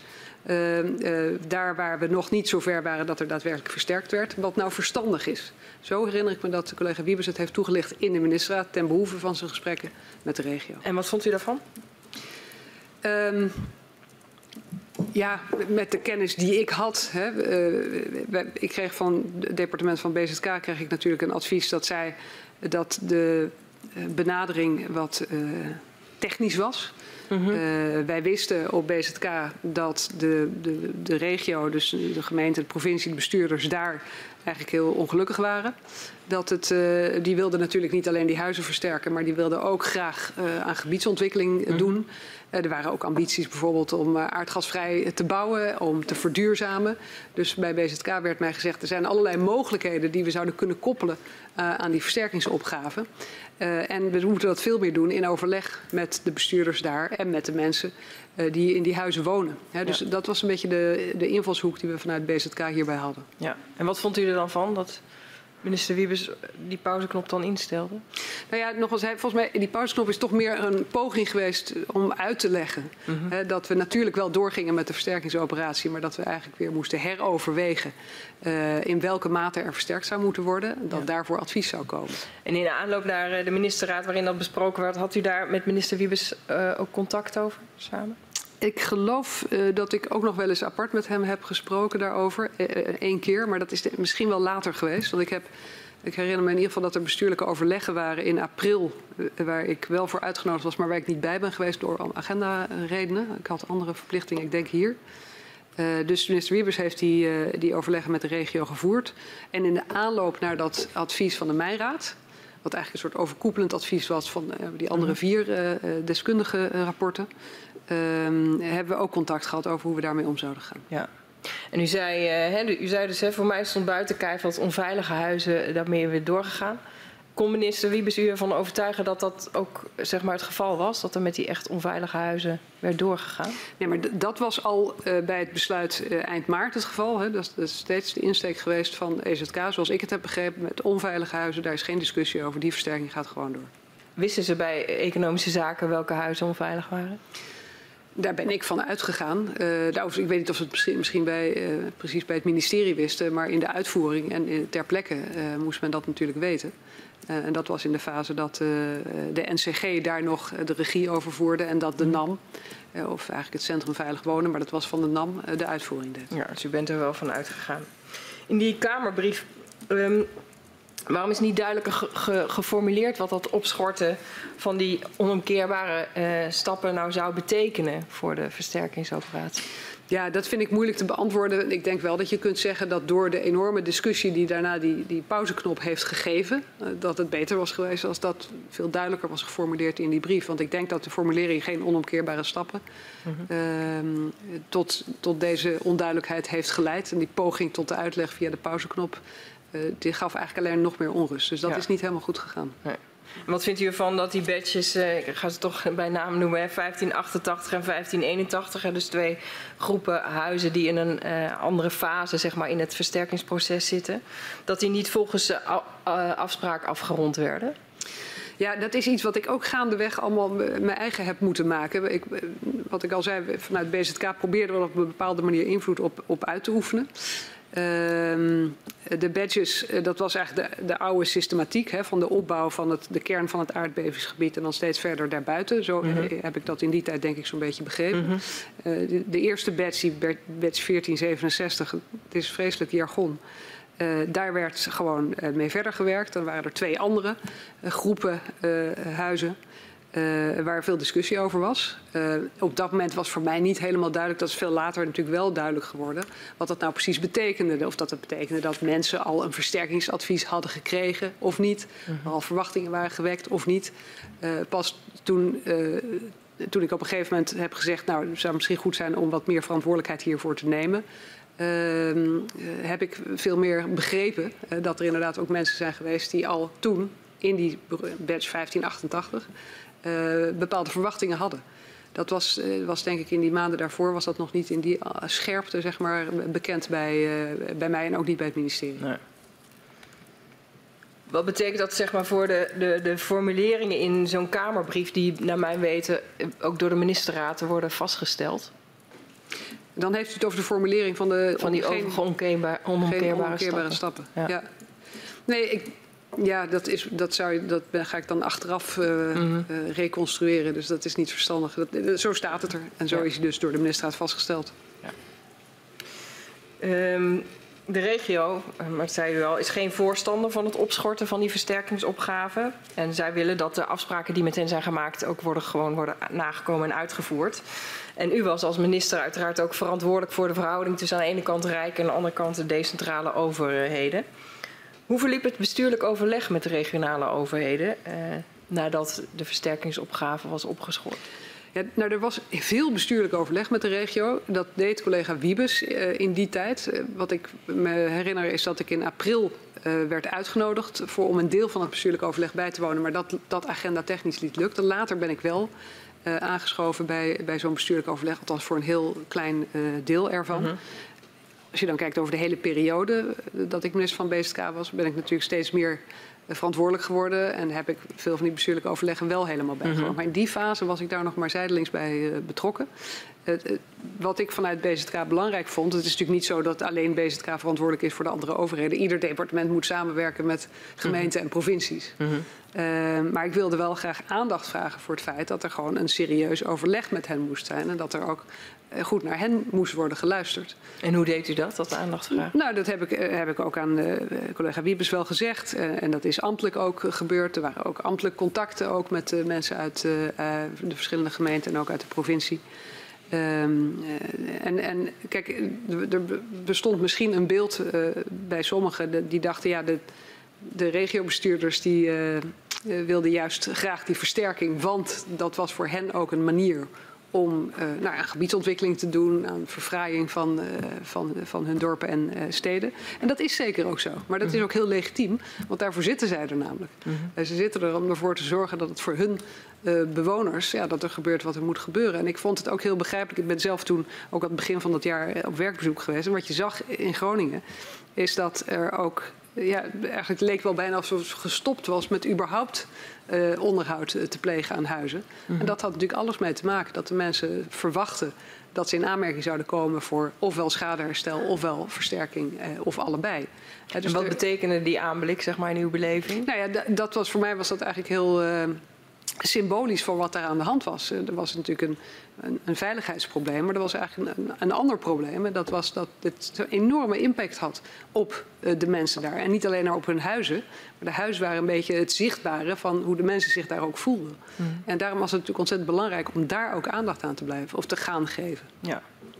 Op welk moment had u het idee dat de verhouding tussen de uh, bestuurders in Groningen en, en het Rijk uh, echt onder druk kwam te staan? Uh, nou, ik denk dat dat toen met die, toen zeg maar de, de, de pauzeknopdiscussie ontstond, dat dat ook een uiting is geweest van de onvrede en ja, de oneenigheid die er toen wel was tussen regiobestuurders. Uh, en, uh, en, en, Den Haag. En wat, wat, de, de, wat, deed u daarmee? Nou, wat, het concrete moment dat ik me kan herinneren dat ik geprobeerd heb dat uh, wat te, te, verbeteren is toen dat mijnraadadvies uitkwam. Dat was 1 of 2 juli van dat jaar. dat was ook wel voorbereid. We wisten dat het eraan kwam. We hadden aan kabinetzijde een beetje verkend wat het eigenlijk zou betekenen. Uh, we hebben toen een, um, na de presentatie van de Mijnraad van hun advies uh, een bestuurlijk overleg georganiseerd hier in Den Haag op het ministerie van EZK. En daar ben ik op verzoek van collega Wiebes ook bij geweest. En toen hebben we heel lang gesproken met de regiobestuurders. En uiteindelijk ook een afspraak kunnen maken over, nou, u zei het net zelf, over die badge 1588. Mm -hmm. wat heel belangrijk werd gevonden door, voor, door de regio. Wat dus ja, in eerste instantie misschien vanuit veiligheidsperspectief niet per se nodig was. Maar waar we wel met elkaar hebben gezegd, dat kan zo zijn. Maar wij vinden dat we dit wel moeten doen, omdat die verwachtingen echt gewekt zijn bij, bij mensen. Ja.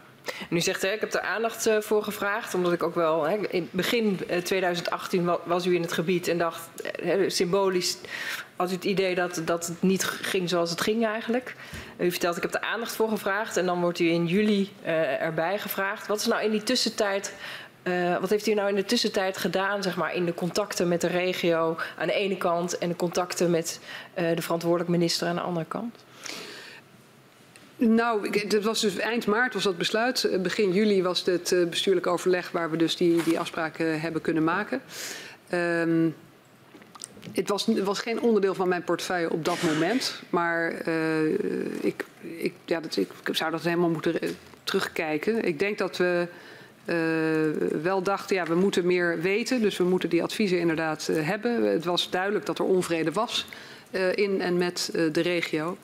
En, en, we hebben dus die stap kunnen zetten begin juli door afspraken te maken met de regio. Ja. In hoeverre had u nou contact met de Nationaal Coördinator zelf? Nee, ik heb toen, dat was toen nog de heer Albers. Mm -hmm. Daar heb ik een kennismakingsgesprek mee gehad um, als minister van BZK en hij als uh, nationaal coördinator in begin van dat jaar. Ik denk januari of februari. Mm -hmm. Uh, dus toen heb ik hem gesproken. Daarna heb ik geen contact meer gehad met de nationaal coördinator. Nee, dus u had er eigenlijk een, een afstand zeg maar, tot dat deel van de organisatie?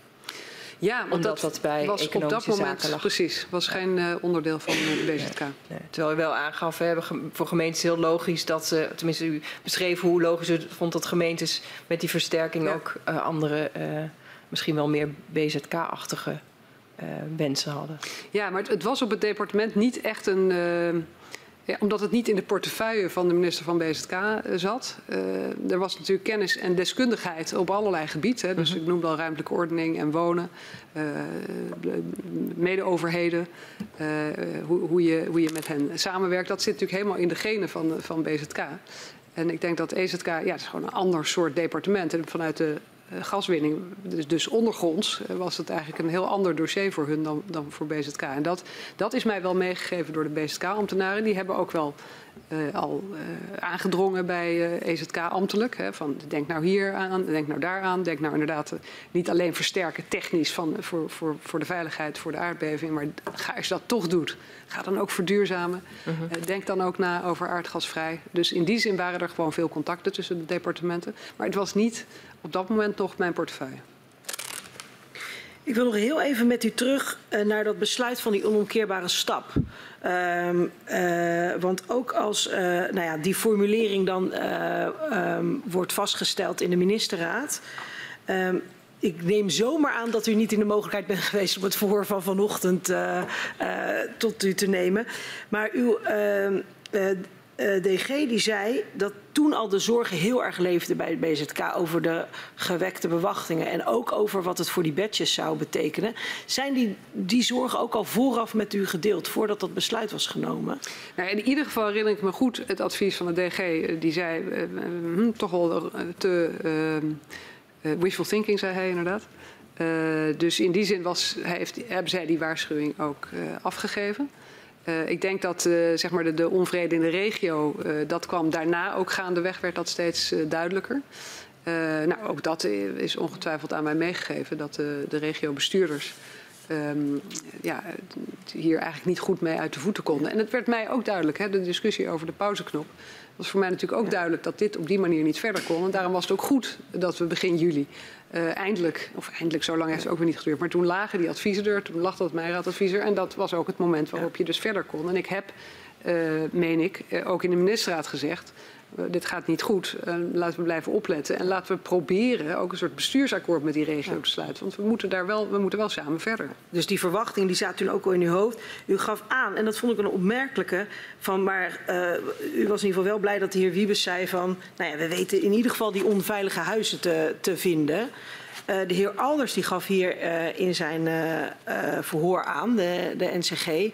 We wisten toen niet dat het veilig was. We weten nu niet welke huizen veilig zijn. Hoe, ja. hoe duidt u dan die uitspraak? Ja, de, de, in, ja. ja. Misschien als een um, uitleg van wat, in welke mate is iets veilig. Hè? Dus voor mij was duidelijk, en dat was de toezegging ook van de heer Wiebes... als het onveilig is, wordt het versterkt. Um, ik heb uh, later pas, ja, ik zei net al, de, de badges, de HRA, de NPR, et cetera. Dat, dat hele technische jargon dat je eigenlijk moet kennen om dit te doorgronden. Daar ben ik pas veel later, zeg maar, uh, in, heb ik me dat eigen gemaakt. Toen ook omdat ik zelf ook die verantwoordelijkheid kreeg. Dus voor mij was het voldoende om te weten dat de verantwoordelijk minister zei... als het onveilig is, wordt het gewoon versterkt. Ja, en, maar de heer Alders zei in ieder geval, we weten die onveilige huizen gewoon niet te pinpointen. Dus ja, als we ze vinden, dan worden ze versterkt. Maar we kunnen helemaal niet precies zeggen uh, dit, waar de onveilige huizen zijn. Nou ja, kijk, op dat moment was er een benadering vanuit de, het, het meest zeg maar, onveilige gebied. Hè. Dat was die hele aanpak van die badges, althans zo is het mij toen uitgelegd. Dus dan vind ik het logisch dat je ervan uit mag gaan, aangezien daar al jaren mee gewerkt werd, dat als het echt onveilig was, dat er dan uh, was ingegrepen en dat er werd versterkt. Ja. U zei al uh, dat u zich er eigenlijk, ja, uh, dat BZK zich eigenlijk steeds meer wel naar zich toe wilde trekken, omdat dat meer in de lijn lag van waar BZK ook uh, nou ja, gewoon dagelijks mee bezig is. Wanneer is nou eigenlijk dat hele officiële moment dat BZK echt dat, dat, dat dossier te pakken krijgt? Wanneer komt u daar officieel dan mee in aanraking echt? Nou, als je heel formeel kijkt, is het pas vanaf 1 januari 2020. Want toen viel de NCG formeel onder de verantwoordelijkheid van de minister van BZK. Maar het was natuurlijk eigenlijk al daarvoor. Dus in de loop van het jaar uh, 2019.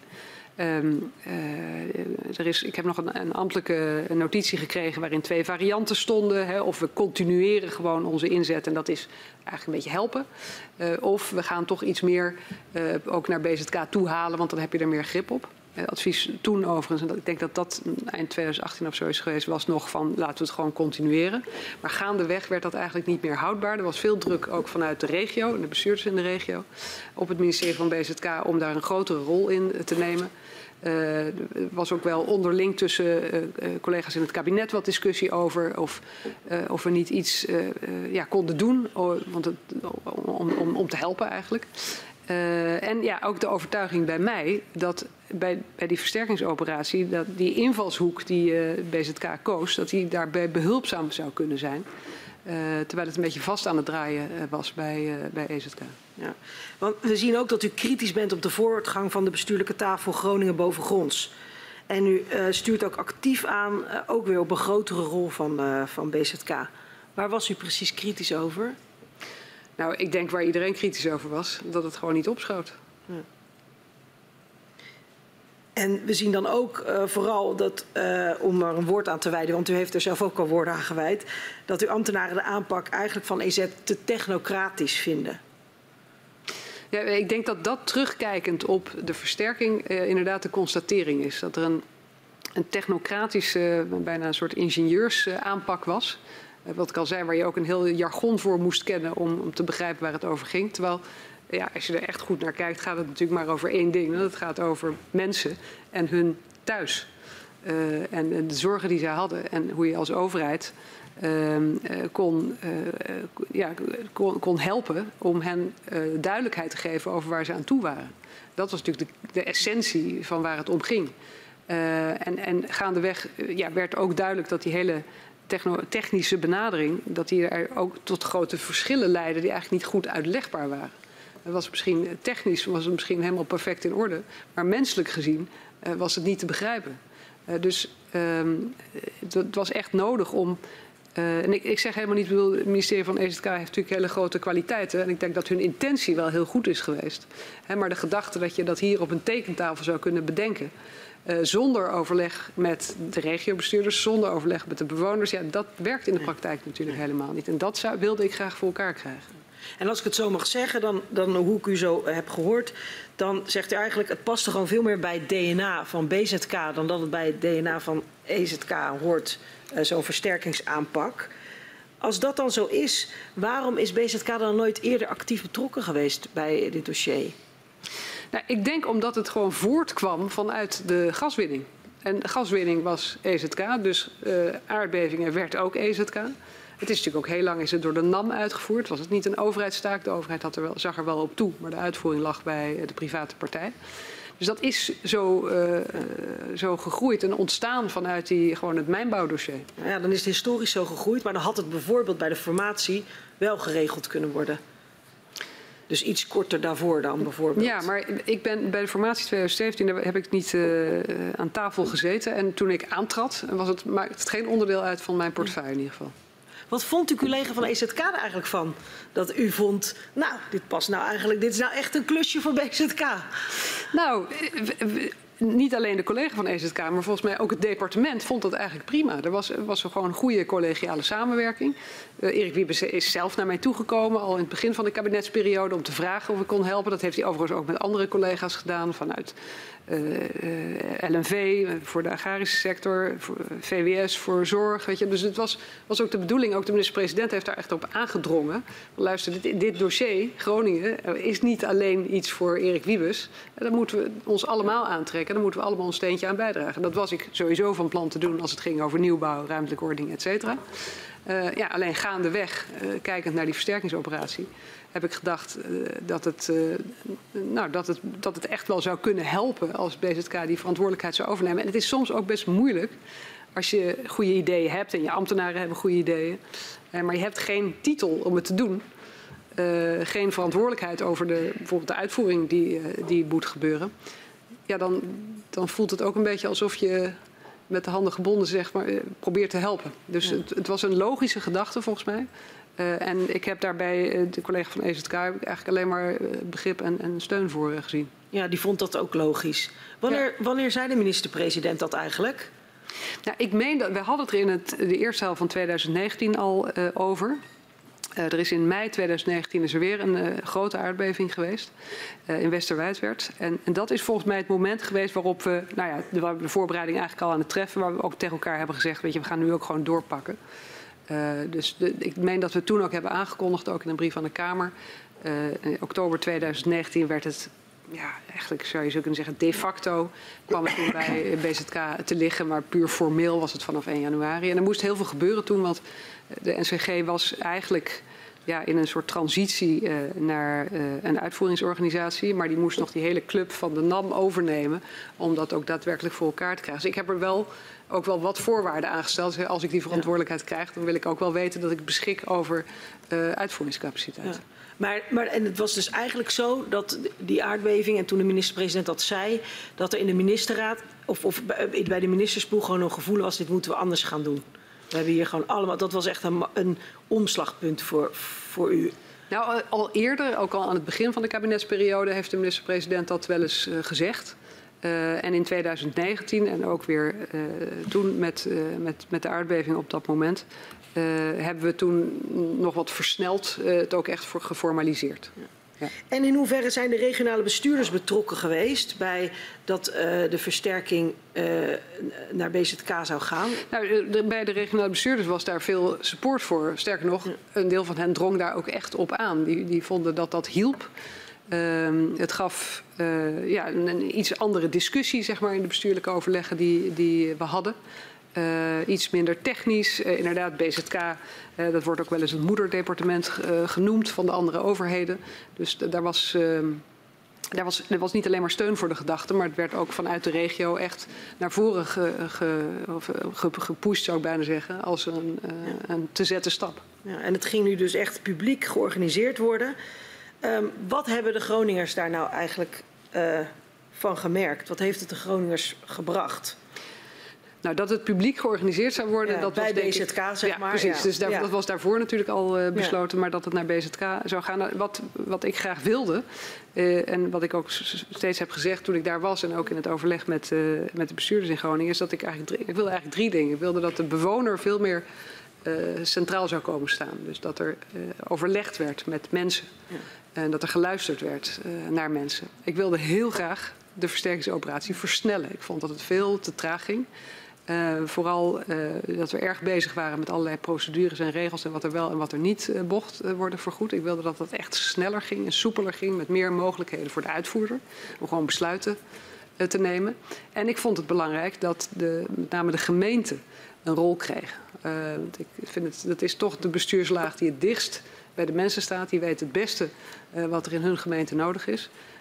dus dat was het derde doel. Ja, en dat wilde u en dat waren de doelen. Zijn die, heeft dat ook de Groningers gebracht wat het doel was? Nou, zeker nog niet iedereen, want de versterkingsoperatie is natuurlijk nog niet klaar en verre van zelfs. Maar ik hoop dat het in ieder geval heeft bijgedragen aan meer duidelijkheid. Um, we hebben natuurlijk daarna ook nog uh, eigenlijk nieuwe afspraken gemaakt. We hebben afgestapt van die badges en al die ingewikkeldheden. en we hebben gewoon gekeken naar mensen. heb je al een versterkingsadvies? Dan gaat er dit gebeuren. Heb je nog geen versterkingsadvies, dan gaat er dat gebeuren. Woon je in een, in een buurt die om de een of andere onbegrijpelijke reden helemaal erbuiten lijkt te vallen, dan gaan we daar naar kijken. Hebben we de gemeente gevraagd om aan te geven welke buurten, hè, die lijken nu buiten de boot te vallen, maar dat is niet uit te leggen. Dan zetten we ze ook op een lijst. Dus we hebben een, een andere indeling gemaakt en ik heb er heel erg op gestuurd dat de NCG dat uh, aan iedereen duidelijk maakte in welke groep val je. Uh, en wanneer kan ik wat verwachten? Dat, dat vond ik belangrijk, dat die communicatie duidelijker werd. En uh, het is zeker zo dat niet iedereen tevreden is en terecht. Want de versterking is natuurlijk nog helemaal niet klaar. Maar ik hoop dat de structuur veel begrijpelijker is geworden. Dat we veel inzichtelijker hebben gemaakt wat voor voortgang er wordt gemaakt in de uitvoering.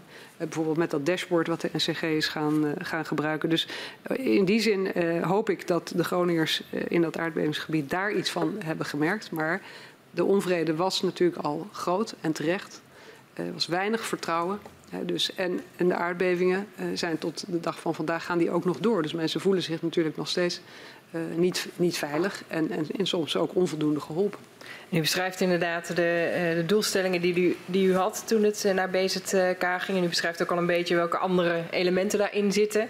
Eigenlijk hoe het karakter van de versterkingsopgave verandert. Van een risicogestuurde aanpak die eigenlijk bij economische zaken werd nagestreefd.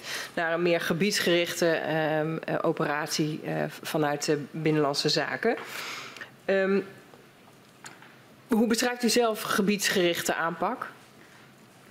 Nou, dat kan ik misschien het beste beschrijven door, uh, door voorbeelden. Het zijn denk ik ook bekende voorbeelden, maar dat is ook niet voor niks. Uh, opwierden in Appingedam. Dat was een, een, een stukje van Appingedam. Uh, waar de bewoners te horen hadden gekregen: jullie komen nergens voor in aanmerking. terwijl hun buren, een straat verderop, daar werd sloopnieuwbouw afgesproken. Ja, dat is, dat is natuurlijk niet uit te leggen. Uh, aan, aan, mensen. Dan kan het technisch wel helemaal kloppen. Mm -hmm. uh, maar uh, kijk, de mensen in het gebied die willen natuurlijk helemaal niet dat hun huizen versterkt moeten worden of dat er sloopnieuwbouw moet worden gepleegd aan je huis. Maar als het dan toch moet, ook vanwege de veiligheid, dan is het natuurlijk heel gek als het bij de buurman wel gebeurt en er tegen jou wordt gezegd: nee, maar bij jou lopen geen enkel risico. Nou, daar hebben we toen een en afspraken over kunnen maken, zodat we dat hart van opweerden waar het over ging, dat we daar ook gewoon dezelfde aanpak kozen. En dat mensen daar ook konden kiezen voor sloopnieuwbouw. Betekent dat dat de versterkingsopgave daarmee ook groter werd? Nou, hij, werd in ieder geval groter dan uh, sommigen nodig vonden. Hè, want uh, er werd getoetst op basis van die, uh, die technische benadering, hè, die NPR. NPR 15 was volgens mij, 2015 was volgens mij de laatste. op basis van die veiligheidsanalyse zou er veel minder sloopnieuwbouw zijn dan daarvoor. Mm -hmm. uh, maar toch kan het verstandig zijn, gewoon vanuit menselijk oogpunt en ook vanuit het perspectief van uh, de gemeente en, en hoe, hoe, het dorp of de stad erbij ligt, om toch voor die sloopnieuwbouw te kiezen. Ook al hoeft het misschien vanuit de veiligheid niet per se. Want wat is dan het uh, doel als het niet per se de veiligheid is in uw woorden? Nou, dat, dat mensen uh, terecht verwachtingen hebben. Omdat die in het verleden is bijvoorbeeld tegen je gezegd... nee, maar jij zit net in een erg onveilig stukje. En dan krijg je een paar jaar later te horen... nee, maar we hebben een technische herijking gedaan. Uh, het is toch veilig bij jou. Ik kan me zo goed voorstellen dat het misschien technisch wel klopt... Maar dat voor de veiligheidsbeleving van de mensen in hun eigen huis niet klopt. En daar hebben we geprobeerd meer, uh, ja, meer mee, mee rekening mee te houden. Ja. Hoe werd er in het kabinet over gedacht? Um, nou, we hebben, uh, ik heb in het kabinet wel echt wel steun uh, ervaren voor deze aanpak. We hebben natuurlijk regelmatig, in ieder geval twee keer, een mandaat moeten vragen in de ministerraad ook voor een financieel pakket. Uh, voor een, om een bestuursakkoord te kunnen mm -hmm. sluiten met, uh, met Groningen. Daar komen we straks nog op. Ja. ja. ja. Oké, okay, nee, dus, dus uh, over het algemeen wel begrip. tegelijkertijd, en dat begrijp ik ook heel goed, bijvoorbeeld collega van Financiën.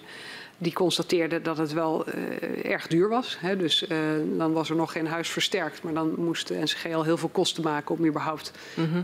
een, een, een beoordeling te kunnen afgeven. Daar moesten ingenieursbureaus voor worden ingehuurd. Dus er ging natuurlijk veel geld in zitten. Uh, dus ja, daar wordt dan natuurlijk wel over gesproken. Ja.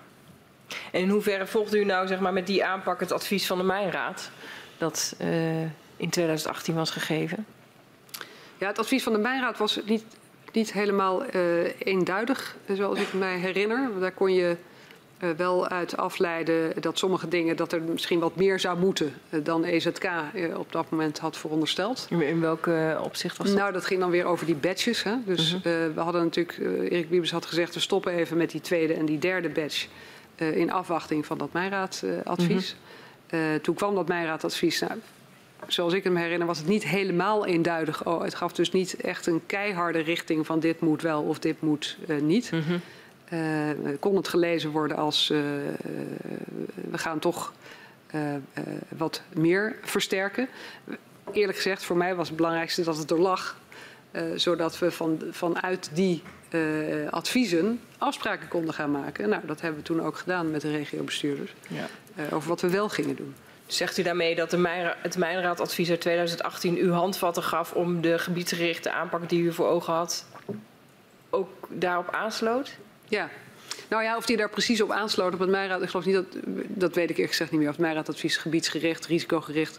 Maar ik, ik heb steeds geprobeerd een beetje uit die, uh, uh -huh. uit die discussies te komen. En me gewoon af te vragen en, en te zorgen dat er afspraken kwamen over wat we gingen doen. Ja. Uh, zodat er ook iets gebeurde. Op welke manier hield u zeg maar um, in de gaten dat de, de, de versterkingsaanpak dan ook niet te veel een optelsom zou worden van alle ambities die overal vandaan kwamen? Um, nou, kijk, er was niet veel discussie over het gebied, uh, zeg maar in totaliteit, hè, dus de te beoordelen uh, woningen. Uh, de, daar ging de discussie eigenlijk niet over. De discussie ging eigenlijk in die fase in ieder geval ook niet over dat deel wat al een, uh, een versterkingsadvies uh, had gehad. We hebben toen wel natuurlijk gezegd, u kunt een herbeoordeling krijgen. Wellicht dat u dan voor een lichtere versterking in aanmerking komt. Uh, maar de discussie ging eigenlijk meer over van hoe... Um, hoe ja, wat, wat, wat, gaan we dan doen voor, voor de rest en hoe gaan we dat doen? Hoe gaan we dat organiseren? En met wie was die discussie dan vooral? Uh, nou, die discussie was uh, met de EZK. Want mm -hmm. we hadden natuurlijk een taakverdeling vanaf het moment dat BZK verantwoordelijk werd. waren we verantwoordelijk voor de uitvoering van de versterkingsoperatie. Maar EZK bleef verantwoordelijk voor de veiligheid. Dus dat, zij gingen eigenlijk over welke, welke toetsingskader voor de veiligheid uh, gebruik je. Mm -hmm. Voordat je überhaupt uh, aan de slag kunt uh, in, uh, in de uitvoering. Discussie met de regio. Ik noemde bijvoorbeeld al dat we dus alle gemeenten gevraagd hebben: breng nou in kaart waar evident onuitlegbare verschillen zitten in buurten. Ehm, ja, dat is natuurlijk ook, daar moet je natuurlijk ook wel over discussiëren. Kijken dat nou niet dat dat zo groot wordt gewaakt, dat hele gebied. dat je als gevolg daarvan weer een onbeheersbare opgave op je neemt.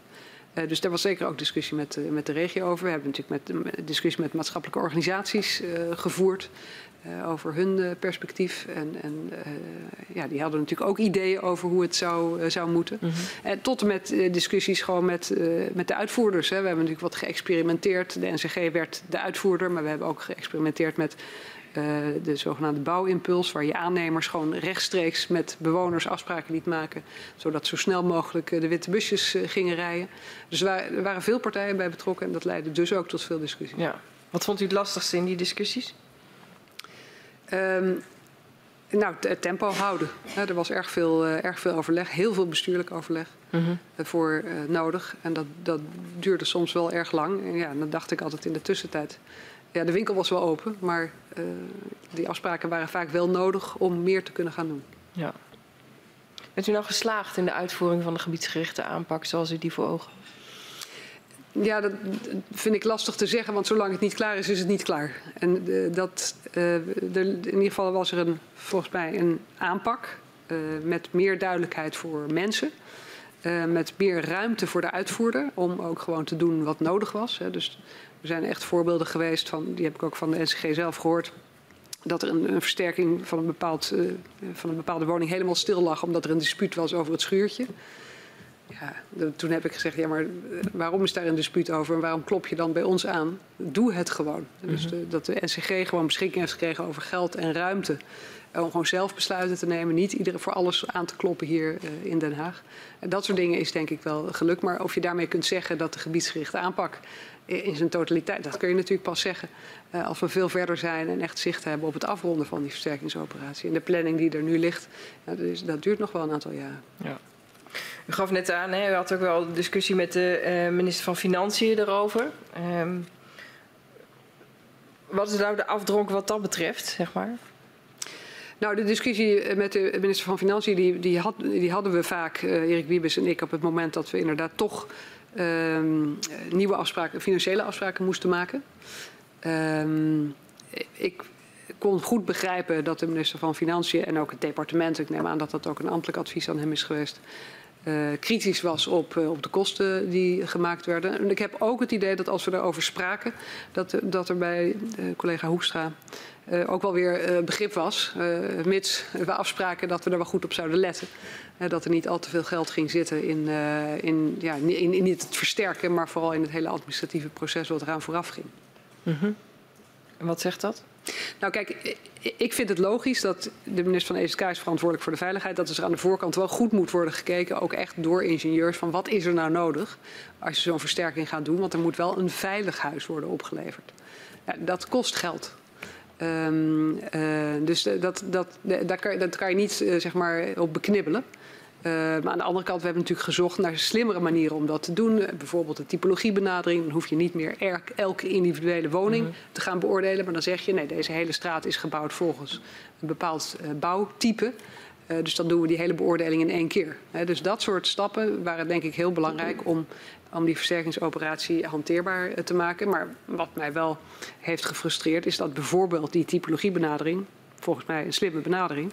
Het heeft heel lang geduurd uh, voordat er toestemming was om hem inderdaad te gaan uitvoeren. Van wie had u die toestemming nodig? Ja, ik meen dat er ook hier een, een toezichthouder toestemming voor moest geven. Maar in ieder geval moest het worden beoordeeld hè, of het wel vanuit veiligheidsperspectief uh, goed genoeg zou zijn. Ja, en dat heeft u wel gefrustreerd dat, er, dat ook dat weer tijd kost. Ja, kijk, dat het een beetje tijd kost, alle begrip voor. Maar volgens mij is hij ongeveer pas dit jaar uh, daadwerkelijk uh, toegepast. Ja. Of, of, vorig jaar al. Maar dat ja. heeft echt heel lang geduurd, want al vanaf het begin praten we over die typologie aanpak. Ja. U vertelt over de gebiedsgerichte aanpak en hoe, hoe, uw visie daarop was en hoe u daarmee aan de slag bent gegaan vanuit BZK. Nu zit de versterkingsopgave weer bij het ministerie van Economische Zaken. Wat verwacht u dat de consequenties daarvan zijn? Um, nou, kijk, het, zit inderdaad, het zit nu weer bij één bewindspersoon, bij de staatssecretaris voor mijnbouw. Um, die heeft natuurlijk wel zeg maar, alles wat wij in de afgelopen jaren hebben opgebouwd aan uitvoeringsorganisatie en ook aan structuur en afspraak met de regio, uh, zeg maar overgenomen. Mm -hmm. dus aan die basis is volgens mij niet heel veel veranderd. En, de, dus, en daar ben ik eigenlijk blij om. En dat het bij één persoon zit, heeft natuurlijk ook voordelen. Dat, dat zie ik ook wel. Ja. Dus ik, ik, hoop, en, maar denk en verwacht eigenlijk wel dat zeg maar, de, de kennis die toegevoegd is vanuit het ministerie van, eh, van BZK, dat die niet, helemaal niet verloren gaat. Integendeel, dat die gewoon volop wordt gebruikt nu. Vanaf uh, 2019 werken uw ministerie en dat van Economische Zaken samen uh, aan het wetsvoorstel Tijdelijke Wet Groningen onderdeel versterken. Waarom was het belangrijk uh, dat dit wetvoorstel er kwam? Ja, er was eigenlijk al een, een, een tijdelijke wet Groningen. Uh, helemaal in, aan het begin door de minister van EZK, daar was ik niet eens uh, zelf voor verantwoordelijk. Um, ingediend bij het parlement en ook eigenlijk heel, heel soepel aanvaard. Maar er moest een nieuwe wet versterken komen. Omdat eigenlijk alles wat we aan het doen waren ja, een wettelijke verankering behoefde. dat was wel vastgelegd, hè, dus in een beleidsregel. Maar het, advies was om, daar, ja, om dat wettelijk vast te leggen. Uh, om een aantal uh, redenen. Zodat je meer, dat er zat een element van rechtszekerheid in, er zat een element in van de heffing bij de NAM, hè, dus in plaats van afrekenen per factuur, dat je gewoon aan de voorkant een heffing afspreekt. Dat voorkomt natuurlijk ook een heleboel bureaucratie. en eigenlijk alles zoals het in de praktijk ging, ook voor de uitvoeringsorganisatie, werd met die wet geregeld. Het wetsvoorstel gaat dan voor spoedadvies naar de Raad van State. En uh, de Raad van State is buitengewoon kritisch op het wetsvoorstel. De Raad noemt bijvoorbeeld het voorgestelde versterkingsproces te complex, omdat verantwoordelijkheden voor de besluitvorming en uitvoering over verschillende bestuursorganisaties en een uitvoeringsorganisatie worden verdeeld. Herkende u zich in de kritiek van de Raad van State? Nou ja, dit was dictum C, hè, dus dat is inderdaad uh, betekent dat je het advies is om het niet in te dienen dan, nadat, dan nadat er echt substantiële wijzigingen aan het wetsvoorstel worden gedaan. Um, ik herkende uh, zeker een, een, deel van de kritiek van, uh, van de Raad van State. We hebben denk ik van alle punten die de Raad van State aandroeg, hebben we nou, uh, zeker 75 procent hebben we overgenomen. Niet alles, maar dat moet je dan beargumenteren in de richting van, van de Kamer waarom je dat niet doet. Nou, er zaten echt ook, vond ik, hele goede elementen in in het advies van de Raad van State. Maar het gaat nu om dit advies. De Raad van State noemt het voorgestelde versterkingsproces te complex omdat verantwoordelijkheden voor de besluitvorming en uitvoering over verschillende bestuursorganisaties en een, en een uitvoeringsorganisatie worden verdeeld. Ja. Dus het is vooral die kritiek op hoe de aansturing gaat en wie de besluiten neemt, wie de eindverantwoordelijkheid heeft. Herkende u zich in die kritiek? Ja, dat het complex was klopt. Terwijl we nog hadden gekozen voor de in onze ogen minst complexe variant. Maar er zijn wel veel uh, instellingen, instanties bij nodig. Dat is, uh, dat is een feit. dat komt omdat er een rol is voor de Rijksoverheid, voor de mede-overheden, voor een uitvoeringsorganisatie. Uh, er was natuurlijk ook een uh, link tussen de uitvoeringsorganisatie Versterken uh, en de ZBO die over schadeafhandeling ging. dus, maar dit advies, hè, dat kwam er eigenlijk op neer dat de Raad van State zei, als je dat nou wat wil versimpelen, dan zou je ervoor kunnen kiezen om de gemeente alleen maar een adviesrol te geven. Dat advies hebben we niet overgenomen, omdat uh, ja, een kern van de gedachte was: uh, bewoners centraal en gemeente in positie. Ja. Wat heeft u wel gedaan met de kritiek op de complexe governance? Nou, we hebben bijvoorbeeld de besluitvormingsprocedure bij de NCG versimpeld. Volgens mij ging die eerst nog in drieën. Was er een normbesluit, een financieringsbesluit en een versterkingsbesluit, als ik me goed herinner, in, in etappes. En daarvan hebben we gezegd, nou dat gaan we in elkaar schuiven. En dat vond ik echt een verbetering ten opzichte van het voorstel dat wij, uh, wij hadden gedaan. Uh, de Raad van State adviseerde ook om echt een termijn te stellen, hè, zodat je niet toch weer heel lang zou kunnen doen over zo'n zo'n traject. En volgens mij hebben we daarvan toen gezegd maximaal een jaar. Niet omdat we er iedere keer een jaar over wilden doen. Maar dat we wilden voorkomen dat er hele lange trajecten waren. Want dan gingen we ervan uit dat een, een flink aantal veel korter kon dan dat jaar. Maar dat het in ieder geval niet langer ging duren dan een jaar. Dus zo zijn er echt verbeteringen gekomen aan het wetsvoorstel. Uh, na onderkomst van het advies van de Raad van State. Ja, er zijn inderdaad een aantal wijzigingen um, uh, doorgevoerd. Maar het fundamentele punt van de complexe governance Uh, ja, onze afdronk is toch dat dat niet, uh, niet, niet, aangepakt is. Ook omdat het kabinet gewoon uh, ingrijpende wijzigingen niet noodzakelijk vindt. Ook de minister van Economische Zaken niet. want het gaat eigenlijk zonder grote wijzigingen in oktober 2020 naar de Tweede Kamer.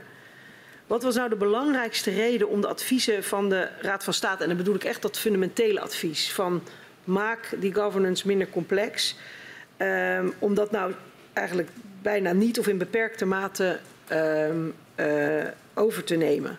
Ja, in mijn beleving hebben we dus wel uh, er wat mee gedaan. Bijvoorbeeld door ja. dat, uh, dat van 3-1 besluit te maken, bijvoorbeeld. Ja. Hè. Maar inderdaad, in de governance structuur. Kijk, de Raad van State, maar ook anderen hebben wel eens gezegd... ja, je kunt misschien beter weer bij één ander instituut beleggen... of twee instituten in één schuiven. Of... Maar mijn prioriteit was zorgen uh, voor versnelling. Zorgen dat die versterking inderdaad daadwerkelijk gebeurde. Dat, mensen, uh, dat, er, dat, we konden voldoen aan de verwachtingen die gewekt waren bij, bij mensen. Ik wilde heel graag tempo uh, in die versnelling hebben. Dus wij hebben het wetsvoorstel aangepast na de kritiek van de Raad van State. Uh, daar hebben we ook echt nog even over gedaan. Want ik hoopte nog dat we het voor de zomer zouden kunnen behandelen in de ministerraad. Dat is niet gelukt. Uiteindelijk pas oktober ingediend. Dus er is echt wel goed en grondig naar gekeken. En dat moet ook. Bij een kritisch raad van state advies ja. kun je natuurlijk niet anders dan doen. Maar ik wilde heel graag tempo houden. Ja. Uh, en uh, ja, je, wil, je wil graag dat de raad van state zegt, zo kan niet. Um, maar uh, ja, dat, dat, was ook in mijn beleving zo. En verder hebben we natuurlijk gewoon open aan de Kamer gezegd waarom we deze keuze maakten en niet een andere keuze. En waar zit dan dat verschil? Want, want de Raad van State is eigenlijk bang voor complexe um, uh, governance leidt tot vertraging, niet tempo. Ja, en u bent er eigenlijk van overtuigd op dat moment, uh, die complexe governance is nodig om tempo te maken. Nou ja, Kunt u dat uitleggen? Complexe governance is natuurlijk nooit een doel op zichzelf. Maar het was, de feitelijke situatie was dat er al bepaalde instanties waren met bepaalde taken. Er was al een, een ZBO, IMG, die verantwoordelijk was voor de schadeafhandeling. Er was een uitvoerder voor de versterking, dat was de NCG. Eh, de, als je de Raad van State op dit punt uh, helemaal zou hebben gevolgd, dan zou je die twee organisaties in elkaar moeten gaan schuiven. Nou, dat is heel complex, want de een was een ZBO, die staat echt op afstand, dus behoorlijk zelfstandig. De andere is een uitvoeringsorganisatie van het ministerie met verschillende taken, want schade en versterken zijn ook nog verschillende dingen, ook al heeft het veel met elkaar te maken. Um, ja, dan zou alle energie weer daarin gaan zitten. En dan dacht ik, ja, dan zijn we weer jaren verder. Uh, in de tussentijd uh, riskeren we dat de versterking niet opschiet. Uh, omdat de mensen die nodig zijn om die versterkingsoperatie op gang te krijgen, uh, dan bezig zijn met de reorganisatie. Dat leek mij echt niet in het belang van de mensen in Groningen. Dus ik, ik heb dus, je kunt zeggen het is complex. Voor mij was het de bestaande situatie die op zichzelf best werkte.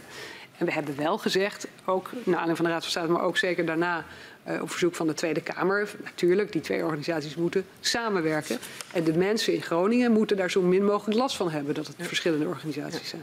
Mag ik dan wel concluderen dat in een ideale wereld u het eens bent met de governance is te complex, liever simpeler. Maar omdat het, nou ja, om, om weer het systeem eigenlijk te gaan veranderen, kost te veel tijd. En daarom willen we daar niet aan tornen, want we willen het tempo maken. Ja, dat is denk ik de, conclusie. Als je helemaal uh, opnieuw zou beginnen en aan de voorkant precies alles zou weten, dan zou je het natuurlijk zo simpel mogelijk maken. Maar die ideale wereld is er natuurlijk zelden. Uh, dan moet je prioriteiten stellen. En dan was mijn prioriteit is zorgen dat die uitvoering kan uitvoeren. Uh, en dat je, dat je de mensen in Groningen kunt geven wat, waar ze behoefte aan hebben. En dat is duidelijkheid en uitvoering. Ja.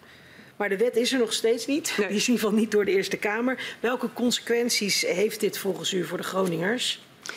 Nou ja, dit is natuurlijk heel vervelend dat die wet er nog steeds niet is. Dat heeft overigens ook weer andere redenen uh, dan waar we het net over, uh, over hadden. Maar nou, dat weet de commissie denk ik ook heel goed.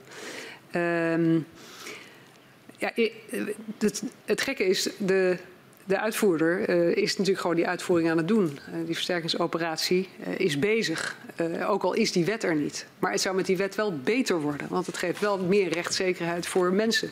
We zijn dan wel gedoe, af van het gedoe met de dam over de, wat ze wel niet betalen. dus er zitten gewoon elementen in, in die wet die denk ik ook voor de mensen in Groningen echt een grote verbetering zouden zijn. Dus ik, ik vind het heel jammer dat hij er nog niet, nog niet door is. Ja. De Nationaal Coördinator Groningen is sinds januari 2020 de uitvoerder van de versterking. We hadden het er al over. Het eigenaarschap van de Nationaal Coördinator wordt belegd bij Binnenlandse Zaken. En dan zijn de gemeenten de opdrachtgever. Wie stuurde de Nationaal Coördinator nou aan? Het ministerie van BSK. U dus. Ja, de- Ja. dat is mijn politieke verantwoordelijkheid. Ja. En gaf dat wel eens problemen in, de, uh, in het verschil tussen eigenaarschap en opdrachtgeverschap? Nee, dat is, is, denk ik ook dit een voorbeeld van een beetje comple complexe governance, maar op zich uh, is niet afwijkend, denk ik, van, uh, van andere aansturingen van uitvoeringsorganisaties. Maar dus het eigenaarschap ligt bij BZK. Dat betekent dat de minister politiek verantwoordelijk is, dat de secretaris-generaal uh, die eigenaarsfunctie uitoefent en dat het opdrachtgeverschap dan ook nog eens belegd is bij de DG die, uh, die daarover gaat. De gemeenten, die inderdaad uh, ook opdrachtgever zijn, die waren dat omdat we hebben afgesproken met de gemeente dat zij de plannen van aanpak maakten voor hun gemeente voor de versterking. Mm -hmm. uh, dus zij moesten plannen van aanpak maken. Wij moesten dat vertalen naar een meerjarenplan voor het hele gebied. en daar moest de NCG het werk mee doen, zeg maar op individueel niveau per te versterken woning.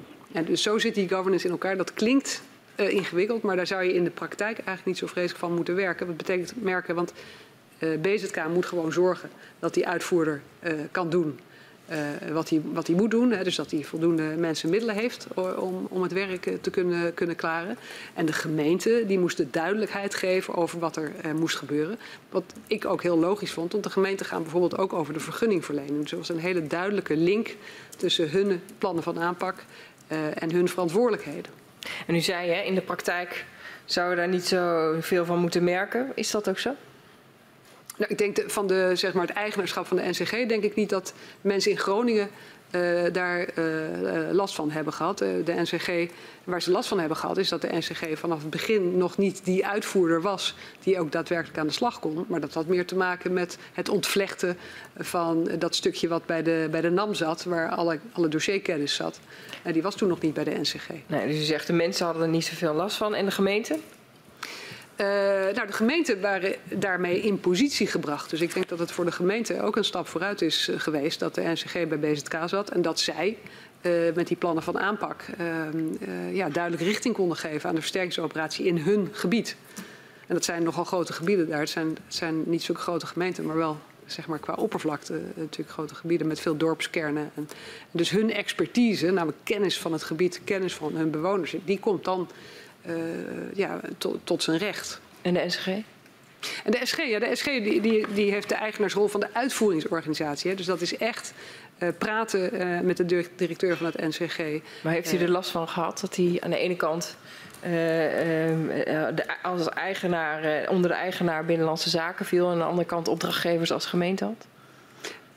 Heb ik in ieder geval nooit de indruk gehad dat dat tot een probleem leidt. Nee. nee. En hoe, uh, hoe zorgt u er dan voor dat de Nationaal Coördinator um, geen verantwoording hoeft af te leggen aan twee of eigenlijk nog veel meer uh, bazen, om maar zo te noemen? Dus aan de ene kant Door... Binnenlandse Zaken en aan de andere kant al die gemeentes. Ja. Nee, dat is natuurlijk een goed punt. Nou, door te proberen uh, de NCG zoveel mogelijk uitvoeringsruimte te geven. Uh, dus te zorgen dat, uh, dat hij eigenlijk een vrij ja, ruim mandaat had, zou ik bijna zeggen. Om eigenstandig beslissingen te nemen. En, en, deze uitvoerder, maar dat geldt ook voor meer uitvoerders, die heeft natuurlijk sowieso te maken met andere instanties. Uh, bijvoorbeeld wat ik al noemde voor die vergunningverlening. Dus er moet toch overlegd worden met gemeenten. Dus ik denk dat het juist hielp, zowel voor de NCG als voor de gemeente zelf, om te werken met die plannen van aanpak. -huh. Dat het ook eigenlijk inkadert hoe de NCG de uitvoering kan doen. En tegelijkertijd dat die contacten er zijn, zodat die NCG ook kan zeggen van ja luister, weet je, er is hier misschien iets met een schuurtje, maar ik ga dat gewoon zelf oplossen. Dus ik, ik denk dat, dat, dat die samenwerking is heel belangrijk. Wat vond u nou dat de NCG zeg maar, voorop moest stellen in, in, de, in, het, in de uitvoering? Welk element? Hè? We hebben een aantal elementen en doelstellingen van, uh, van de versterkingsopgave genoemd. Uh, wat vond u nou dat de NCG zeg maar, vooral op moest, uh, zich op moest richten in die de, uitvoering? De NCG moest zich wat mij betreft vooral richten op duidelijkheid geven aan bewoners waar ze aan toe waren. Dus dat bewoners wisten Uh, ik zit uh, in die categorie. Dat betekent uh, dat ik kan verwachten dat ik een beoordeling krijg van de NCG. Want ik heb nog geen versterkingsadvies gehad. het moet nog worden beoordeeld. En dat gaan ze doen tussen 1 januari en 1 juli. dus de, dat moet ook echt gebeuren. Daar heb ik erg op aangedrongen bij de NCG.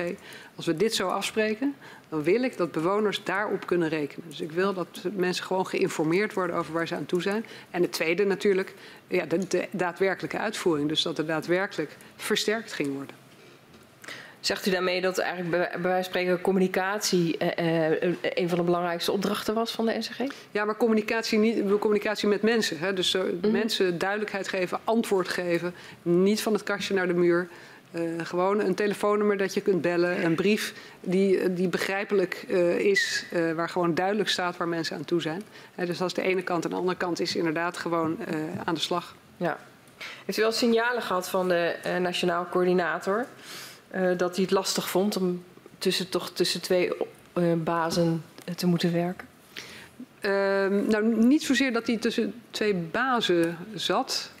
Ehm, ik heb wel, wel, wel eens signalen gehad van, van de, de NCG dat er wel wat, wat knelpunten waren. Die waren soms financieel van aard, die zaten soms in het uh, vergunningverlening, die zaten ook bijvoorbeeld in uh, afspraken met, met, met, de, met, met de bouwsector voor, voor de uitvoering.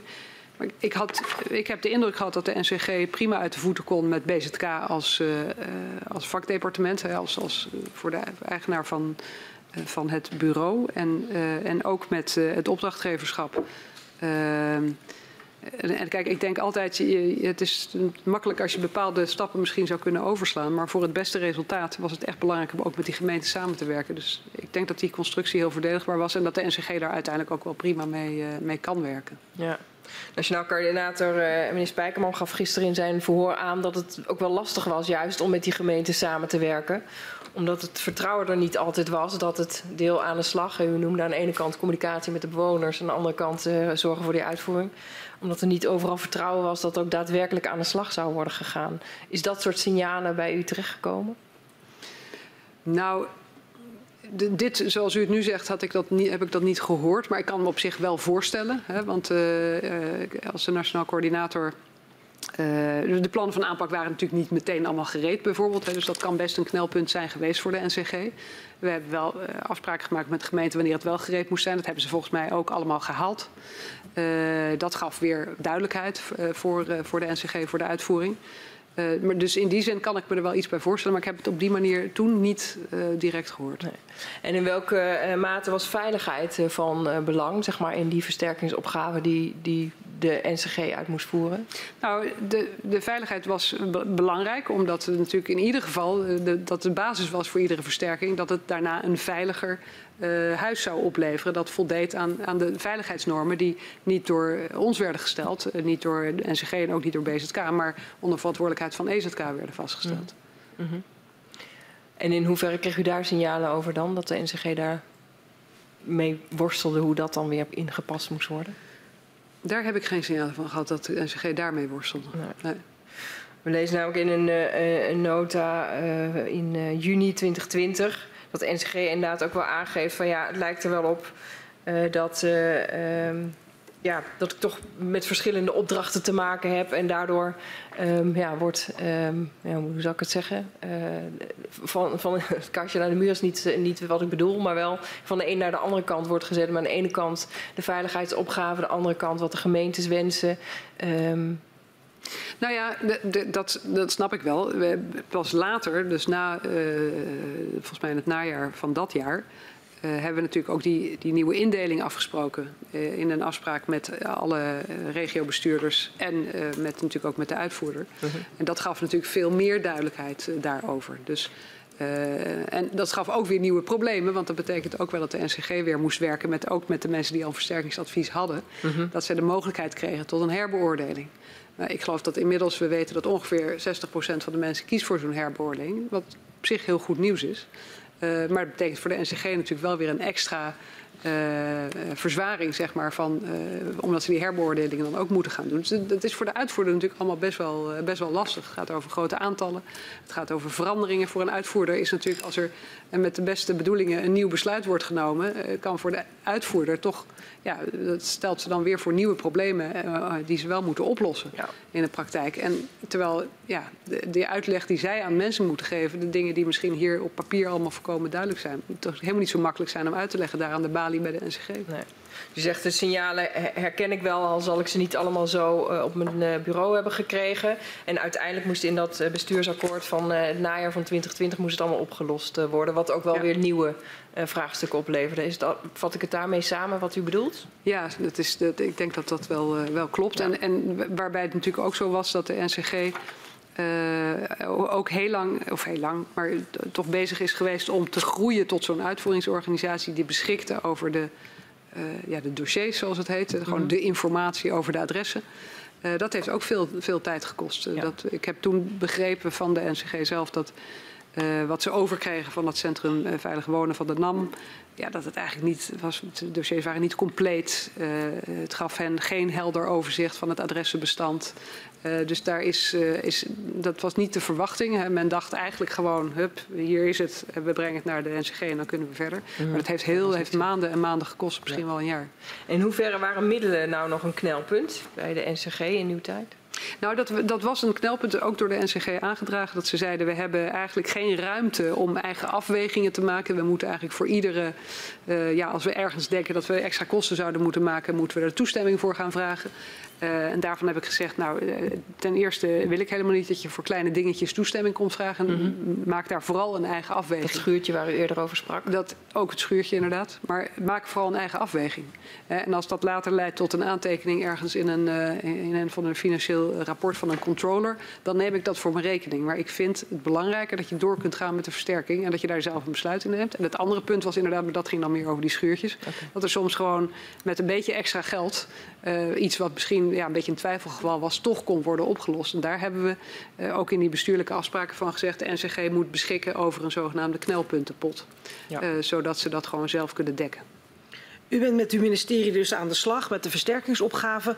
maar de afhandeling van de schade blijft bij EZK. Waarom gaat de afhandeling van de schade eigenlijk ook niet bij BZK? Nou, dat is, dat is, later is dat wel een discussie geworden. Maar op dat moment was dat eigenlijk helemaal niet zo'n discussie. Er was uh, de schadeafhandeling uh, daar was uh, door uh, de collega van EZK mee gestart om, om dat anders te doen. en ook achterstanden in te halen. dat was belegd bij IMG, ik weet niet of dat toen al zo heette, maar in ieder geval dat was ook op afstand gezet, een ZBO. Met geld, met regels en ook wel met succes, hè, want de, de schadeafhandeling ging, ging veel beter. Uh, de achterstanden werden, werden langzaam maar zeker ingelopen. Er kwamen betere afspraken. Mensen konden kiezen voor of een bedrag of een uitgebreidere beoordeling. Uh, dus dat, dat liep eigenlijk wel. Dus het ging vooral over die versterking en die liep niet. Maar u zei wel, er is wel een moment geweest. Ja, later. En waarom, ja. waarom, wat, wat zijn dan de overwegingen om het toch te doen?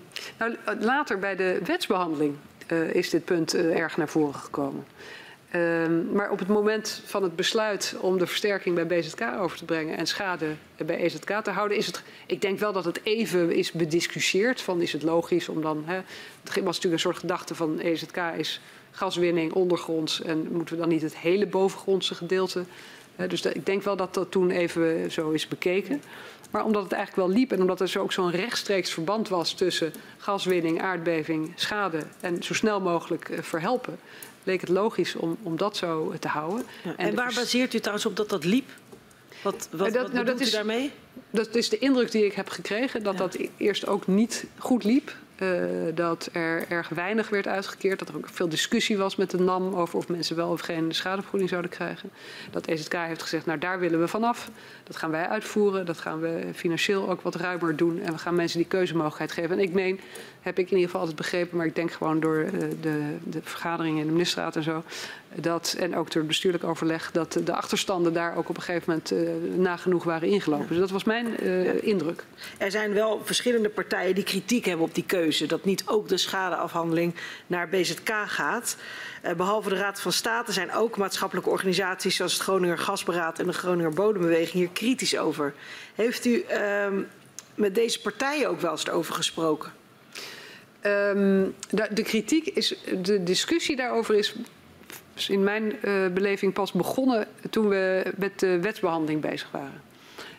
Um, de Kamer heeft er toen ook vragen over gesteld. Um, dus die, die speelde eigenlijk niet op het moment dat we versterking naar BZK brachten.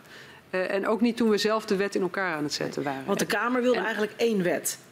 Daarom Ik wilde één ja, organisatie, Want we spraken althans. net over die wet, Ja. die ging over versterken. De Kamer wilde één wet voor schade en versterken. Ja, nou in ieder geval toen we de wet versterken behandelden, hebben Kamerleden de vraag gesteld: zou het niet verstandig zijn om die twee in één te schuiven? Want, en die redenering snap ik heel goed, mensen hebben te maken met twee loketten in Groningen. Eh, en we moeten proberen het eenvoudig te maken voor mensen. Dus waarom kunnen we niet één loket maken, dus één organisatie? Ja. En heeft u daar ook dan eh, ja, in ieder geval die input, die feedback meegenomen en toen nog iets overwogen? Of was het gewoon, nou, wij zijn van mening dat dat niet nodig is?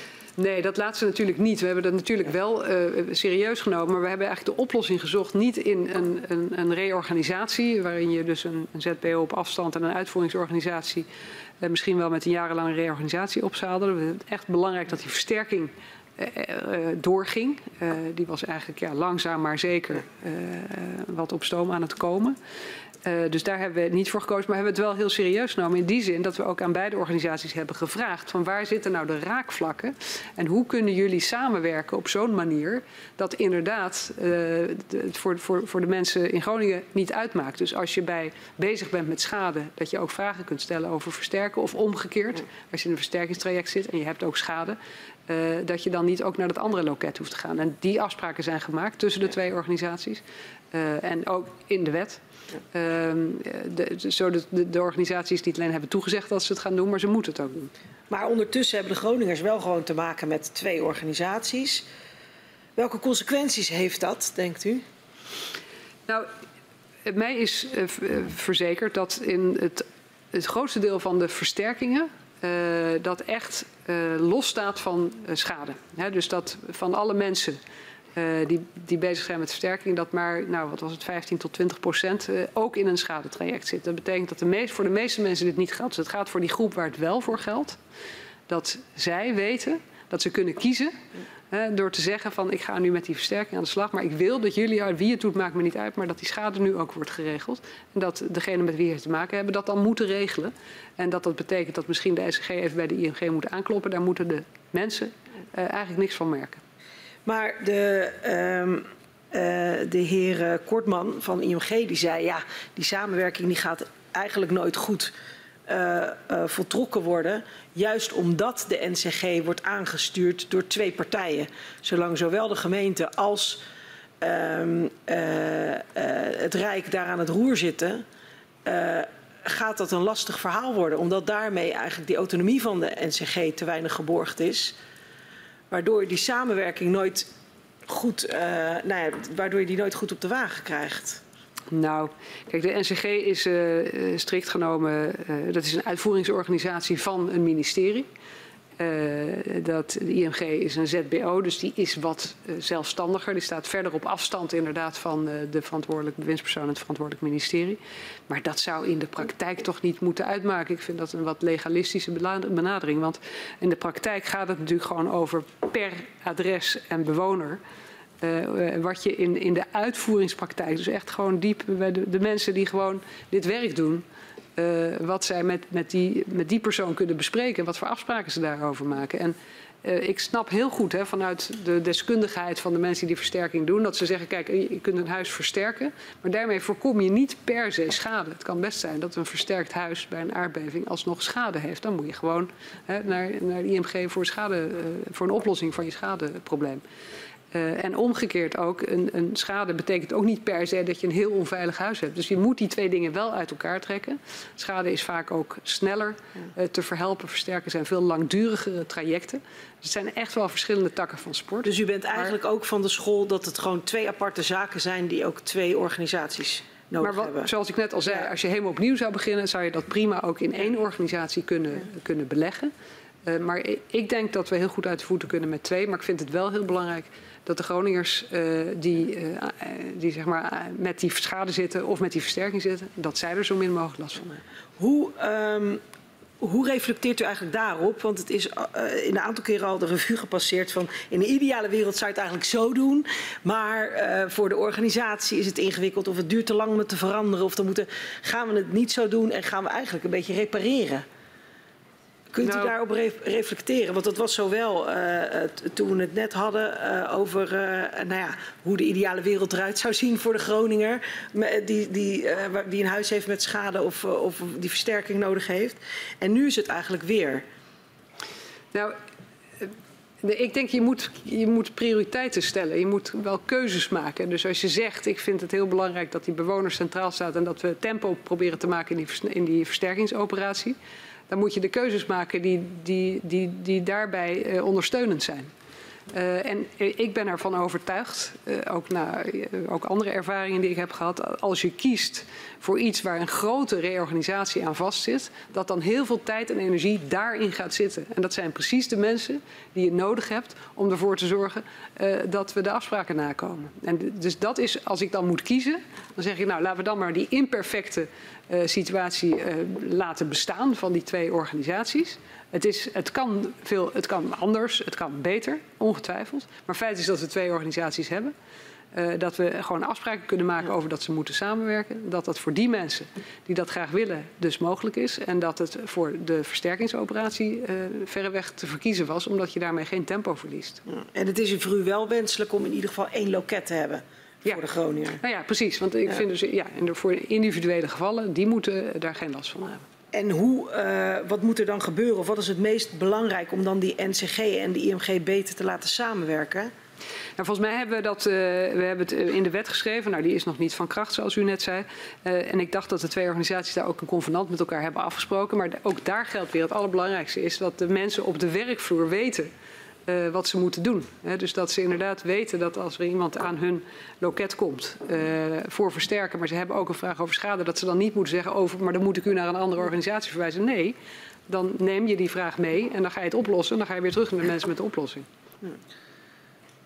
We zijn nu eh, zeven kwartier bezig. Oh. En ik ga toch vragen aan de griffier om u even naar buiten te geleiden, zodat we even een pauze kunnen inlassen. En dat geldt ook voor uw steunverlening. Dank u wel.